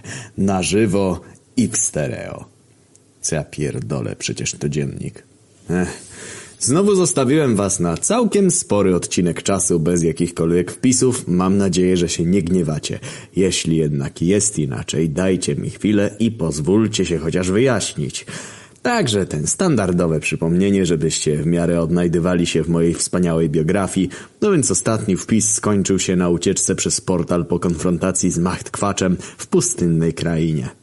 Z co istotniejszych informacji spotkaliśmy tam Heizera, zdobywając przy okazji kolejny słój nieskończoności, z czego wynika, że postawiliśmy kolejny krok na drodze ku ostatecznemu unicestwieniu neomajonazistowskiej propagandy i uchronieniu świata przed zniszczeniem przez rozpierdolenie się totalne.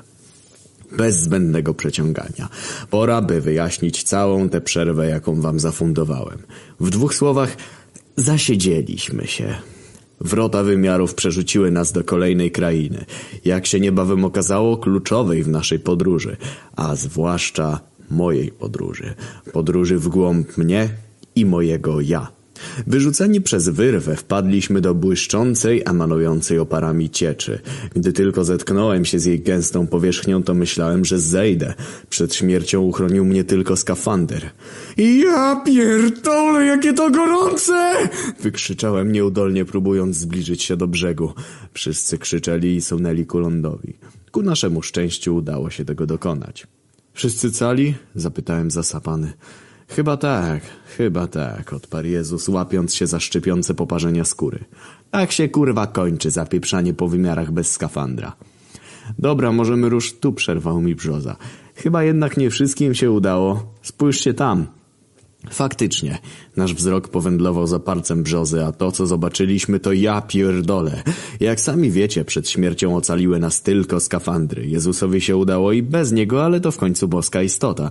Poza tym i tak poparzył się w cholerę. Nożeż kurwa. Obiecaliśmy Heizerowi zabrać go z pustyni. Niby dopełniliśmy obietnicy, jednak fakt, że chwilę po jej opuszczeniu wpierdolił się do wrzącego jeziora Oliwy, trochę tę umowę rozpierdolił. Cholera, gdybyście tylko go widzieli, cały usmażony, oczy na wierzchu, a wokół skóry bąble.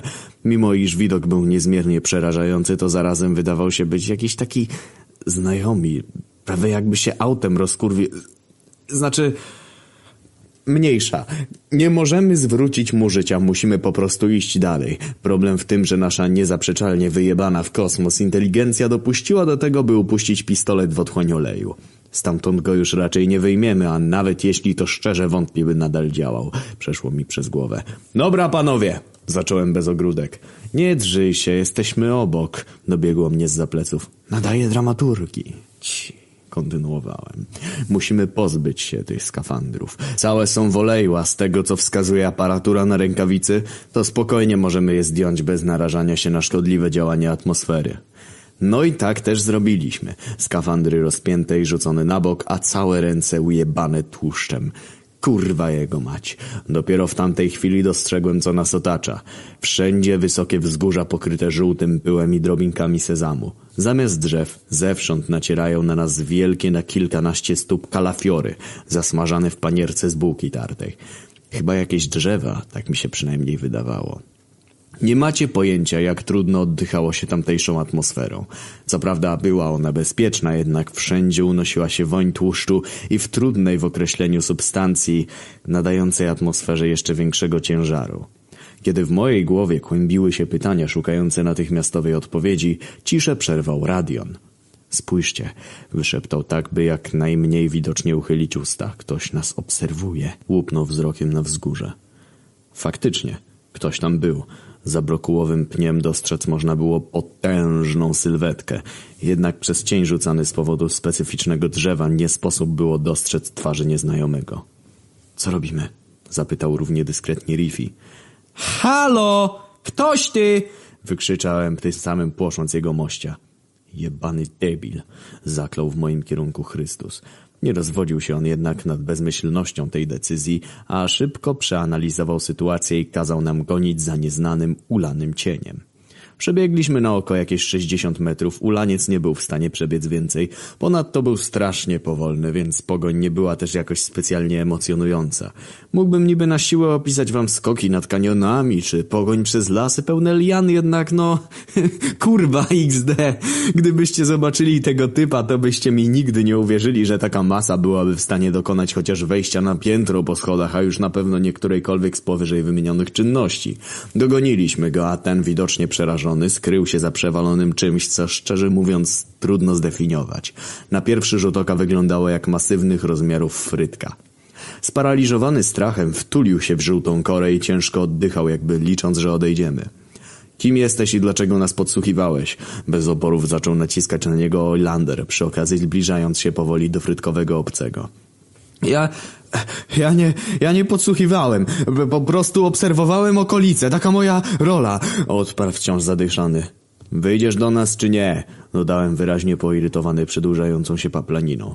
Usłuchał i powoli zaczął się unosić. Nieznajomy odwrócił się w naszym kierunku i ukazał swe oblicze. Pierwszym, co rzuciło się w oczy, były jego poliki, wyglądające jakby ktoś wepchnął mu do ust piłki tenisowe. Twarz była pokryta czerwonym trądzikiem, a czoło przysłaniały krótko ostrzyżone, ciemne włosy. Um, witajcie, nieznajomi. Nazywam się Michael Nee, przedstawił się pocieszny grubasek. Witaj, Michaelu Nee. Dlaczego uciekałeś? Bo mnie goniliście. No, fakt. Mniejsza. Wyjaśniłbyś nam może, co to za miejsce? Naprawdę nie wiecie? W takim razie co wy tutaj robicie? Wydukał ze zdziwieniem. Tak, nie wiemy nic, dlatego też pytamy. Darujesz nam zbędne dopytajki i powiesz, gdzie my do cholery jesteśmy? Wszędzie tylko tłuszcz. Okolica wygląda jak miejsce opuszczone przez Boga. Po części masz rację, szczerze mówiąc sam lepiej bym tego nie ujął. Jest to, jak sam powiedziałeś, kraina opuszczona przez Boga. Co więcej, opuścił ją też szatan. Trafiliście do spasnicości, moi mili. Powiedział, wyciągając z kieszeni czapeczkę McDonalda, którą nieśpiesznie założył, poprawiając przy okazji wystające spod niej włosy. Sposno czego? Spasnicości. To rzeczywistość poza światem materialnym i duchowym, coś jakby czyściec, ale upierdolony. Tak, upierdoleniec, to dobry synonim tego miejsca. I co ty tutaj robisz?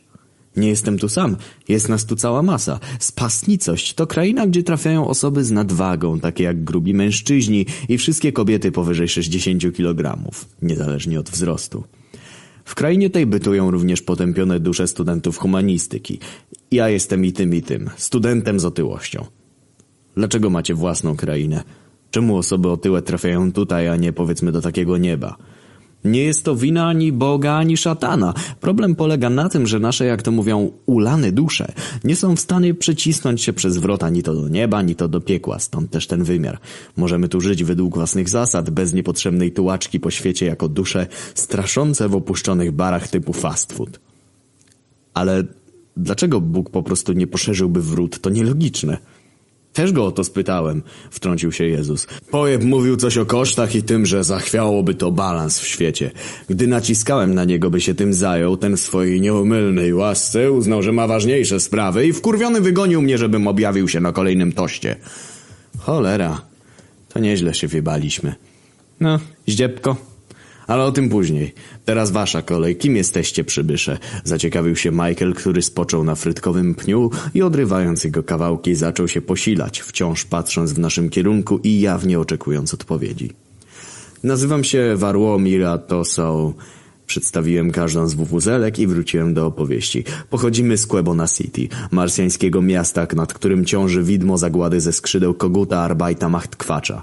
Chcą przejąć słoiki nieskończoności, które umożliwią mu dopełnienie tegoż celu. Jeśli mu się uda, zniszczy wszystko na swojej drodze. Macht kwacz? wykrzyczał student nieudolnie, próbując podnieść się z niknącej w jego ustach frytki. Znam tego sukin koguta. Od wielu miesięcy atakuje nasz wymiar, próbując zdobyć słój będący w rękach starszyzny i zemścić się na humanistach Maldonaldowiczach smażących jego braci i siostry w ramach pracy w fast foodzie. Wszystkie ataki odpieramy, jednak nasze wojska z dnia na dzień stają się coraz kruchsze. Co więcej, według prawa żaden z poległych nie może się zmarnować. Zabijając setki kogutów, zmuszeni jesteśmy usmażyć ich truchła, by potem spożyć je w rytualnych obrzędach. Nie utrzymamy miasta przez więcej niż kilka miesięcy. Ataki się naszylają, a sos barbecue służący nam do walki kończy się w zastraszającym tempie. To właśnie przez macht kwacza was spotkałem. Jestem jednym ze zwiadowców badających okolice. Gdy tu przybyliście, ku niebu uniósł się jaskrawy strumień światła. Dokładnie taki jak ten, gdy pojawiała się tutaj armia macht kwacza. Dlatego też mam nadzieję, że nie macie mi za złe mojej początkowej nieufności.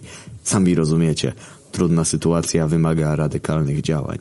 Z zaduszką dokończył monolog. Rozumiemy cię, Michaelu. Nie mamy ci nic za złe, mamy jednak pewną prośbę. Pomożesz nam zdobyć słój? Musi trafić w nasze ręce przed Machtkwaczem, a zabierając go od was skończą się też ataki. Z chęcią bym to zrobił, jednak nie w mojej mocy leżą takie działania. Musicie omówić to ze starszyzną. Oni będą wiedzieć, co poradzić. Starszyzna, powiadasz. Dobrze. Prowadź więc. Usłuchał i ruszyliśmy w trasę. Po drodze musieliśmy jeszcze zahaczyć o wieżę strażniczą. Wieża to była tylko z nazwy. Tak naprawdę był to wał na ziemi. Trafiam, że to przez to, że po klatce schodowej będącej standardowym elementem wieży nie daliby rady wejść. Udaliśmy tam, ponieważ musiał poinformować pozostałych zwiadowców, że udaje się z nami do miasta. No i tak też się stało. Michael zabrał najpotrzebniejszy bagaż i zaczęła się nasza pełna przygód przeprawa. Szokuje to, że mieszkańcy są tu otyli, bo miasteczko wcale nie było tak blisko. Wydaje mi się, że spokojnie można by było spalić kilka kilogramów po tygodniu takich podróży. Przedzieraliśmy się przez dziesiątki różnorodnych krajobrazów. Danym nam było dostrzec jakby usypane z cukru potężne góry sięgające żółtawych chmur, suche doliny, gdzie w przeciwieństwie do pozostałych rejonów nie padały oliwne deszcze, kaniony, które można pokonać było tylko przechodząc przez powalone nad nimi drzewa, a gdy tak spacerowaliśmy, to w tle dało się słyszeć muzykę, jakby żywcem wyciągniętą z Indiany Jonesa. Najciekawszym miejscem, jakie zapamiętałem, był brokułowy las, na środku którego natrafiliśmy na chatę druida, nalegającego na to, by nauczyć znać wszystkich umiejętności, które przydadzą się nam do walki ze złem na wschodzie. Cokolwiek by to miało znaczyć, olaliśmy go i ruszyliśmy dalej. Kilka dni później byliśmy już niedaleko od miasta. Jednak, jak to wiadomo, kiedy najbardziej tego chcesz, nic nie może potoczyć się po twojej myśli.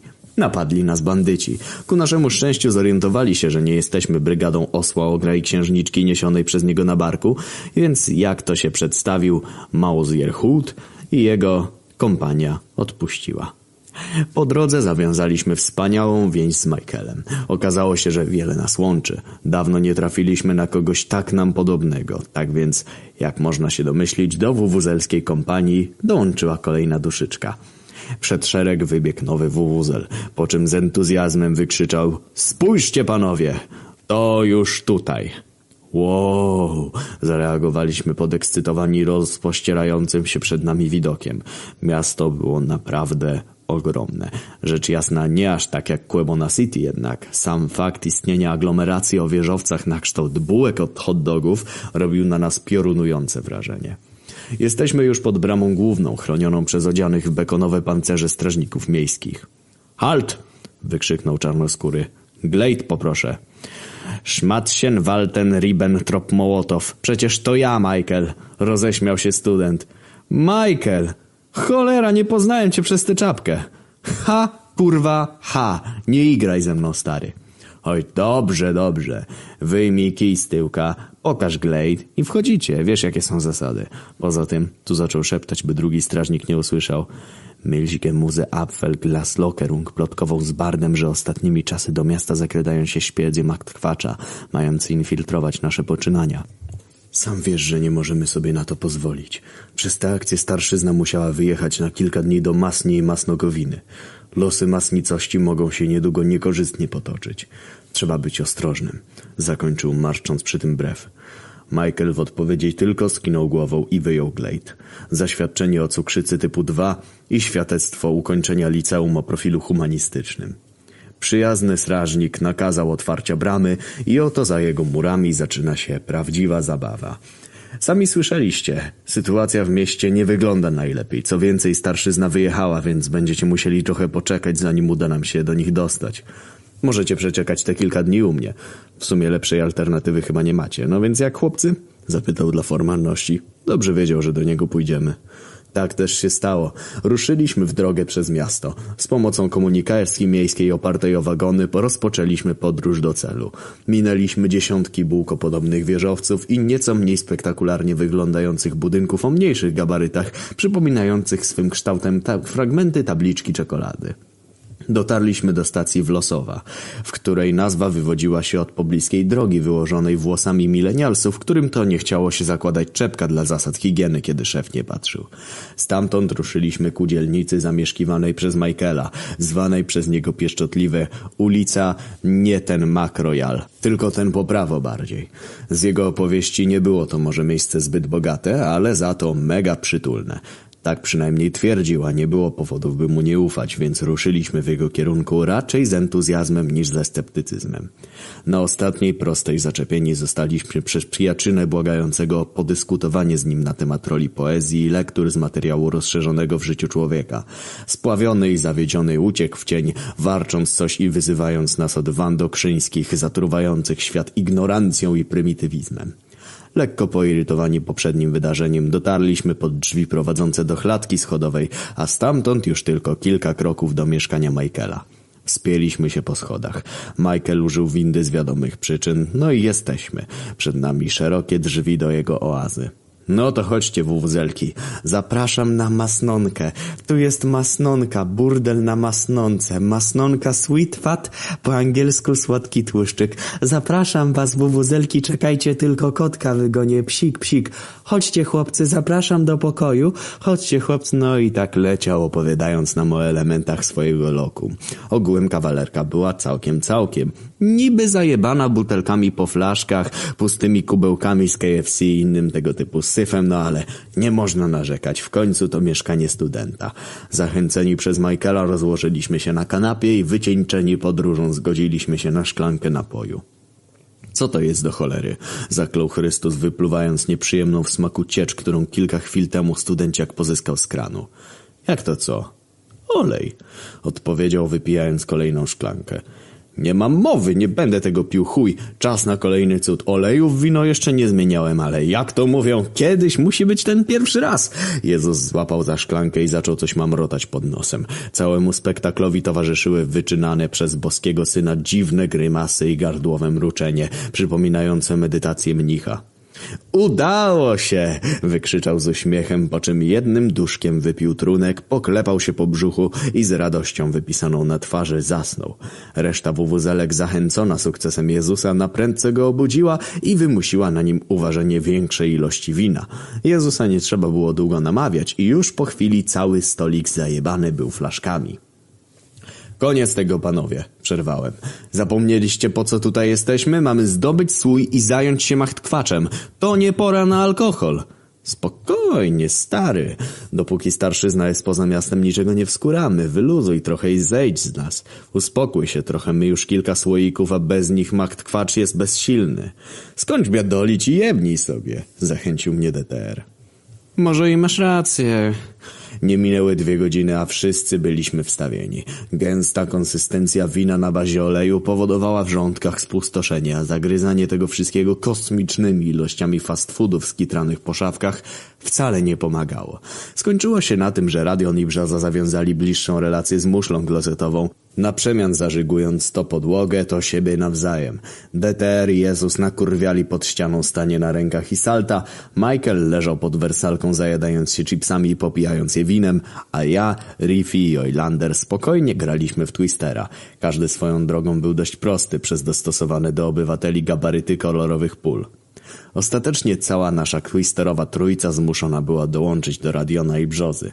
Wyszło na jaw, że nakurwienie się i zabawa w wyżej wymienioną grę nie była zbytnio trafionym pomysłem. Następnego ranka obudziłem się z potężnym kacem. Po otwarciu oczu zobaczyłem obraz śmierci i rozpaczy.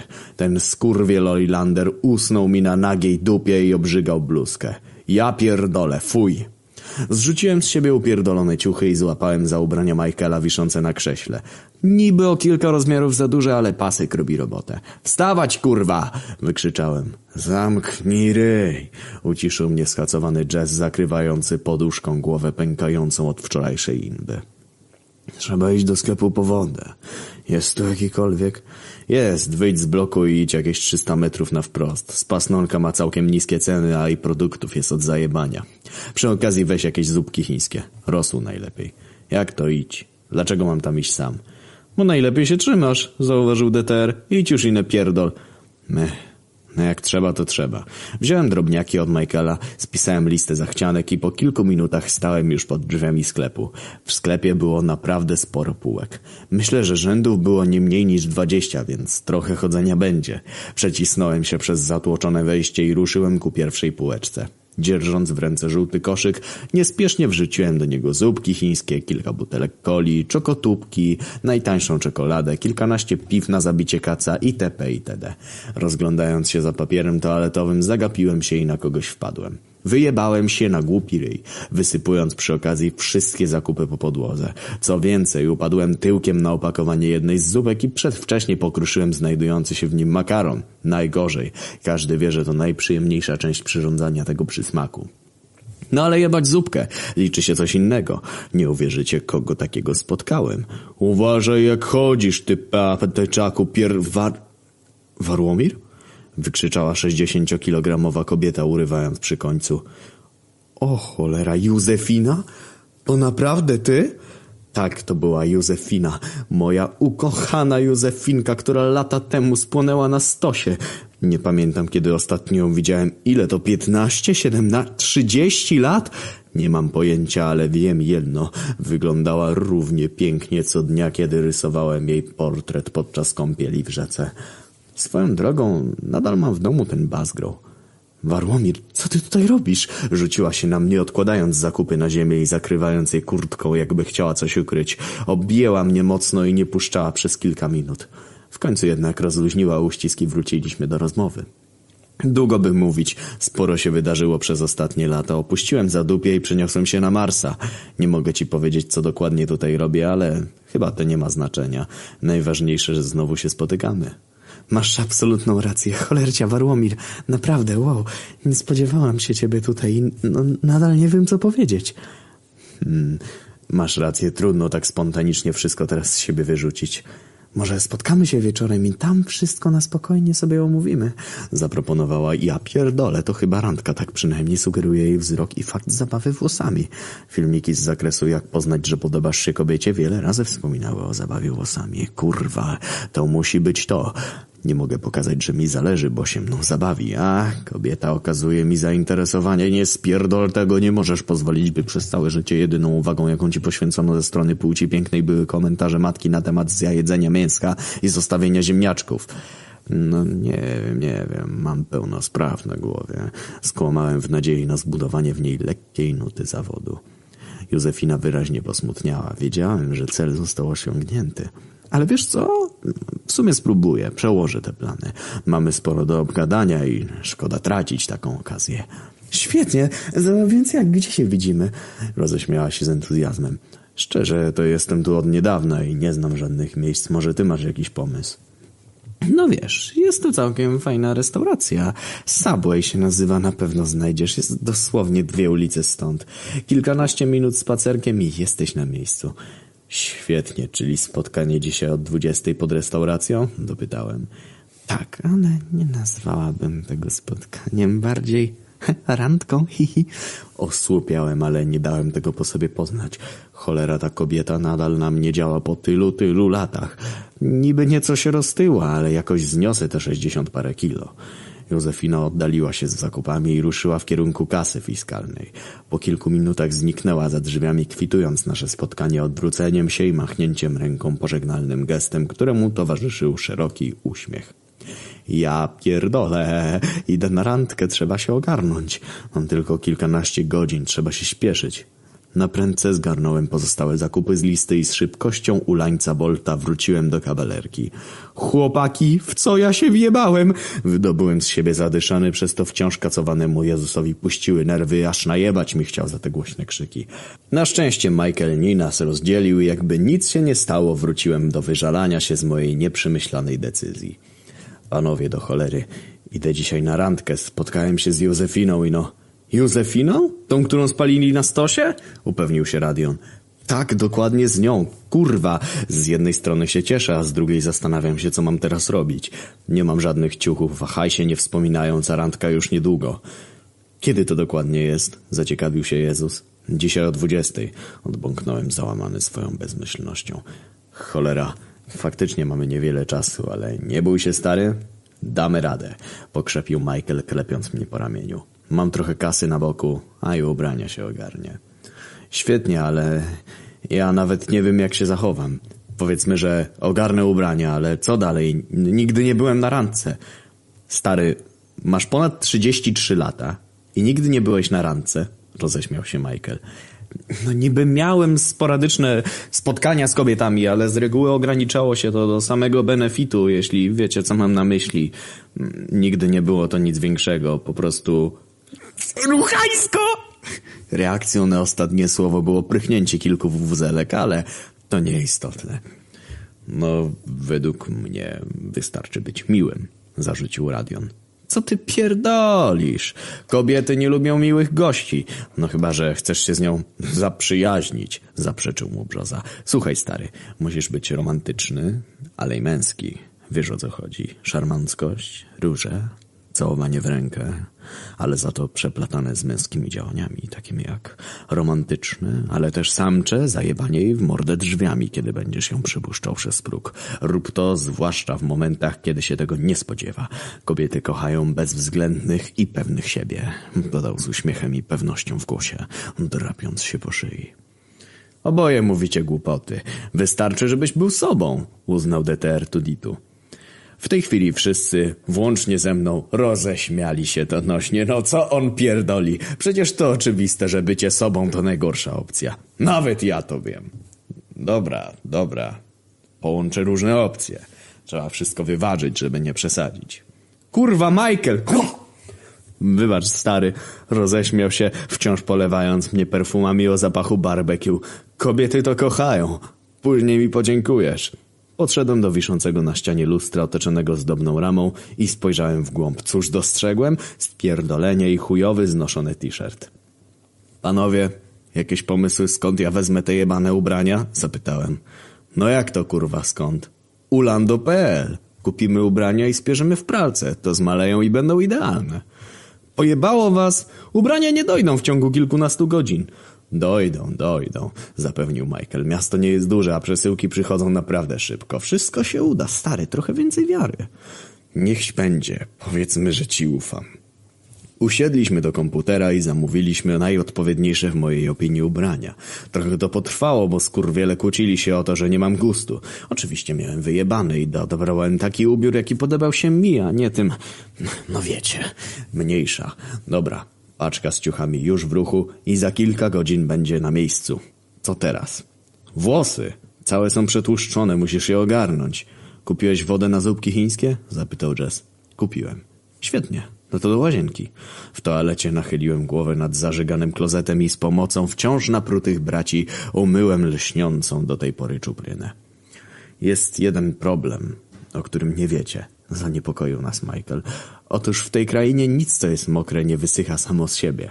Funkcja ta została wprowadzona z myślą o fryteczkach, które przez nadmiar soli strasznie szybko stawały się twarde. To co ja teraz zrobię do kurwy? Dlaczego mówisz to dopiero teraz? Przecież nie pójdę z mokrym łbem na randkę. Hmm, znam jeden sposób, ale to ryzykowne. Pierdoli mnie ryzykowność. Za kilka godzin mam jebaną randkę. Mów! Niech i tak będzie. Chodźcie panowie, przed nami spora podróż. Przecierając miejskie szlaki, starałem się dowiedzieć, dokąd to Michael nas zabiera, ale skurwol był nieugięty i mówił, że jak się dowiemy, to nie usłuchamy i weźmiemy go za debila, dlatego też powie nam dopiero na miejscu. No cóż, nie ma czasu na kłótnie i przypychanki, trzeba po prostu iść w nadziei, że to zadziała i nic się nie spierdoli. Po kilku minutach spaceru dotarliśmy do przystanku UKS i rozsiedliśmy się w fotelach masywnego autobusu sieci Fest. Co tam się odkurwiało w środku, to ja nie. Połowa pasażerek to kobiety znacznie przekraczające 60 kilo. Każda z okularami, tęczowymi lub rudymi włosami, a łapska całe w tatuażach. Co najmniej co dwa przystanki wsiadała kolejna kobieta, drąca się, że te autobusy uwłaczają wspaniałej panience i są za wysoko, co jest seksistowskie i atakuje jej nieokreśloną płeć. Kierowca dostawał po głowie torebkami i zbierał bluzgi za to, że jest ksenofobem, homofobem i nie wiem czym jeszcze. Prościej byłoby wymienić od czego to te szmule go nie zwyzywały. No ale mniejsza, przejechaliśmy na obrzeża miasta i tu zaczęła się prawdziwa podróż. Musieliśmy przejść pieszo ponad 8 mil, by wspiąć się na pierdoloną górę. Przy końcu szczytu już nie wytrzymałem. Michael, do kurwy, dokąd ty nas zabierasz? Wykrzyczałem zagotowany, poprawiając przy okazji opadające na czoło mokre włosy. Już tylko parę stopni, zaraz sam zobaczysz. Starał się nas uspokoić. No i kurwa co? Weszliśmy na szczyt. Gdzież to nas zaprowadził? No zgadnijcie. A oto i wielki wietrzny młyn, zakomunikował rozentuzjazmowany student. Z pomocą kamienia młyńskiego kruszymy orzechy włoskie, ale to nieistotne. To też jedyne miejsce w spasnicości, gdzie wieją wiatry stałe. Tak zwane pasaty. Wokół mignęło mi wspomnienie Passata TDI, który to przyczynił się do naszej ucieczki z zadupia. No ale cóż, nie mylmy pojęć geograficznych z motoryzacją. Skoro już tu jesteśmy, to chuj. Nie, odbier- nie regulujcie odbiorników, to prawdziwe suszańsko. W mgnieniu oka staliśmy pod masywną konstrukcją. Przed nami tylko jeden problem. Jak ja się kurwa dostanę pod te śmigła? Hmm, nie wiem. Moją rolą było pokazać ci coś, co może pomóc. Teraz ty pomyśl, nie ogarnę przecież wszystkiego. Nadał się Michael. Hmm, chyba ja mam pomysł, wykrztusił DTR Tuditu, zmieniając swój kształt w masywną drabinę. Cholera, ty genialny kurwiu. Cały czas byłeś obok, a my zapominamy o twoich zdolnościach. Wybacz, opierdol, jakie ci spuściłem tamtej pamiętnej nocy w garażu. Nie żywię urazy, ale teraz to ty nie pierdol, tylko wspinaj się i susz ten łeb. Usłuchałem i wdrapałem się na szczyt DTR-a. O kurwełę, nawet nie wyobrażacie sobie, jaki potężny podmuch tam panował. Nie minęły dwie minuty, a czupryna była sucha jak wiór. Jedyną wadą było to, że włosy mi się wybieliły. No cóż, siwym też mogę być. Kobiety lubią niepopularne barwy. No i zajebiście, teraz tylko... Kurwa, no ubrania. Nie zostawiliśmy nikogo po odbiór ubrań. Zaczęła się walka z czasem. DTR oderwał śmigła od młyna i dostosował się, by nabrać kształtu helikoptera. Tym oto sposobem dolecieliśmy do miasta i nie zwlekając wbiegliśmy po schodach. Student musiał się wczołgać, bo winda się zjebała. I cóż na nas czekało? Pożółkła notatka na drzwiach głosząca odbiorcy nie było w lokum, paczka przekazana na awizo. Noż do kurwy, Jess! Ty jesteś najszybszy. Bierz krzyż i zakurwiaj popaczkę na pocztę. Czas nagli, nakazał Morifi. Jezus pobiegł do mieszkania, wziął krzyż i poszybował ku punktowi odbioru. Wrócił po około godzinie, żaląc się, że musiał się zatrzymać na ustawkę ze spasionymi faryzeuszami. Szczerze nawet go nie winiłem. Zasłużyłby zemścić się na tych sukinkotach. Za to ja w międzyczasie zdążyłem wziąć kąpiel, zmienić bieliznę i ponownie skropić się perfumami barbecue. Swoją drogą całkiem mi się spodobały. Założyłem białą koszulę, nałożyłem na nią marynarkę i obejrzałem się w lusterku. Kurwa, zajebioza. Jeśli na taką wersję mnie nie poleci, to już kurwa na żadną. Przed opuszczeniem kawalerki Michael wcisnął mi prezerwatywę do kieszeni, przy okazji puszczając wymowne oczko. Spojrzałem na stojących w szeregu przyjaciół i ze skrytym wzruszeniem podziękowałem im za pomoc. Został jeszcze tylko jeden problem – Dojazd. Praktycznie cały hajs wyjebaliśmy na ciuchy, a coś jeszcze musi zostać na samą randkę. Chyba znów przyda się moja pomoc. Roześmiał się DTR. Chodźcie na dwór, zaraz coś zaradzimy. DTR Tuditu zmienił swój kształt w karoserię ekskluzywnego i stylowego auta. Jedyną wadą był brak silnika. Przy śmigłach z młyna mógł ruszać rękoma i jakoś ten helikopter napędzać, jednak w tym wypadku ciągnięcie auta po ziemi sprawiało mu problem. Jak działa jego system? Dalej kurwa nie wiem. Raz jest w stanie dokonać niemożliwego, a chwilę potem najprostszej z pozoru głupoty nie jest w stanie zrobić. Po chwili przemyśleń doszliśmy do wniosku, że auto napędzą wuwuzelki. Wycięliśmy otwory w fotelach i bagażniku, by każdy mógł się w nich schować. Z zewnątrz auto wyglądało normalnie, jednak napędzany był nie końmi mechanicznymi, a wuwuzelkami żywymi. Pora wyruszać. Wuwuzelki pędziły co sił, bym tylko zdążył na czas dojechać pod umówioną restaurację. Chłopcy, już widzę Józefinę. Zakomunikowałem z opadającą mimowolnie szczęką. Moja luba wyglądała naprawdę zabójczo. Czarna sukienka idealnie zgrywała się z kolorem jej kruczo-czarnych włosów. Gdy tylko opuściłem auto, poczułem znajomy mi z zadupia zapach, którym to zawsze emanowała. Pachniała psem i azbestem. Moja kruczo-czarna piękność, moja Józefinka. Cholera, Warłomir, ogarnij się, bo zobaczy, że się rozpływasz. Na swarożyca, Warłomir, jaki styl. Świetnie, że już jesteś, choć zająłem stolik. Zaśmiała się, łapiąc mnie za rękę. Nie protestowałem i ruszyłem z nią w głąb sali. Wujkę, wujkę, ja chcę to dużo kanapkę. Nie, to mało, to dużo chcę wujek. Tego typu teksty wpadały mi do ucha co chwilę. No cóż, taki urok restauracji szybkiej obsługi. Zbliżyliśmy się do kanciastego stołu, odsunąłem jej krzesło, na co odpowiedziała promienistym uśmiechem. Po chwili sam też usiadłem, nie zauważając, że nie mogę oderwać wzroku od jej pięknych, fioletowych oczu. Chyba soczewki założyła, no ale nie gniewam się za ukrywanie ich naturalnego piękna. Ona nie przyczepiła się do moich wybielonych włosów, które zmuszony byłem związać w koński kłód. Nawet nie wiesz, jak się cieszę, że tu jesteśmy, wiesz... Nie mówiłam ci, ale od dawna coś do ciebie czułam, powiedziała delikatnie poprawiając opadający na czoło kosmek. Naprawdę? Nigdy jakoś tego nie odczułem. Oczywiście bez urazy, ale zawsze poświęcałaś więcej uwagi umięśnionym parobkom wujka niż mnie. Oj, Warłomir, mniejsza z przeszłością. Po prostu nie miałam odwagi do ciebie podejść. E, ważne jest to, co teraz i to, że e, jesteśmy tu razem, prawda? E, wybacz, masz rację, a więc może coś zamówimy i obgadamy dawne dzieje? Świetny pomysł, kelner! Na prędce podbiegł do nas wezwany pracownik, radośnie pytając o nasze zamówienie. Powiedziałem tylko, najlepsze co macie, cena nie gra roli. Oczywiście nie było mnie na to stać, jednak chwilę przed wejściem przemyślałem jak to rozegram, więc spokojnie, wszystko pójdzie dobrze. Zaczęliśmy rozmowę i powiem wam, że było nawet lepiej niż się spodziewałem. Rozmowa kleiła się jak galaretka z Biedronki. Minęło kilka minut, a przybyły zamówione przez nas smakołyki. Całą noc zajadaliśmy się nimi wymieniając się swoimi potrawami i w romantyczny sposób karmiąc się nawzajem. Dawno nie czułem się taki żywy. Dawno nie czułem się po prostu sobą. Uświadomiłem sobie, że ponad połowę życia spędziłem w biegu, a z nią, z nią mógłbym spędzić wieczność. Dosłownie i w przenośni. W końcu jestem w krainie ulańców. Jeśli przed śmiercią przybiorę kilka kilogramów, to spędzimy ze sobą resztę życia. Jedyną wadą było to, że w pewnym momencie jedzenie pochłonęło ją mocniej niż rozmowa ze mną. Ledwie byłem w stanie dojeść swoją porcję, a ta wpychała widelec za widelcem, jakby zakochana w owej ociekającej tłuszczem potrawie. Trafiam, że po tym posiłku przybył jej co najmniej jeden kilogram. No ale cóż, miłość nie widzi takich wad. Noc dobiegała końca i zbliżała się pora opuszczenia lokalu. A co za tym idzie? Pora zapłaty. Wstałem od stołu i nachyliłem usta do ucha Józefinki.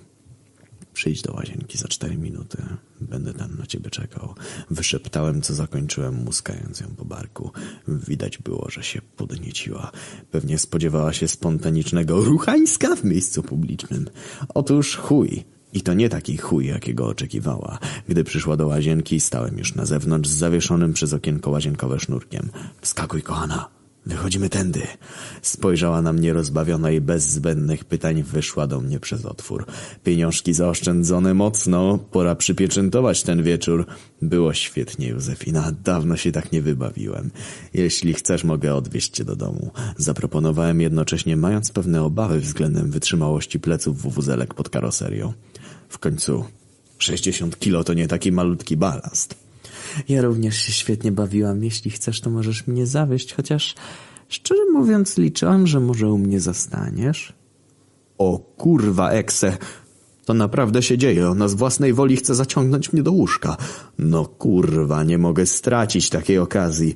Hmm, skoro tego chcesz, to z chęcią, odpowiedziałem poprawiając białe włosy. Od słów przeszliśmy do czynów. Wsiedliśmy do auta i ruszyliśmy w kierunku jej mieszkania. Po kilkunastu minutach zaspane wuwuzelki zaparkowały pod jej dzielnicą. Józefina złapała mnie za garnitur, że aż guziki mi wszystkie poszły i namiętnie całując pociągnęła w kierunku drzwi. Nie zważając na sąsiadów, zaczęła mnie rozbierać jeszcze zanim doszliśmy na jej piętro. Cholera, chyba serio ma niezłą chcicę. W końcu dotarliśmy pod drzwi do jej lokum. Byłem tam już prawie że w pełnym negliżu. Zostały na mnie tylko napięte z przodu bokserki i przepocone ze stresu skarpetki. Józefina przekręciła kluczyk i bez posilania się o zapalanie światła zaciągnęła ku jak trafiam, z swojej sypialni. Po drodze nadepnąłem na coś, co wywołało ból porównywalny z uderzeniem w krocze, jednak w okolicach stopy. Nie mogłem jednak rozpierdolić chwili i zdusiłem krzyk. Józefina nie przestawała mnie całować, wodząc swoją delikatną dłonią po mojej klacie, zbliżała się ku stopom, by pozbyć się skarpetek. Po chuja to nie wiem, ale nie mogłem przecież narzekać, gdy i ona była w samej bieliźnie, która za chwilę miała z niej spaść, tak jak przed chwilą spadły moje bokserki. Nagle zapaliło się światło. Oślepiony przez moment nie mogłem dobrze zobaczyć niewielkiego kształtu majączącego przy włączniku światła. Gdy moja percepcja się naprawiła, zobaczyłem pierdolonego gnojka. Lat osiem najmniej. Mamy, mamy, kto to? Nowy tatek? Mamy, mów, mamy! Wykrzyczał gnojek. No żeż, kurwa, no nie! Na dzieciaka mnie nie złapie, pierdolę to! Cały nastrój kurwa pierdolną razem z budowanym od dwudziestej wieczór wzwodem. Wspomniałem, że była to niedziela wieczór? Szkoda, bo sam też zapomniałem. Jakbym o tym gównie pamiętam, to bym się tu nie wjebał, wiedząc, że humor popsuty.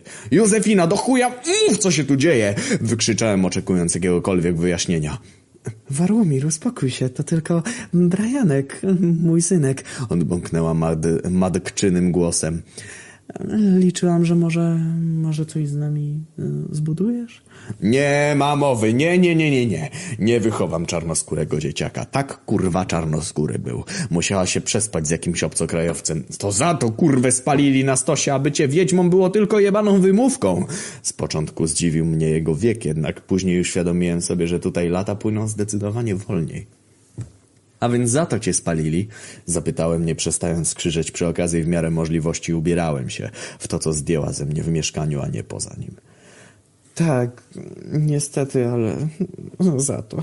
Odpowiedziała roniąc łzę. Kim był ten gość? W tamtej chwili opowiedziała mi o Abdulu, jej kochanku z wymiany zagranicznej, którego ukrywała w stodole. Gdy zapytałem ją o to, cóż o takiego on miał, czego ja nie miałem, odpowiedziała, że w Ameryce miał posiadać mieszkanie z zajebistą elewacją i systemem grzewczym. Suki zawsze lecą na kaloryfer. Powiedziałem jej, że to nie przez to, że ma dziecko, tylko że przez to, że mnie okłamała. Tak, taki chuj, po prostu nie szukam samotnej matki.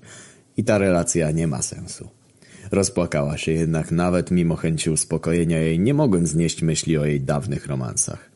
Wybiegłem z mieszkania, ominąłem klocek Lego, na który nadepnąłem przy wchodzeniu i uciekłem, trzaskając za sobą drzwiami.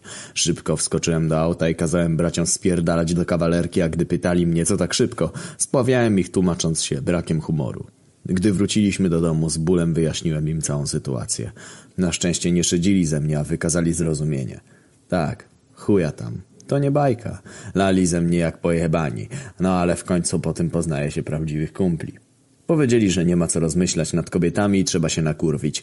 Nie trzeba było mnie jakoś specjalnie długo namawiać. Skoczyliśmy po wódkę, cydr oliwny, whisky i kilkanaście piw. Wszystko to za zaoszczędzone na kradzieży w restauracji pieniążki. Sponiewierałem się zapominając o smutkach i wiecie co? Było mi z tym dobrze w chuj. I niczego nie żałuję. Doszedłem do wniosku, że relacje to pieprzony żart, a spotykanie się z kobietami to najzwyklejsza strata czasu, zwłaszcza kiedy masz przed sobą masę innych możliwości. Teraz już wiem, że Józefina to zdradziecka, ulana kurwa gustująca w obcokrajowcach z kaloryferami. Jeśli byłaby mnie warta, to byłaby szczera. Okazałaby mi uczucia już na zadupiu, a nie w momencie, kiedy osiągnąłem stabilność finansową na Marsie. Podczas randki aż się jej oczy świeciły, gdy słyszała o mojej willi. Czy ona w ogóle kiedykolwiek coś do mnie czuła? Szczerze w to wątpię. Po prostu chciała złapać mnie na gnoja. Plotki o jej ukraińskich korzeniach okazały się być prawdą. Następnego dnia obudziłem się z lepszym humorem. Głowy nie zajmowały mi myśli o Józefinie, a przejmujący bólem kac moralno-fizyczny. Szczęście w nieszczęściu się zwielokrotniło. Dostałem cynk, że do miasta wróciła starszyzna. Najwyższa kurwa pora. Nie można zapomnieć po co tu przybyliśmy. Macht kwacz, sam się nie rozkurwi. Tak więc no, słowem zakończenia. Nie żałuję, że ją wtedy na stosie spalili. Jakbym się w czasie cofnął, to bym sam łuczywo podłożył. Tak tę kurwę znienawidziłem. Do następnego, Anonki. I pamiętajcie. Jebać ulane kurwy.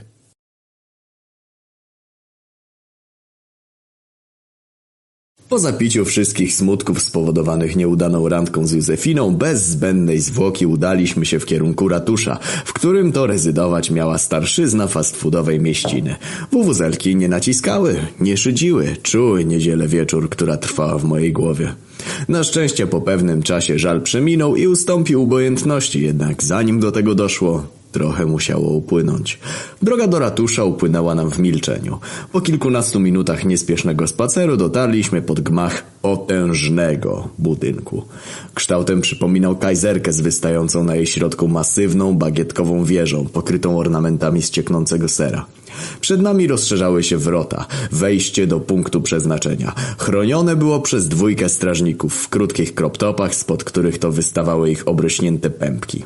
Stać! Ani kroku dalej! wykrzyczał gard zagryzający kurczaka. Tak, zagryzał żywą kurę, a nie jadł utko. To ja, Alfredzie. Michael Nee. A, no kurwa rzeczywiście. Co cię tu sprowadza, stary przyjacielu? Ta oto tu kompania musi się widzieć ze starszyzną. Sprawa niecierpiąca zwłoki, że tak powiem. Dokładnie, zacząłem. Podróżujemy wiele tygodni, musimy przekazać coś istotnego. Też kiedyś byłem podróżnikiem jak wy, ale strzała w pachwinę pozbawiła mnie marzeń o awanturniczym życiu. Dość z tym! Przerwał Michael, przepychając Alfreda na boki wymownym gestem, zapraszając nas do środka. Wewnątrz zaskoczyły zdobne witraże i masywne żyrandole. Podłoga natomiast lśniła jak naoliwione pośladki indyka w święto dziękczynienia, a z tejże posadzki wyrastały piętrzące się wielosegmentowe kolumny z odsączonych z tłuszczu frytek. Idąc przed siebie natrafiliśmy na kolejne drzwi, nad którymi to wisiał jebutny napis Starszyzna. Kiedy już miałem pociągnąć za klamkę z bocznej wnęki wyłoniła się stara recepcjonistka. Zajebała mi egzemplarzem zmierzchu po rękach i przemówiła skrzeczącym głosem. Gdzie mnie tu? Wizyty trzeba omawiać, to nie wieś. Ale my musisz... Żadnych ale wizyta musi być udokumentowana, inaczej wyjścia nie ma. Przerwała mi. Dobrze, dobrze. Co mamy wypełnić? Zaświadczenie A2137. Proszę poczekać, gdzie to mam? Zaczęła przebierać w szufladzie. Po kilku minutach gramolenia się w końcu wyciągnęła świstek. Jest! A nie, to zaświadczenie A2137B. Minuty zakurwiały, a my jak debile siedzieliśmy na ławeczce obok okienka. W końcu kobieta odnalazła papierek, jednak oczywiście sprawa nie mogła być tak prosta. Długopisy im się kurwa wypisały, więc musieliśmy skoczyć do kiosku po jednego bika.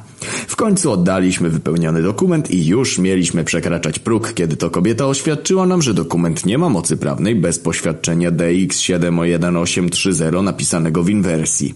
Potem przyszedł czas na podanie PESEL-u, miałem pewne obiekcje w końcu RODO i te sprawy, no ale jednak sytuacja wymusiła na mnie takie poświęcenie. Po wypełnieniu czwartego świstka kobieta powiedziała, że to tyle. Odetchnęliśmy z ulgą. Ta jednak prysnęła, kiedy dodała, że to koniec w jej okienku.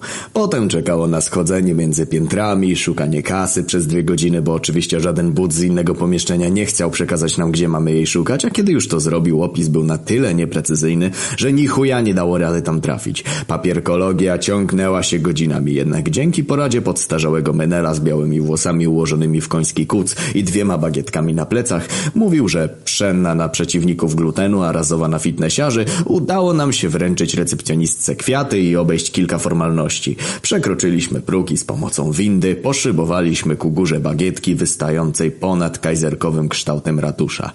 Po wejściu do obszernej izby przed naszymi oczami ukazał się stół z wielkiej kromki chleba, na którego przeciwległym końcu siedziała trójka spasionych mężczyzn w garniturach. Przybywamy po... Uciszył mnie wąsacz. Zaraz nam powiesz. Ta sprawa nie może czekać. Cały wszechświat jest w niebezpieczeństwie. Nie zrozumiałeś go? Dokończymy, to pogadamy. Jak to dokończymy? Co dokończycie? On o tym nie słyszał. Zaśmiał się w kierunku wąsacza, gość po jego prawicy. Nie otrzymaliśmy odpowiedzi. Po przejściu za plecy ważniaków wszystko stało się jasne. Nawet wy w tego jebanego Chińczyka, no ja pierdolę! Na każdej jebanej planecie już w to grają! Zagotował się Jess. Oj, czekaj, jeszcze tylko jedna rundka. Ty szmulu, znów zbiłeś mi pionek!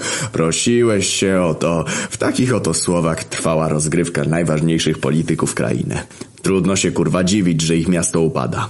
Po półgodzinnym kończeniu pierwszej partii i kolejnych 20 minutach, do której zagonili też Radiona, w końcu udało mi się dojść do słowa. Przedstawiłem im całą sytuację, omówiłem każdy najdrobniejszy detal, dowiedzieli się wszystkiego o imperialistycznych planach Magtkwacza i o tym, że potrzebujemy słoika nieskończoności, który jest w ich rękach.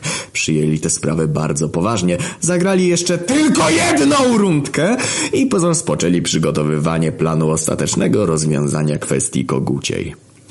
Posłuchaj, Warłomirze, bardzo chcielibyśmy móc wam pomóc, jednak słój nie jest już w naszym posiadaniu od bodaj połowy dekady. Nie mogliśmy poinformować ludności o tym, że został skradziony, bo stracilibyśmy wszelki respekt. A kto wie, może nawet dokonano by na nas jakiegoś zamachu na charytatywnym koncercie. Dość! Przerwał wąsaczowy łysol w okularach. Jeszcze jedno słowo, a wyjdę. Spokojnie, oddychaj, zaklął gość z dredami, po czym szybkim klepnięciem w twarz przykleił mu do twarzy naklejkę w kształcie śledziony. Cały, cały, cały ten trud w pizdu? Po to tyle tutaj szliśmy, by dowiedzieć się, że Macht Kwacz ma w posiadaniu wasz słój. Nawet z kilkoma sztukami jest w stanie spowodować spustoszenie. Jedyne, co nas w tej chwili chroni, jest to, że mamy przy sobie pozostałe słoje. Jest jednak jeszcze jeden sposób. Zaczął łysy, jednak będąc pochłonięty swoim wkurwem, przerwałem jego wywód. Macht kwacz, macht kwacz, ty kurwo jebana! Zakląłem. Wszechświat nie pozostał bez odpowiedzi. Jak się później okazało, wszechpotężny kogut na wzór Lorda Voldemorta, który każdy, go, kto go przywołał, zdradzał swoją pozycję. Panowie chyba powinni... Po, powin, po, powinniśmy się zbier... Zaczął bełkotać brzoza, powoli wycofując się w kierunku windy. Co się dzieje? Pytającym wzrokiem spojrzał na niego Riffy. Spójrzcie do cholery! Wykrzyczał z przerażeniem uderzając w przycisk windy i ze sparaliżowanym wzrokiem spoglądając na szybę, na której tle siedziała starszyzna. O, jasny chuj! W naszym kierunku leciał rozpędzony samolot. Spierdalamy stąd, ale już! Wystraszeni członkowie starszyzny stoczyli się z foteli i na swoich krótkich nogach próbowali dobiec do windy. Niestety nie udało im się. Winda zamknęła się tuż przed ich oczyma. Jezus uderzył ich z krucyfiksu, przeczuwając, że winda nie da rady z całą brygadą. Tak jak uczył mnie ojciec. Czasem trzeba kogoś poświęcić, zaśmiał się Jess. Nie minęła chwila, budynek zachwiał się, a razem z nim cały szyb windy. Konstrukcja pierdolnęła na grunt, rozsypując się w drobną bułkę tartą. Wszyscy cali? Wykrzyczałem od razu słysząc odpowiedź. Jess z pomocą krzyża otoczył nas jakąś czasową bańką, która uchroniła nas przed poważniejszymi obrażeniami. Starszyzna natomiast, no cóż, XD. Z gruzu wyskoczyły koguty machtwacza, które porwały wszystkie zebrane na nas do tej pory słoje i wskoczyły do otwartego na prędce portalu. Ja pierdolę, jakim cudem mogliśmy tak łatwo wszystko oddać? To nierealne, kurwa, nierealne! Wszyscy członkowie starszyzny zginęli, teraz nie ma już nadziei. Przeszło mi przez głowę, w której to od łez oczy. Ostatnie tchnienie i wiadomość, która zmieni losy świata przedstawionego z udawanym trudem zaskłasłał wąsacz leżący pod kawałkiem bułki, który do dla nadania dramaturgii polewał swoją głowę sztuczną krwią. Podbiegłem do niego i zapytałem, mów co możemy zrobić, jaka szansa? Jest tylko jeden sposób. Musicie cofnąć się tam, gdzie wszystko się zaczęło. Jedyny sposób to pokonać go nie miał jakąkolwiek szansę, by z wami konkurować. Tylko w ten sposób możecie go unicestwić. Inaczej świat przepadnie. Kogut przeleje zawartość słoików do wielkiej miednicy i zaklinając świat na papieski tron, przeklnie całą znaną rzeczywistość. Ale jak niby mamy to zrobić? Zapytał Jess. Nawet ja nie jestem w stanie cofać się w czasie. Gdybym umiał to zrobić, to nigdy nie dałbym się ukrzyżować tamtym sukinsynom. Ty nie możesz. Jednak są tacy, którzy mogą. Musicie udać się do szkoły magii i stawiania tarota. Znajdziecie tam zmieniać czasu, który pozwoli wam zabić koguta, nim się narodził. I zapamiętajcie, nie wymawiajcie więcej jego imienia. To daje mu informację o waszej lokalizacji. To tak jakbyście na szkolnych komputerach zmieniali adres lokalizacji Wikonce Chroma na RedTube'a. Nigdy, niby kogoś nabierzecie, jeśli się uda, ale jeśli sami klikniecie, to będziecie mieli przejebane. Ale w takim razie jak mamy go nazywać? Zapytałem. Ehm, nie wiem, może... Sam wiesz co? Sam wiesz co? Jajco! Czaisz, sam wiesz co, jajco, bo kogut, no nie. Jebać, e, macie iść do szkoły Tarota. Jedna z takich szkół jest na obrzeżach Quebona City, wykrzyczałem z entuzjazmem. A więc nie traćcie czasu i ruszajcie! Zaklął, zakaszlał i padł, wydając ostatnie tchnienie, przynajmniej według scenariusza. Tak naprawdę to wciąż widziałem, jak poruszał klatką. Ech, te nadawanie dramaturgii. Jezus powiedział, że zużyje resztki swoich sił i przeniesie nas na obrzeża Quebona City bez pomocy Majogana. Zakręcił krucyfiksem, zatańczył taniec z Fortnite'a, a wrota uchyliły się przed nami w pełni swej okazałości. Nim opuściliśmy spasnicość, dostrzec można było, jak jest niszczona lecącymi z nieba bombami majoatomowymi. Tak, Macht Kwacz zaczął wdrażać swój plan. Musimy się śpieszyć. Siup, bzium, budum, trach! Wuwuzelki przeszły przez portal jak do twej matki przez okno gachts. Znaczy co? Mniejsza.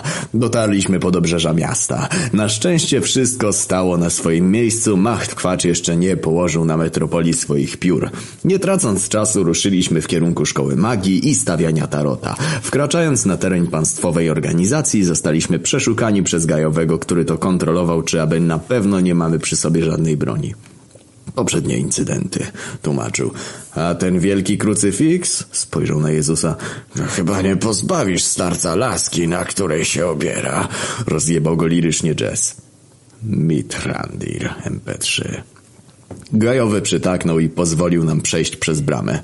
harrypotter.wave. Przekroczyliśmy most i dotarliśmy na dziedziniec. Wszędzie zapierdalały dzieci i młodzież w czarnych szatach zdobionych czterema kolorami w zależności od domu, do którego należą. Czerwoni, przydzieleni do domu komunistów, przepowiadali wojny i katastrofy, zwłaszcza te głodowe.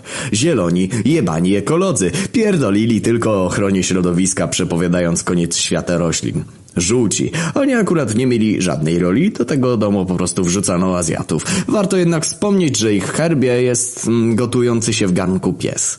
Fioletowi, wróżbici w pierdolu. Mówią o tym, kto się z kim posprzecza. Fiolet symbolizuje kolor śliwy pod okiem. Nie wiedząc od czego zacząć, udaliśmy się do dyrektora. Wysoka kobieta ze spiczastą czapką kazała nam powiedzieć hasło przed dabującym gargulcem. Memento mori, carpe diem, dance fortnite. Gargulec zadabował i uruchomił I Need a Hero ze Shreka i obkręcił się wokół własnej osi, ujawniając przy tym schody prowadzące do gabinetu dyrektora. Profesor Bambus Merlin Monroe, brodata panda z żółtymi lotkami, rządzi tym zakątkiem spierdolenia od lat. Zapraszam was, dzieciaczki, zatarł ręce Bambus. Profesorze Merlin Monroe, przybywamy, by odnaleźć zmieniać czasu. Nie mamy ani chwili na ceregiele. Zmieniać czasu? Ale po co wam on? Przecież kilka dni temu zmienialiśmy czas o godzinę w tył. Po co to ponawiać? Spytał zaszokowany. Tu nie chodzi o godzinę, tu chodzi o tysiące lat. Całej galaktyce zagraża potężny kogut, którego imienia nie wolno wymawiać. Mówisz, że sam wiesz kto powrócił. Zerwał się z fotela, a jego twarz przyozdobił morderczy grymas. Sam wiesz co, nie sam wiesz kto. Poprawiłem go. Sam wiesz co? Jajco! Dyrektor chciał nas za to wyjebać z gabinetu, ale na szczęście udało nam się go powstrzymać i zachęcić do współpracy. Dobrze, dobrze. Pomogę wam. Profesor Macht Gonedaj przekazała go trójce uczniów kilka lat temu, żeby mogli uchronić Korwin Mikkego przed wzięciem udziału w kolejnych wyborach. A więc kogo mamy szukać? Wtrącił się Radion. Wron Berdli, wymiona gender i stary Piotr. To ich szukajcie. Między nami to powiem wam, że to dość spierdolona ekipka. Uważajcie na nich, co roku coś odkurwiają. Za każdym jebanym razem największy wróg naszej szkoły, czyli minister edukacji, stawia kolejne kłody pod nogi nam i całej gospodarce Quebona City, a ta trójka dzieciaków liczy, że coś zmieni. Co roku jebane protesty. Raz z jakimś lustrem, potem przebierali się za bazyliszka, który symbolizował skamieniałe serce ministra itp. itd. No ogółem są pokurwieni, rozumiemy, sparafrazował DTR Tuditu. Nie ociągając się, opuściliśmy gabinet i ruszyliśmy w kierunku masnej sali.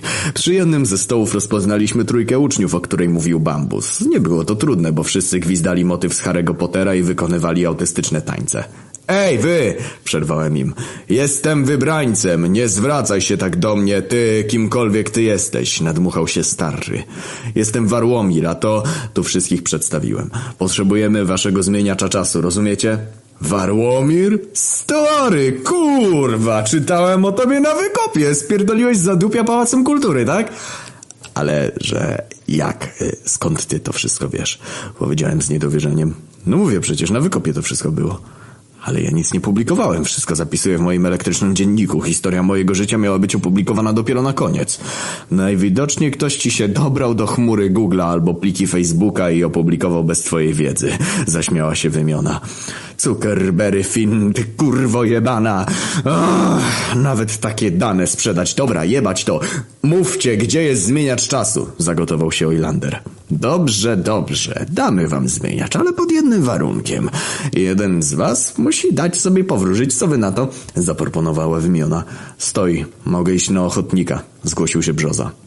Nie minęło 10 minut, a siedzieliśmy zebrani wokół stołu, za którym stał kominek, gdzie buchały radosne płomyki. Wymiona wyjęła ze stanika talię kart i zaczęła wykładać. Osiem rąk, Polak, papież... O jasny chuj! Zakleła po wyłożeniu kart. Co się stało? Co, co tam zobaczyłaś? Wykrzyczał Wron. Nic, nic, nie oddam wam tego, nie, nie. To źle się skończy. Spojrzała mi w oczy z przerażeniem. Ale przecież była umowa, nie możecie tego zrobić, zaprotestował Jezus. Robimy to dla waszego dobra. Nie chcecie tego robić, uwierzcie mi. Już mówiłam, to się źle skończy, zaprotestowała, przyciskając zmieniać czasu do piersi. Jezus westchnął i wyczarował gałęzie, które upadły na stół. Co do kurwy MP4 na twarzy każdego. W takim razie zbierzcie te gałęzie na opał i wrzućcie do kominka, powiedział Jess. Jess, co ty robisz? Przecież przyszliśmy tu pozmieniać czasu, a nie żeby się ogrzać. Uniosłem się. Zaufaj mi, zobaczysz. Mam plan. Zdziwieni uczniowie usłuchali, wzięli gałęzie i wrzucili je do kominka. Ha! Spójrzcie tylko na to! Wskazując na wiszący nad kominkiem kalendarz, zatriumfował Jess. O nie, przeraziła się wymiona. Spierdalamy! Nie ma tak łatwo, kurwa! Jess zarzucił lasso jak Werder 2 i złapał na nie uczniów. Co się dzieje, Jess? O co tu do kurwy chodzi? Zapytał zakonsternowany Rifello. Dziś jest szabat, a te debile zebrały gałęzie. No i co to ma do rzeczy? Zapytałem. Eee, Jess zaciągnął powietrze do płuc i na jednym wdechu wyrecytował. Gdy Izraelici przebywali na pustyni, spotkali człowieka zbierającego drwa w dzień szabatu. Wtedy przyprowadzili go ci, którzy go spotkali przy zbieraniu drew do Mojżesza, Arona i całego zgromadzenia. Zatrzymali go pod strażą, bo jeszcze nie zapadło postanowienie, co z nim należy uczynić. Pan zaś zeszł do Mojżesza. Człowiek ten musi umrzeć. Cała społeczność ma go poza obozem ukamienować. Wyprowadziło go więc całe zgromadzenie poza obóz i ukamienowało według rozkazu, jaki wydał Pan Mojżeszowi. O kurwa, XD! Sami wiecie, co się szykuje, roześmiał się Jezus. Było ciekawiej niż myślałem. Wyszliśmy na dziedziniec i na oczach całej szkoły, w tym roześmianego dyrektora, ukamienowaliśmy trójkę prymusów. Jak to trudno jest być dobrym. Ech, aż mi się lichwiarka przypomina, przytarł czoło Radion. Bez zbędnej zwłoki. Czajcie, zwłoki, bo, bo leżą martwi. Podnieśliśmy zakrwawione urządzenie i ruszyliśmy do ustronnego rogu dziedzińca. Jezus czyta instrukcje od spogu klepsydry i dzięki wzorom skróconego mnożenia oblicza ile obrotów klepsydrą trzeba wykonać, by przenieść się do czasów narodzin Machtkwacza. 2137 obrotów, powiedział. No i zaczęło się kręcenie. Kręcenie nie miało końca. Robiliśmy to na zmianę. Przy którymś z pierwszych zakręceń coś poszło nie tak. Jezus upuścił zmieniać czasu na ziemię, a klepsydra przestała się kręcić. O chuj! Chłopaki, łapiemy klepsydrę! Wszyscy rzuciliśmy się na niewielki przedmiot, a czasoprzestrzeń wokół nas zawirowała. Nie mam pojęcia na jakiej zasadzie działało to urządzenie, ale obudziłem się w znajomym miejscu. Strzecha, regał z rynku, a nawet osrane przez gęślaczki. Cofnęliśmy się o jakieś 18 lat. Ja pierdolę. Znów jestem na zadupiu. Nie wierzę. Kurwa, nie wierzę. Łza nostalgii popłynęła mi po policzku. Otarłem ją i w ciszy obserwowałem otoczenie. Może tak naprawdę nigdy nie byłem na Marsie. Może to był tylko sen. Powiedziałem do siebie. Nie był. Wyprowadził mnie z błędu półnagi Chrystus, który cały ten czas leżał za mną pod kołdrą. Co do kurwy! Stoczyłem się z posłania na posadzkę. Dlaczego jesteśmy w jednym łóżku? Nieznane są tajniki podróży w czasie, Warłomirze. Odrzekł, obierając na siebie moje prześcieradło. Jess otworzył szafę, a tu niespodzianka. Wypadła z niej reszta wuwuzelek. Jakim cudem wy się tam zmieściliście? Zapytałem.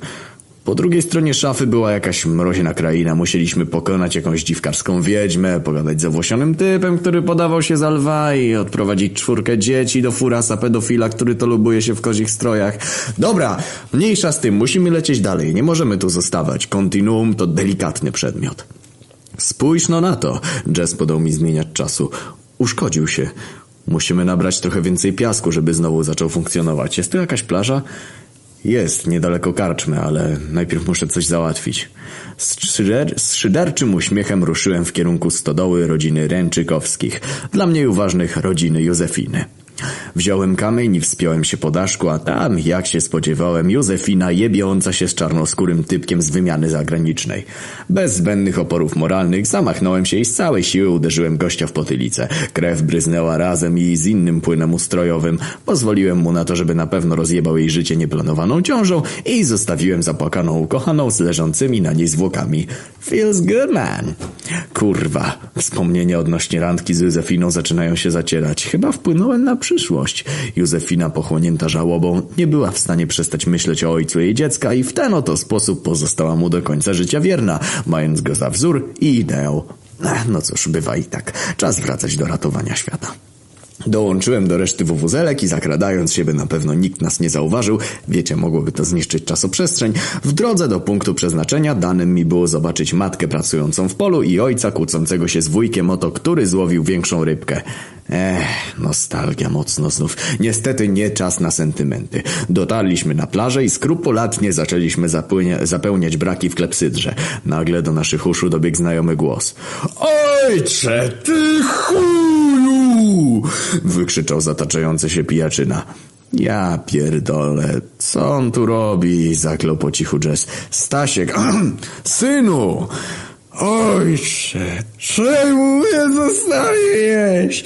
No przez cię tak się stoczyłem. Jakbyś mnie pomógł z Łęcką, to byśmy razem byli teraz. Ojcze! Wokulski wyjął butelkę amareny i zamachnął się na Jessa. Ten jednak obronił się łapiąc syna za rękę. Synu, zaczął ze łzami w oczach, wybacz, że cię zostawiłem. Nie zasłużyłeś na to.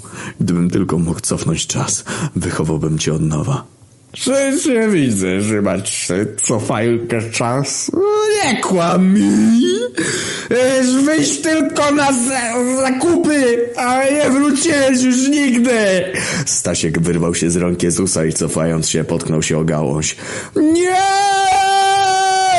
Wykrzyczał nachylający się nad ciałem Jess. Wokulski uderzył głową o głaz i zmarł na miejscu. Synu! Syn! Tu Jezus przerwał. Nie minęła chwila, Jezus zerwał się na nogi, otarł łzy i z rękami ułożonymi jak postać za nimę pobrzszobował w kierunku jednej z chat.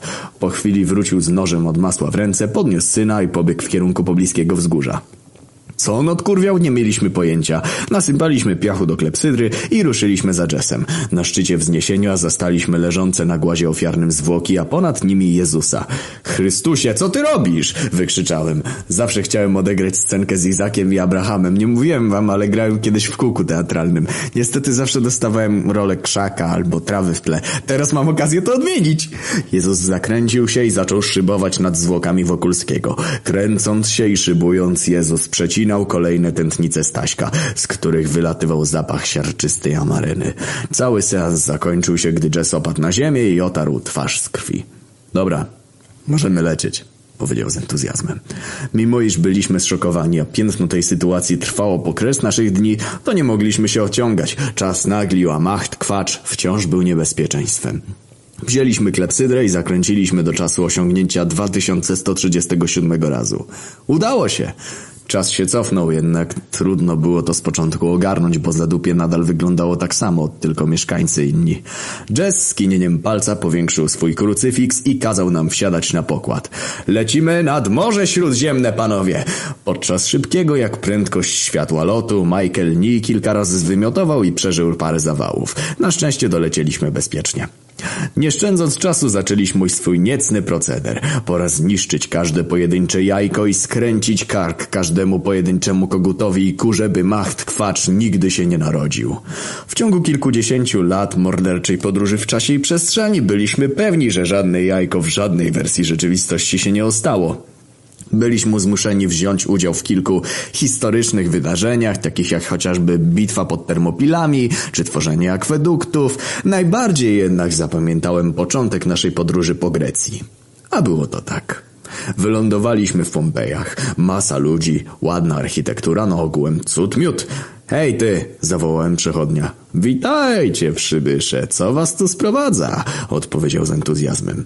Przybywamy z Olimpu. Zeus wysłał nas z misją zniszczenia wszystkich jaj i wybicia całego drobiu. Pomożesz nam? O, bogowie! Wybrańcy bogów, proszą mnie o pomoc! Oczywiście, że wam pomogę, co mam robić? Najpierw się przedstaw, przyjacielu. Wazeliniusz, panie! A więc, Wazeliniuszu, roześlij po basenie Morza Śródziemnego wieść, że każda kura, kogut i jajko, nawet to sadzone, ma zostać zebrane wsparcie. Robi się.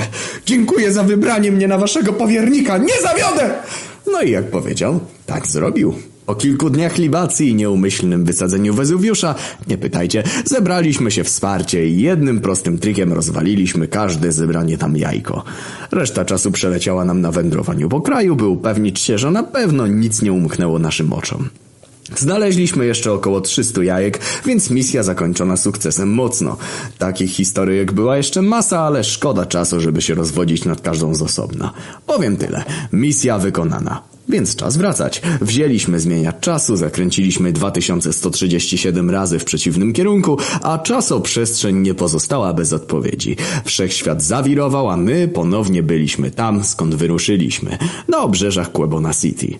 Rozejrzeliśmy się i wszystko wydawało się w jak najlepszym porządku. Miasto stoi, a po machtkwaczu ani widu, ani słychu. Rozradowani wskoczyliśmy do rozjebanego na drzewie stojącym obok szkoły Tarota, Forda Anglii i pełni entuzjazmu pojechaliśmy w kierunku odległej miejskiej panoramy. Czar prysł, kiedy dotarliśmy na miejsce. Na ulicach wciąż widać, jak słoiki krążą po mieście. To znaczy, że macht kwacz wciąż istnieje. Jak to możliwe? Pytania narastały wraz z ciśnieniem. Nie wiedzieliśmy, co robić. Konsternacja, jaka zapanowała w naszych głowach, była zbyt przytłaczająca. W milczeniu udaliśmy się do naszej willi. Staraliśmy się wszystko przemyśleć. Nic nie trzymało się kupy na tyle, że dosłownie na nic nie mogliśmy wpaść. Jedynym racjonalnym wyjaśnieniem wydawało się pominięcie kilku jaj. W mieście Pafos spotkaliśmy handlarza jaj. Po zniszczeniu jego majątku płakał i trzymał się za spuchnięte policzki. Skurwiel pewnie schował w tych policzkach ostatnie sztuki jajek, a z tych mógł wykluć się macht kwacz lub jego przodkowie. Ta teoria miała sens, jednak nie sposób było to sprawdzić. Wiedzieliśmy tylko jedno. Zbliża się dramatyczna walka o życie. Macht Kwacz posiada wszystkie słoiki nieskończoności i jednym prostym trikiem może rozjebać cały obserwowalny wszechświat. Zobacz jak. Deter tu przerwał ciszy. Chodźcie. Pokażę wam coś. Po otwarciu drzwi prowadzących do piwnicy ruszyliśmy za DTR-em. Na końcu pomieszczenia znajdowała się stara opona od Majobacha. DTR nią zakręcił, w następstwie ściana przesunęła się skrzypem. W powstałej w ten sposób wnęce dostrzegliśmy arsenał, jakiego nie powstydziłby się sam rząd Libii. Miotacze ognistego kwasu, octo majonezianowego, octo majonezianowy pistolet maszynowy, licznik winiarego, mierzy stężenie kwasu octo majoneziowanego w atmosferze, szklane pancerze, utwardzane metalem z puszek po harnasiu, granaty octo majonezianowe, plecaki majoodrzutowe, etc., etc. Stary, Skąd ty to wszystko i dlaczego? No, jakby to powiedzieć, obejrzałem jeden serial na Majoflixie. Na koniec pier z pierwszego sezonu twoich wpisów miałem już zebraną część arsenału, ale postanowiłem poczekać z jego wykorzystaniem na koniec drugiego. Nie żebym planował jakiś zamach na szkołę, no co to to nie. W każdym razie, no nie zmyślam. 13 hellmansy.exe Odzialiśmy się w przygotowane pancerze, przypięliśmy pasy, włożyliśmy hełmy. Wszystko gotowe, każdy w pełni uzbrojony.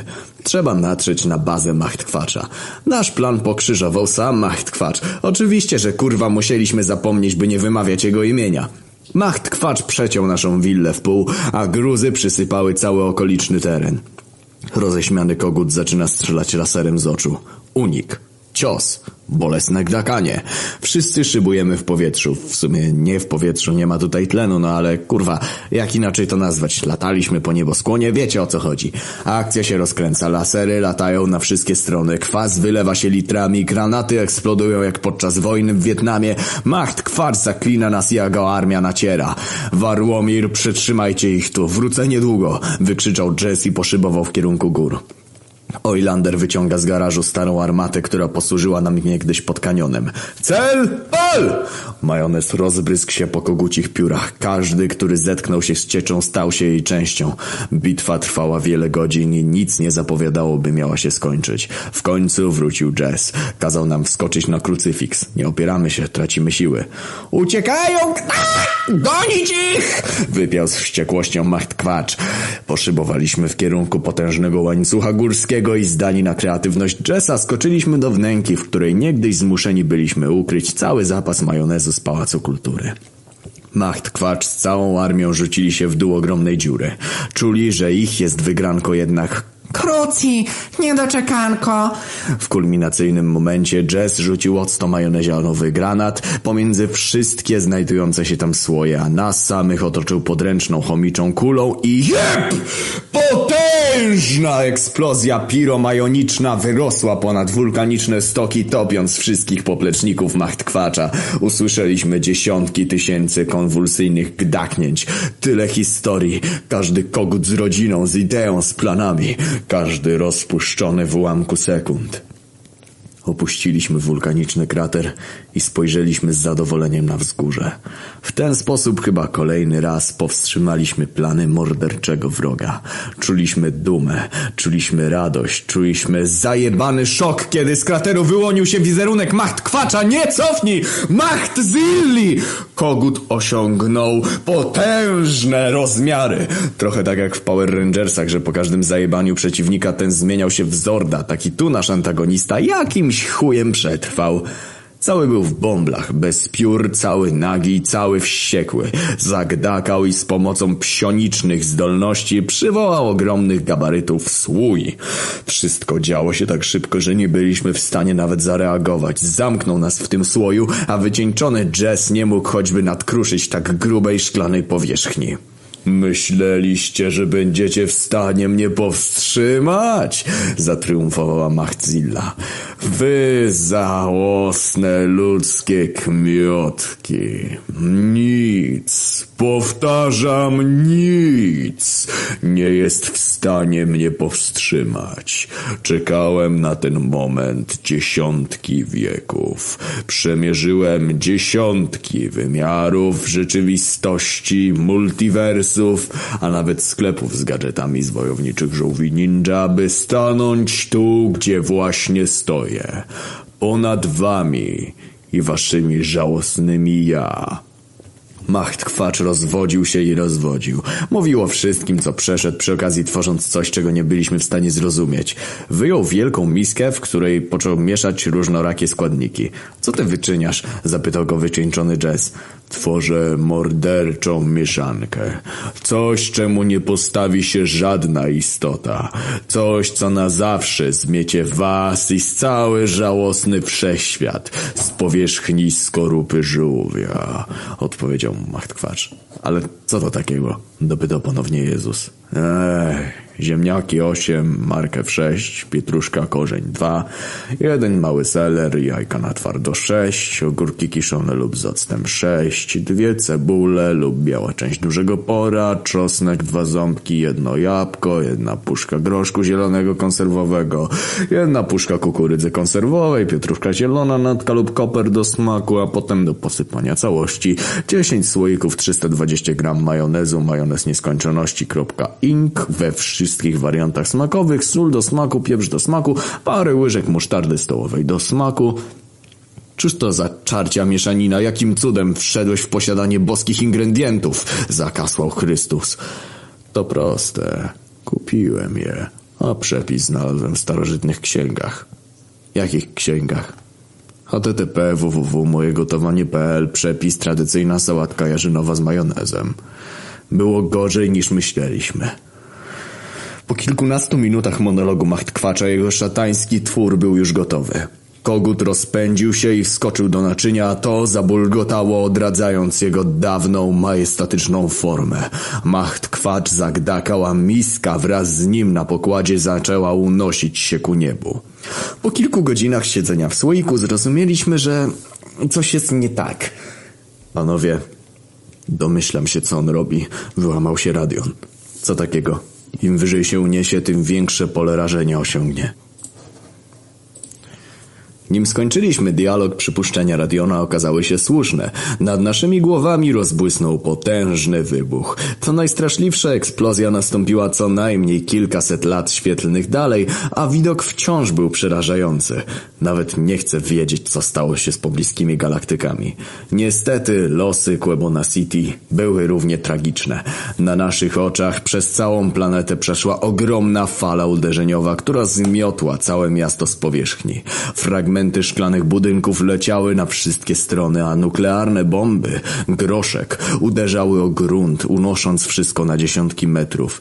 Gdzie są twoje szklane domy? zapytał kąśliwie Michael Ni, który od dawna szukał momentu, by poszydzić sobie z Żeromskiego. Nie nacieszył się długo, gdyż mordercza eksplozja wypaliła mu, Riffellemu i Brzozie gałki oczne. Uprzedzając pytanie, ale przeżył, tak przeżyli, jednak zostali permanentnie oślepieni. Kurwa. Im się zachciało patrzeć na eksplozje nuklearne.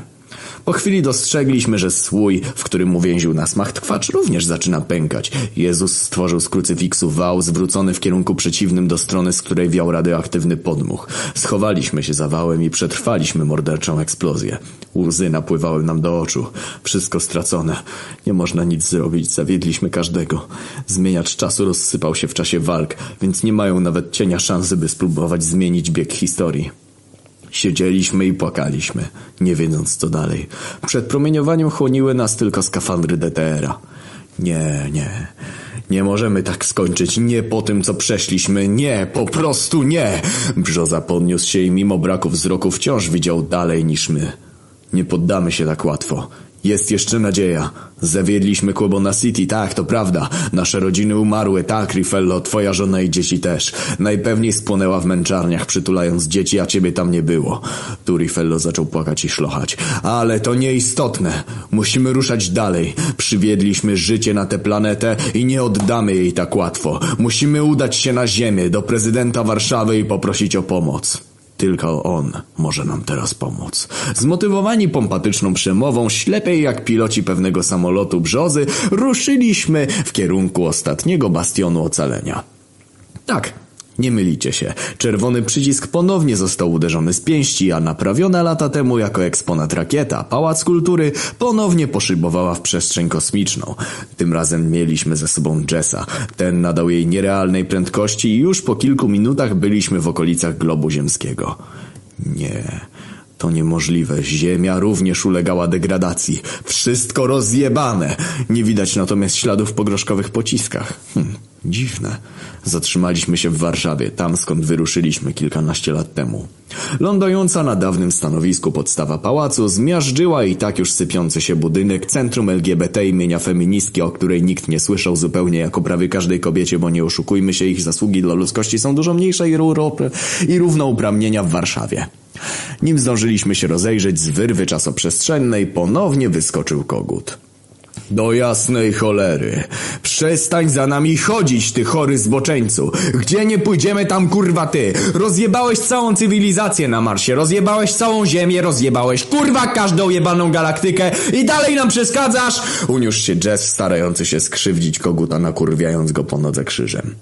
Ech. To nie ja zniszczyłem Ziemię. Kopnął Jessa, a ten poleciał kilka metrów dalej.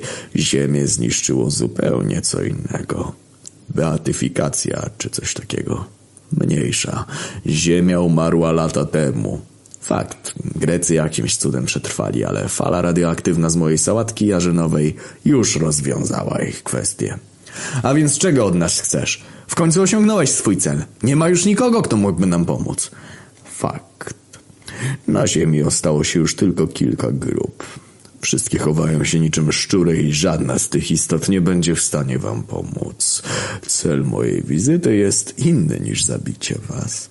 Teraz po prostu popatrzę. Zaśmiał się kogut. Popatrzysz, ale na co? spytał zalany potem Michael. Popatrzę, jak śmierć was dogania. Tak, nie będę musiał skinąć choćby piórem.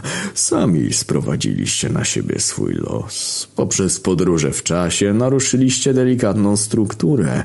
Strukturę, w którą nawet ja sam bałem się ingerować. Powiedzmy, że struktura ta nie za bardzo lubi, gdy ktoś postanawia się nią bawić. Czas i przestrzeń was ścigają. Każdy z was zawinił i każdy poniesie dziś klęskę. Radzę wam uciekać. Może przeżyjecie kilka sekund dłużej. Był to ostatni moment, gdy usłyszeliśmy mach tchwacza. To, co działo się później, to istna rzeź. Wokół nas zaczęły uchylać się portale. Rozbiegliśmy się po zgliszczach dawnej Warszawy.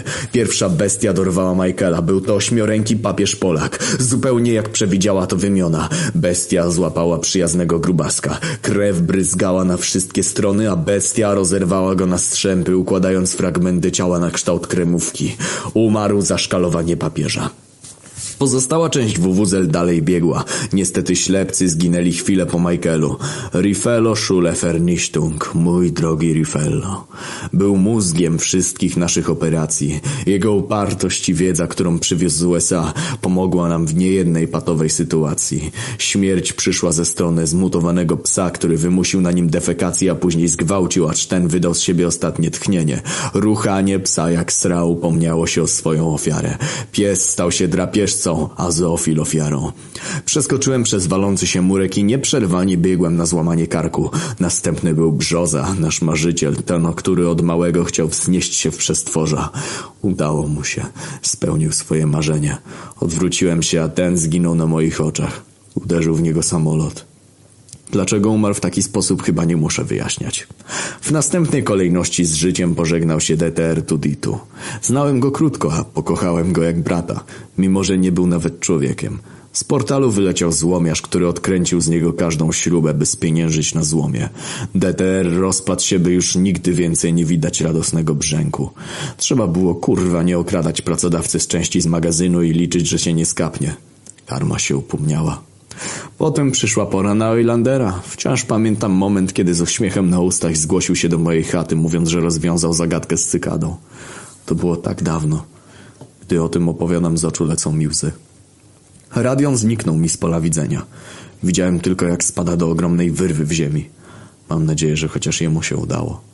Jezus został złapany przez stado rozwścieczonych żydoogarów, które jak za dawnych lat ukrzyżowały go na jego krucyfiksie. Do ostatniego tchnienia słyszałem krzyki, jakie z siebie wydawał. Najstraszniejszy był nie sam fakt ukrzyżowania, a poza w jakiej to zrobili. Dab. Pieprzeni zwyrodnialcy. A co się stało ze mną? Nie zajebała mnie karma. Coś bardziej błahego – Pobiegłem przed siebie, nie patrząc więcej w tył. Do moich uszu dobiegały krzyki umierających braci. Wszystkie te wspomnienia, chwile, które z nimi przeżyłem. Wszystko to migało przed łzawiącymi od cierpienia spuchniętymi oczami. Czułem, jak po plecach przechodzi mi śmiertelny wyziew, jakby coś mnie goniło. Wspomnienia przysłaniały drogę, którą się poruszałem.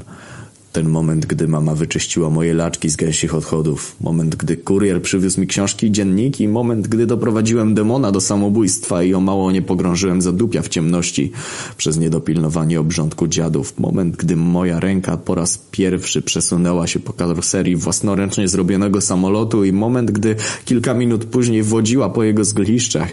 Chwila, gdy doleciałem do Stanów, gdy Pałac Kultury na nas na orbitę. Wszystkie te miesiące spędzone na pokładzie i każdy zjedzony na nim słoik majonezu, później libacje z Jezusem, bitwa z Marsjanami, zbudowanie Quebona City, natrafienie na tego jebanego koguta, randka z Józefiną, moment, gdy poszybowaliśmy w czasie, by spróbować naprawić wszystkie nasze błędy. Tak, każdy z tych momentów niczym film przemknął mi przez głowę. Nie byłem już dalej. Leżałem. Przygniotły mnie wspomnienia, ale jeszcze bardziej przygniotła mnie jebana ściana, która zwaliła się na moje plecy. Każdy ostatni oddech poświęcam, by spisać niedawne wydarzenia, jakby naiwnie licząc, że ktoś jeszcze o nas usłyszy. Nie usłyszy. Nie ma nikogo, kto by mógł. Jednak ja wciąż piszę. Nie dla was, dla mnie i dla braci, którzy najcenniejszym, co mieli życiem, przypłacili chęcią bycia wolnymi. Ostatnim, co widziałem, były metalowe wrota zamykające wejście do metra – a na tych wrotach napis Metro 2137. Nie wiem co oznaczał, ale kto wie co czai się po drugiej stronie. Niczego nie żałuję. Każda decyzja, której dokonałem, poprowadziła mnie tak, by być gdzie jestem. Nie cieszy mnie to, co się stało, nie smuci mnie to, co się stało, po prostu trwam. Wciągam resztki tlenu, trzymam się za krwawiący tors i wypuszczam z ciała resztki wyżej wspomnianego gazu. Po prostu tu jestem, po prostu byłem, po prostu będę. Ze wspomnieniami i przeżyciami, których nie odbiorą mi nawet chłodne, kościste łapska śmierci. Zamknąłem oczy, a w głowie zabrzmiało pytanie. Ale przeżył? W tej chwili przewalił się na mnie cały masywny budynek, którego masa uniemożliwiała mi przeżycie w każdym jebanym scenariuszu, więc nie uczcie się na kontynuację moich losów, bo po prostu już kurwa teraz mówię, że to jebany koniec. Nim ściana opadła i zmierzyła mnie na galaretkę, wziąłem ostatni wdech i resztkami sił wyszeptałem pierwsze, co mi przyszło do głowy. Jeszcze jak?